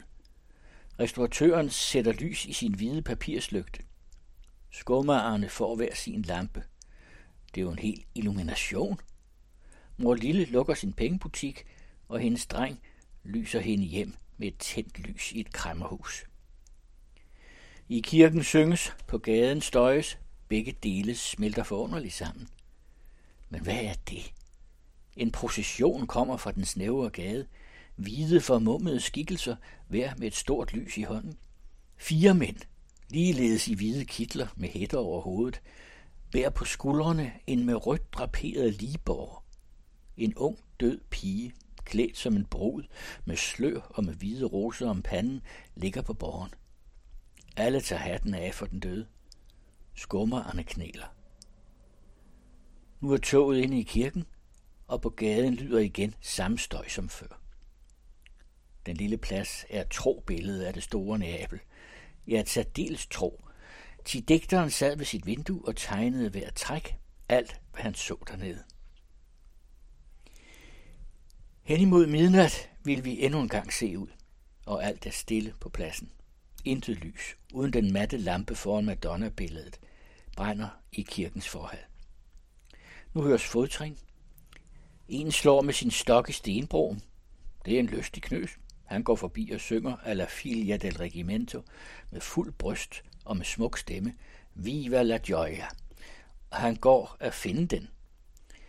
Hans varme blod, hans glødende tanker siger ham, hvor den er at finde. Tys. Mange instrumenter falder ind. Den hele plads er forvandlet til et orkester. En mandig bas synger en stor bravurarie. Man bringer den skønne en serenade. Hør kun, hvor smukt. Til voljo ben assai. Åbner ikke vinduet sig. Træder hun ikke ud på altanen? Nej, slet ikke. Alt er stille i alle husene. Musikken drager bort. Pladsen er igen tom. En skygge bevæger sig langs huset. Nogle få akkorder klinger fra gitaren, men ingen sang. Alt er roligt i huset. Endnu en akkord, og gadedøren åbnes ganske sagte. Den unge herre smutter ind. Felicissima notte. Godnat. Sov vel, siger man i Norden. Det er en ret god hilsen. Den, som sover, han sønder ikke. Italienerne siger derimod felicissima notte og sydens sol gløder i dette gode nat. En neapolitansk curriculum. Og en curriculum, det er sådan en uh, tohjulet kærre. Man må se den i dens flugt. Se den bepakket med mennesker oven og neden, for og bag. Det er en lille folkemasse, der ruller her på to store karetjul, trukket af et stakkels krik, som er så behængt med plader og kvaster, bjæller og helgenbilleder, at det kunne tjene som vandrende skilt for en maskandiserbåd. Cabrioleten suser os forbi, hen over den med brede lavafliser brolagte gade. Hvad er det for et selskab? Hvad må det tænke på? Kusken med den store fiskerkutte slængt over skulderen og med de halvnøgne brune arme banner i sit hjerte dampvognen, der let som en svale skyder nu hen ad vejen til Portici, forbi grønne vinhaver, gyngende både og skinnende villager. Der sidder to madammer tæt ved hans side. Den ene har et forfærdeligt stort svøbelsesbarn. Hun behandler det som en pakke uden værdi. Begge madammernes tanker mødes i kirken. Sankt Josef, som klæder de nøgne. De kommer lige derfra. Uldent og lindet, kjoler og trøjer er givende Sankt Josef, Madonna og Bambino. Den hele kirke var behængt med de gode klæder. Det var dejligt syn. En hel butik. I morgen skulle klæderne uddeles. Hvem må der vel får den røde, prægtige kjole med de store puffer og den brede garnering? Se, det er nok ved at have tankerne. På samme sæde i vognen sidder jeg nu, foruden kusken, de to madammer og svøbelsesbarnet, en skikkelig mand. Han plejer at stå ved døren i Museo Babonico. Han fortjener der nogle græn ved hver stok og paraply, han forvarer for de mange fremmede, der kommer her dagligt at se de prægtige statuer, billeder og opgravningerne. Just nu har han fået den tanke, om ikke de fleste fremmede gallerierne kunne lignes ved auktionarer, der kun går om og ser for at få hvert stykke velskrevet ind i deres bog. Ja, det er jo en tanke. For uden kusken, de to madamer, svøbelsesbarnet og den skikkelige mand, er der aldeles ikke plads til flere. Men der sidder dog en endnu. En ung knøs med et ansigt så brunt og smukt, så ægte neapolitansk. Hvad kunne man ikke i Norden gøre med hans øjne? Han sidder ellers ikke godt, og har derfor lagt armene om den ene seniors skulder, men signora er noget gammel. Han ser også til siden. Han tænker på Posili på grotten, oldtidsvejen, der går igennem bjerget under havet og villager, hvor der ville være en evig nat, brændte ikke lamperne derinde. Nys kom han der igennem. Vogne brusede forbi. En flok geder, alle med klokker om halsen, bredede derinde. Man hørte ikke ørenlyd. Og så red oven i købet en englænder dog i trav. Man kunne blive ganske fortumlet. Det blev også et stakkels pigebarn, og sprang forfærdet i armene på vor knøs. Hun ville det slet ikke, men hvad gør man ikke i forskrækkelse? Lampen skinnede hende lige ind i ansigtet, og ansigtet var dejligt. Så kyssede knøsen hende. Nu tænker han på dette kys og dette ansigt, og derfor ser han så fornøjet ud. Kusk, madammer, svøbelsesbarn, mand og knøs, ja, det, det er alt for mange på et sæde, og alligevel sidder dog en der på endnu, en tyk munk. Men hvor han egentlig sidder, det må vor herre vide, og hvad han tænker, ja, det tør jeg ikke sige. Han har en skrækkelig stor paraply med. Han er gudheden selv. Han holder på svøbelsesbarnet, mens madame løser sit halsklæde. Men nu kan her ikke sidde flere. Og derfor står også den halvvoksne dreng op lige foran selskabet. Hans mindre bror sidder på hans fødder og dingler med sine tynde ben hen imod hestens hale. De to drenge hører til teatret, det vil sige til dukketeatret, hvor der gives tragedier og store balletter. De to drenge taler damestemmerne, den ene skal i aften føre ordet for dronning Dido, den anden for hendes søster Anna. Se, det tænker de på. Bag på vognen står to kale. Jeg tror, hver står på en pind. Til den smule bræt, der stikker bagud, er besat af en gammel fisker, der således kører baglæns og har sine øjne og tanker henvendt til en portagese, hvor i der sidder en madame, pyntet og stram med flitterguld og sløjfer på hovedet. Det er en jordmor, der bæres over gaden. Jo, hun sidder rigtig nok bedre end han. Den ene af kalene ved siden af ham er en slags sendebud. Hans tanker vil vi derfor ikke udvikle. Den anden er geni af en lommetyv. Hans tanker er just nu i det røde lomtørklæde, der titter ud af en forbigående slomme. Kalen ærger sig over sin køretur. Den koster ham to græn og dette lommetørklæde. Se, nu kan der ikke være flere folk, hverken for eller bag, hverken oven eller neden. Jeg siger neden. Der har vi ikke set endnu. Hmm, der ligger jo en levende kalkun og et helt menneske. Ja, i det gyngende net under vognen ligger en hane og en pjaltet kal. Hoved og ben af ham stikker uden for nettet. Han har kun bukser og skjort på, men for øvrigt et rask udseende. Han er inderlig fornøjet. Han tænker på ingenting. Ja, se, det er en neapolitansk curriculum. Afrejse fra Italien. Et blik på mig selv. Det var den 15. marts 1841. Kuffert og natsæk, vel indpakket og tillåset, stod midt i værelset. Fakinen kom allerede op ad trappen for at bære sagerne bort. Jeg skulle fra Neapel, fra Italien, og jeg var glad derved. Hvor dog mennesket forandrer sig. Da jeg forrige gang forlod dette land, var jeg inderlig bedrøvet og vemodet derved. Og ikke nok gik det der hjemad mod Norden, nu derimod til Grækenland og Orienten. Man vil tilgive, at jeg for nogle øjeblikke ganske dvæler ved min egen person, dog kun så længe, mens fakinen bærer mit rejsetøj ned ad trappen. Jeg har tidligere givet skildringer i Italien, der næsten, tror jeg, kun ånder dette lands sollys og skønheder. Nu derimod har mange af de givende billeder stærke skygger, men således har jeg denne gang set Italien. Nyhedens duft var borte. Vinteren var usædvanlig hård, og selv var jeg sjælelig og lægemlig syg. Her i Neapel, for få dage siden, brændte feber i mit blod, og jeg var måske døden her. Jeg tror, døden så ind ad døren til mig, men øh, det var endnu ikke tiden. Han gik, og sundhedsgudinden stod, hvor han havde stået. Udenfor kom våren lige så pludselig. Sneen rundt om på bjergene smeltede, søen lå blank og blå. En ny rejse, et nyt liv måske, skulle begynde. Denne sidste time var overgangsledet. Leonidas Det franske krigsdammskib Leonidas, ført af kaptajn Laurent, lå i Neapels havn. Min ven og rejsekammerat, digteren Holst, fulgte mig ombord. Alt på skibet så fremmed ud. Selv var jeg fremmed for dem. Alle. En syg tyrk lå på nogle måtter, man havde bredt ud mellem kulsækkene. Tæt ved sad i en foret grøn kaftan og med hvid turban en skikkelse, der i de sidste dage her i Neapel havde vagt opmærksomhed ved sin orientalske dragt. Han var, som jeg siden hørte, en perser fra Herat. Den ene passager kom ombord efter den anden. Amerikanere og italienske munke, franske damer og herrer, folk fra alle verdenskanter, kun ingen fra Norden eller fra broderlandet Tyskland. Signalpipen lød til at gøre klar. Holst sagde mig farvel, og det var mig, som om jeg sidste gang skulle høre en dansk stemme, som om her mit fædreland og alle mine kære sagde dette. Lev vel.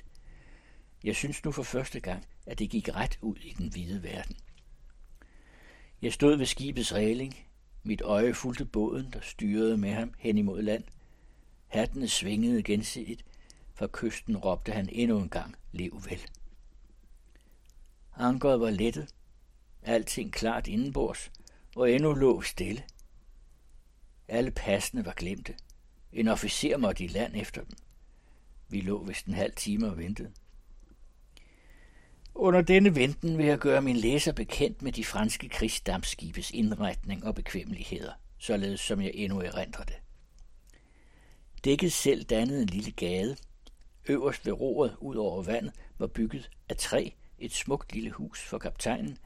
Her var sal og kabinetter, malerier og søkort hang på væggene. Lange gardiner flagrede i de åbne vinduer, og mellem disse stod divaner, fortepiano og statuer. Her var ikke blot hyggeligt, men pynteligt. Til kaptajnens bolig sluttede sig to andre fremspringende træhuse, hver med kabinetter for de øvrige officerer. På den lille plads udenfor lænede styrmanden sig til roret. Et timeglas med sand og et smukt stort ur stod tæt ved, hvor skibsdrengen slog kvarter og timeslag på en stor malmklokke, der kunne høres over hele skibet. Foran roret var en nedgang med tæpper over trinene og med støbte jernrækværk. Den førte til første kahyt, hvor damerne havde deres egen smuk stue og særskilte soveværelser. Herrerne hver et lille kammer og en prægtig stor sal, der benyttedes til ligesom spisesal. Prægtige spejle strålede fra de blankpolerede indlagte vægge, marmorblanke kolonner bar det forgyldte loft. Der var forte piano, bibliotek, kover og aviser. Maskineriet indtog skibets midterste del. Oven for dette på dækket var oprejste træhuse, lige med officerernes. En lille trappe førte op til hver dør.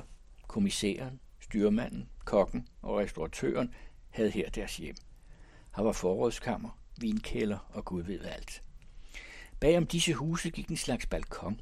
Den strakte sig fra begge sider af skibet ud over vandet. Man så dette gennem de åbne træmmer, og har blev under sig læsen renset kartofler, vasket kar og klæder. Det var, om man vil, skibets to baggårde. Midt på dækket stod køkkenet. Det var et helt hus af støbt jern og ganske opfyldt med potter, gryder og kasseroller. Her var en kogen og brassen. Tæt herved førte en trappe ned til anden kahyt, der bestod af en stor smuk spisestue med køjer.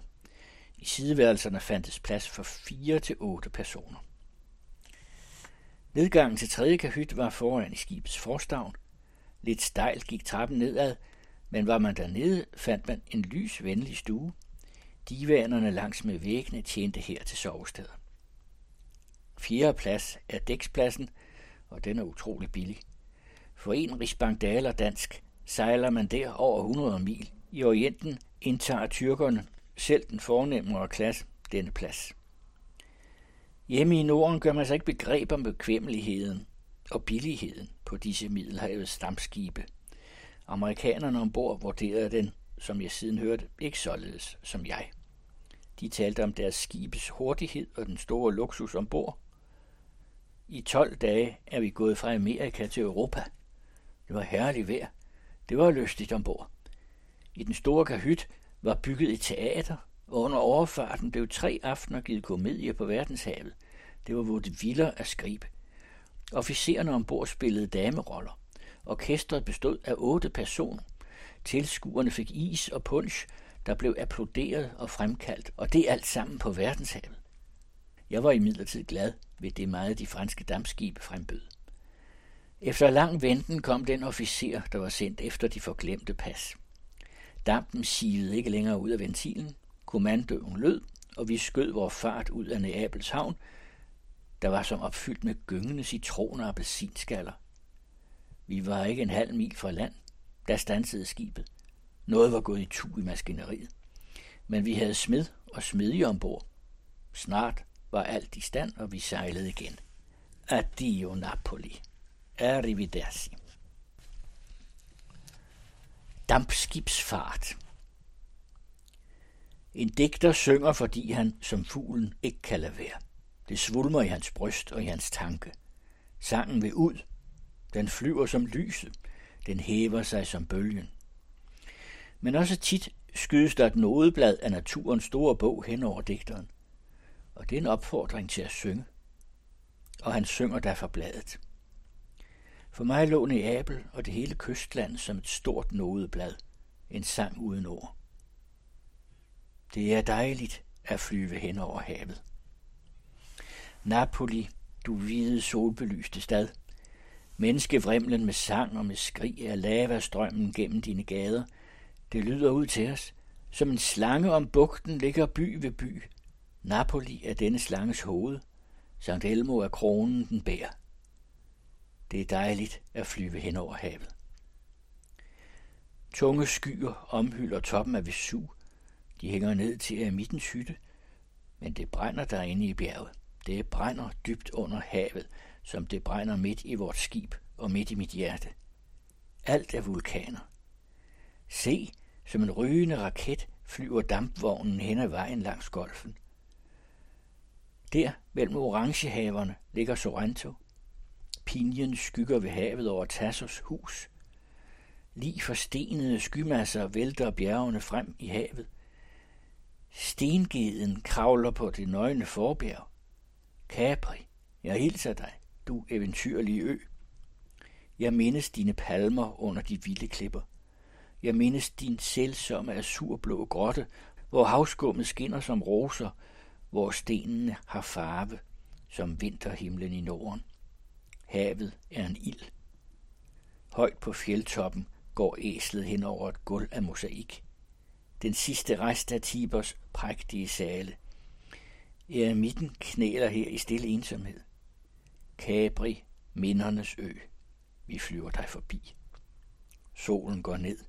Natten vælger ud med funklende stjerner. Bølgerne brydes. Hver brydning er som glødende emmer. Kølvandet lyser. Himlen lyser. Det er dejligt at flyve hen over havet. Nu er det nat. Skibsdrengen kalder. Vågn op, vågn op. Strombol flammer. Kom dog og se. Indhyllet i kapper står vi ved reglingen forud. Vi ser i den mørke nat over havet, der lyser i fosforisk glans. På horisonten stiger raketter, røde, grønne og blå. Nu vælter de frem som flammer. Det er Stromboli, den brændende ø, der engang opsteg fra havdybet. Det er Etnas barn. Hun dykker med sine søstre op fra havdybet, uden for moderlandet. På Sindbads rejse, siger det østerlandske eventyr, steg søfolkene ud på en fisk, som de antog for en sandbanke. De gjorde ild på den, og fisken dykkede igen i havdybet. De lipariske øer er også værd en afgrundens fisk. Menneskene bygger og bor på dens ryg, og før de ved det, dykker de under med den. Vi kommer mere og mere nær. Stjernerne blinker. Vandet er ild. Det er dejligt at flyve hen over havet. Jeg fortsætter de kommende uger med flere uddrag fra En Digters Bazar. Den anden radio. I dybden, i bredden, i højden. Public Service Radio om kultur og samfund.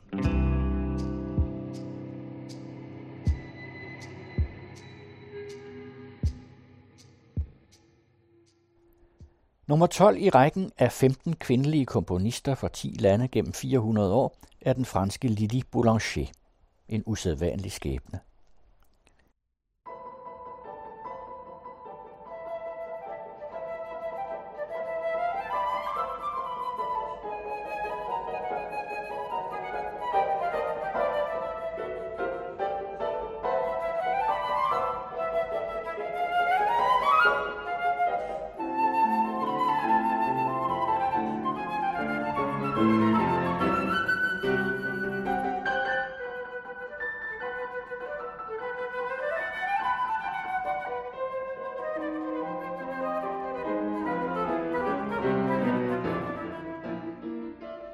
Boulanger er den med det korteste liv af de 15 kvindelige komponister fra 10 lande gennem 400 år. Hun blev 24 år. Hun er nummer 12 i rækken. Det er forbløffende, hvad hun nåede at komponere, og hun var den første kvindelige komponist, der modtog den prestigefyldte Prix de Rome, Romerprisen, og dertil en af de yngste. For hendes store søster Nadia Boulanger var det en livssorg at miste sin lille søster. Hun stoppede med at komponere, hun giftede sig aldrig, og hun klædte sig i sort resten af sit liv. Hun blev så til gengæld 92 år. Hun var nødt til at stoppe med at komponere, da Lili døde, for som hun sagde, hendes musik som sådan var egentlig ikke dårlig, bare ubrugelig, og hun gjorde, hvad hun kunne livet igennem for at promovere søsterens musik. Nadia Boulanger var komponist, dirigent, pianist, organist og musikpædagog, og er allermest kendt for den kolossale indflydelse, hun havde på de store komponister i 1900-tallet, for eksempel Leonard Bernstein, Aaron Copland, Astor Piazzolla, Per Nørgaard og hundrede andre, der mere eller mindre fik ændret deres liv efter mødet med hendes pædagogik. De to søstre var de overlevende af fire søstre, og de voksede op i Paris. Deres mor var en russisk grevinde, Reisa, der forelskede sig i den 43 år ældre komponist Ernest Boulanger. De mødtes, da han blev hendes lærer i sang. Han havde haft en vis succes som komponist af komiske operaer og vandt rent faktisk i 1836 Romerprisen. Far og datter med samme eftertragtede pris.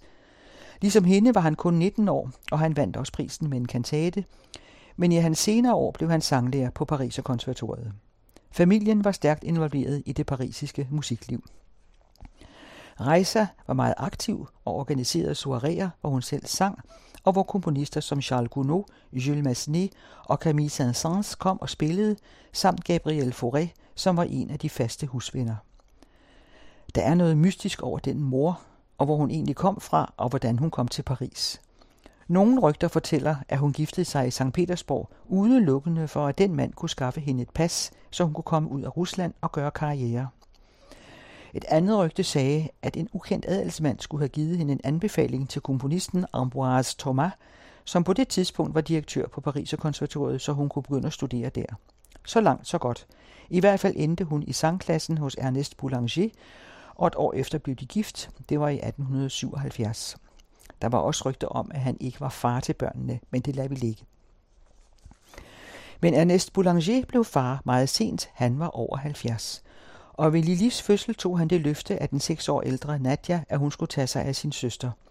Det overholdt hun og følte et stort ansvar, fordi Lili aldrig rigtig kom over en voldsom lungebetændelse, hun fik, da hun var to år, med et meget lavt immunforsvar til følge, og som siden udviklede sig til tuberkulose. Nadja støttede hende både psykisk, finansielt og pædagogisk, så hun var i den grad med til at udvikle hendes talent. Netop Gabriel Fauré var meget imponeret over hende og havde sange med til hende på sine besøg for at inspirere hende. Det var ham, der opdagede, at det lille barn havde absolut gehør og ramte tonerne perfekt. Begge søstre fik klaverundervisning af deres mor, men kom begge tidligt til at studere hos store musikere. Lili Boulanger var vidunderbarn.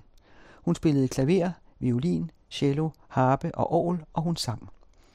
16 år gammel begyndte hun at få undervisning i komposition på Pariserkonservatoriet, og hendes primære lærere var Georges Cossat og Paul Vidal, store navne på den tid. Og hun gjorde så store fremskridt så hurtigt, at Nadia besluttede sig til at fokusere på undervisning i stedet for komposition. Søstrene fulgte sad, men Lili var nødt til at holde pauser, fordi hendes svage helbred gjorde, at hun med jævne mellemrum måtte indlægges på sanatorium. Allerede i 1912, 19 år gammel, vandt hun Prix de Rome som den første kvindelige komponist og en af de yngste, men hun var meget syg i den periode, så hun måtte sidde over til året efter, og denne gang var hun rask nok til at tage imod. Hun fik prisen det år sammen med Claude Delvancourt, komponist og pianist, fordi der netop ikke var blevet uddelt noget året før. Prix de Rome gav adgang til tre års studier i Villa Medici i Rom, og det var hendes kantate Fust i Elenden, der udløste den pris. Juryen på konservatoriet voterede med overvældende flertal for hende, 31 stemmer for og 5 imod. Vi skal høre lidt af kantaten.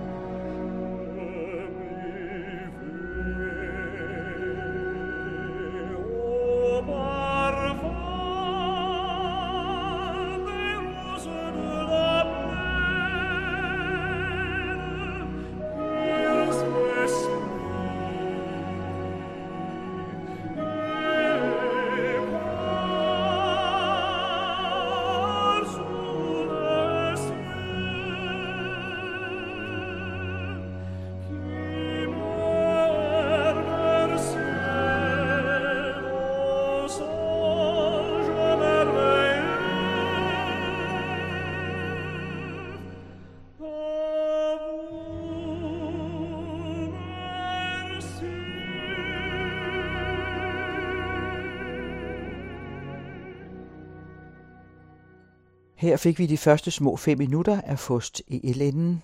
Den er baseret på Goethes Faust anden del, og er for sopran, mezzosopran, tenor, bariton og orkester. Her hørte vi BBC Filharmonikerne med Jan Pascal Tortelier og tenoren Bonaventura Botone og baritonen Jason Howard. Kantaten blev urført i 1913 på Teatre du Châtelet og i øvrigt tilegnet hendes søster. Den fik mange opførelser i hendes levetid, og hun fik også en kontrakt med musikforlaget Ricordi. Pride Rome er som sagt på tre års studier i Rom, og hun ankom i marts 1914. Hendes læger havde forsøgt at forhindre hende i at rejse, men det ville hun opleve. Men direktøren for det franske akademi i Villa Medici, Albert Benard, var nærmest fjendtlig over for hende, for han var sikker på, at en kvinde blandt de andre kandidater i huset ville ødelægge disciplinen. Hun nåede ikke at overbevise ham om det modsatte, for allerede efter få måneder tog hun tilbage til Frankrig på ferie, og det varede to år, før hun kom igen, for Første Verdenskrig brød ud. Hun ville gerne give sit bidrag og hjælpe, hvor hun kunne, så hun fik fra Paris oprettet en brevkontakt med musikinteresserede soldater ude i felten. Et af hendes værker handler om dem, de arme soldater og deres skæbne, pour les funérailles d'un soldat, til en soldats begravelse for kor og orkester. Men det er nu ikke det, vi skal høre tværtimod. Vi hørte som indledning en bid af hendes fløjtestykke fra en forårsmorgen, d'un matin de printemps, et af de sidste værker, hun komponerede. Her kommer hele stykket med Christine Hankin og Timothy Murray.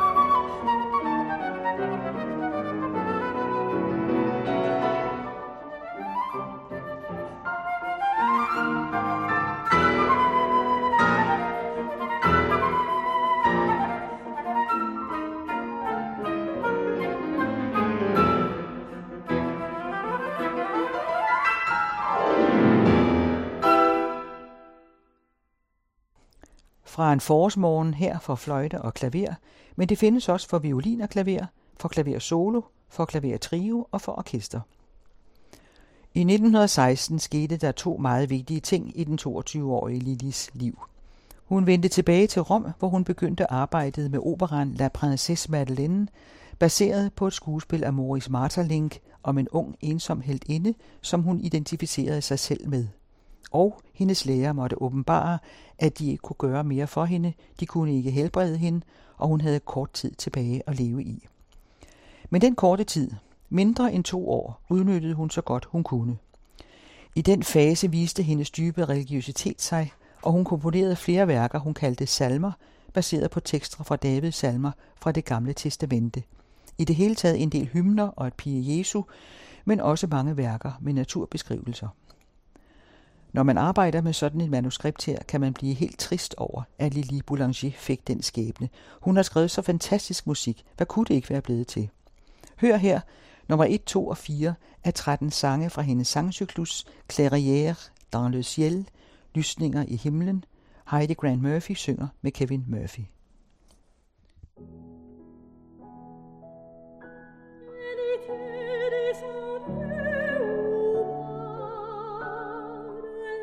friend.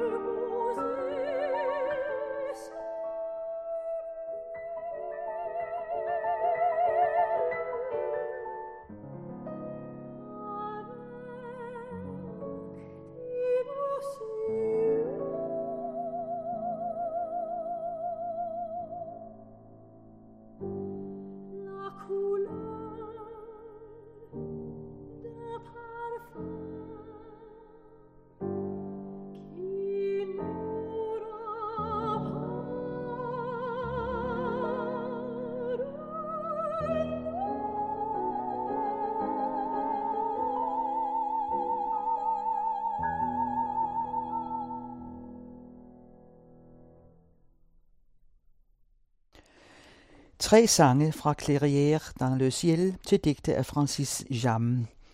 Fantastiske sange, skrevet i 1914, udgivet efter hendes død i 1919 og tilegnet Gabriel Fauré, som var så begejstret for hende og som havde været til så stor inspiration.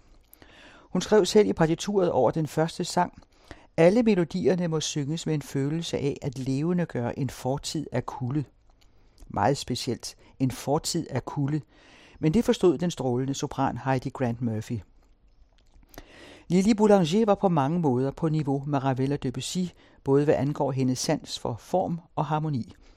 Man kan godt sige, at hun danner en treenighed med de to komponister, og hvis hun havde fået nogle flere leveår, kunne hendes navn sagtens have været nævnt i samme åndedrag som dem. Hendes sidste værk var Pia Jesu, som hun dikterede til sin søster fra sygesengen i foråret 1918. Teksten beder Jesus om at skænke mennesker evig hvile. Hun døde kort efter, 24 år gammel. Men der er blevet gjort flere ting for at bevare hendes musik og kendskabet til hende. Hendes søster Nadja, der overlevede hende med 61 år, hun døde i 1979, 92 år gammel, boede i mange år i nærheden af Boulevard Clichy i Paris på Rue Balu. 1968 var 50-året for Lilis død, og Nadja overtalte kommunen til at ændre navnet på en del af gaden til Plads Lili Boulanger, og nummeret på ejendommen blev nummer 3. Der på fjerde sal levede og arbejdede Nadja det meste af sit liv, omgivet af møbler fra begyndelsen af 1900-tallet, som Memento Mori, en mindestue for hendes far og søster, men altså ikke for hendes mor, der var meget dominerende. Hun havde svært ved at acceptere Nadjas succes som pædagog, selv efter det var hende, der blev familieforsørgeren, og hun blev opsøgt af alverdens berømte komponister og dirigenter. Moren døde først i 1935, men alle fire er dog begravet det samme sted. I 1939 skabte Nadia Boulanger med hjælp fra amerikanske venner Lili Boulanger Memorial Fund. Den fond havde to formål. Dels at få evige hendes musik og mindet om hende, og dels at støtte talentfulde musikere økonomisk. Og i 1965 skabte søstrenes venner en forening, Nadia et Lili Boulanger Société, som siden i 2009 blev til Centre International Nadia et Lili Boulanger. Mere endnu, en asteroide, der blev opdaget i 1927, blev opkaldt efter hende og fik navnet Lilith. Asteroide 1181 Lilith. Her til sidst skal vi høre en anden side af hende, en nocturne for violin og klaver, og ellers har vi hørt tre andre værker af Lili Boulanger. Første del af kantaten Fust e Elen med BBC Filharmonikerne, dirigeret af Jan Pascal Tortelier, med Bonaventura Botone og Jason Howard som solister. Der er Matin de Printemps for fløjte og klaver, med Christine Hankin og Timothy Murray. Tre af sangene fra sangcyklusen Clairière dans le ciel, som Heidi Grant Murphy sang med Kevin Murphy ved klaveret. Og her er det Savitri Grier og Richard Utley, der spiller nocturne for violin og klaver.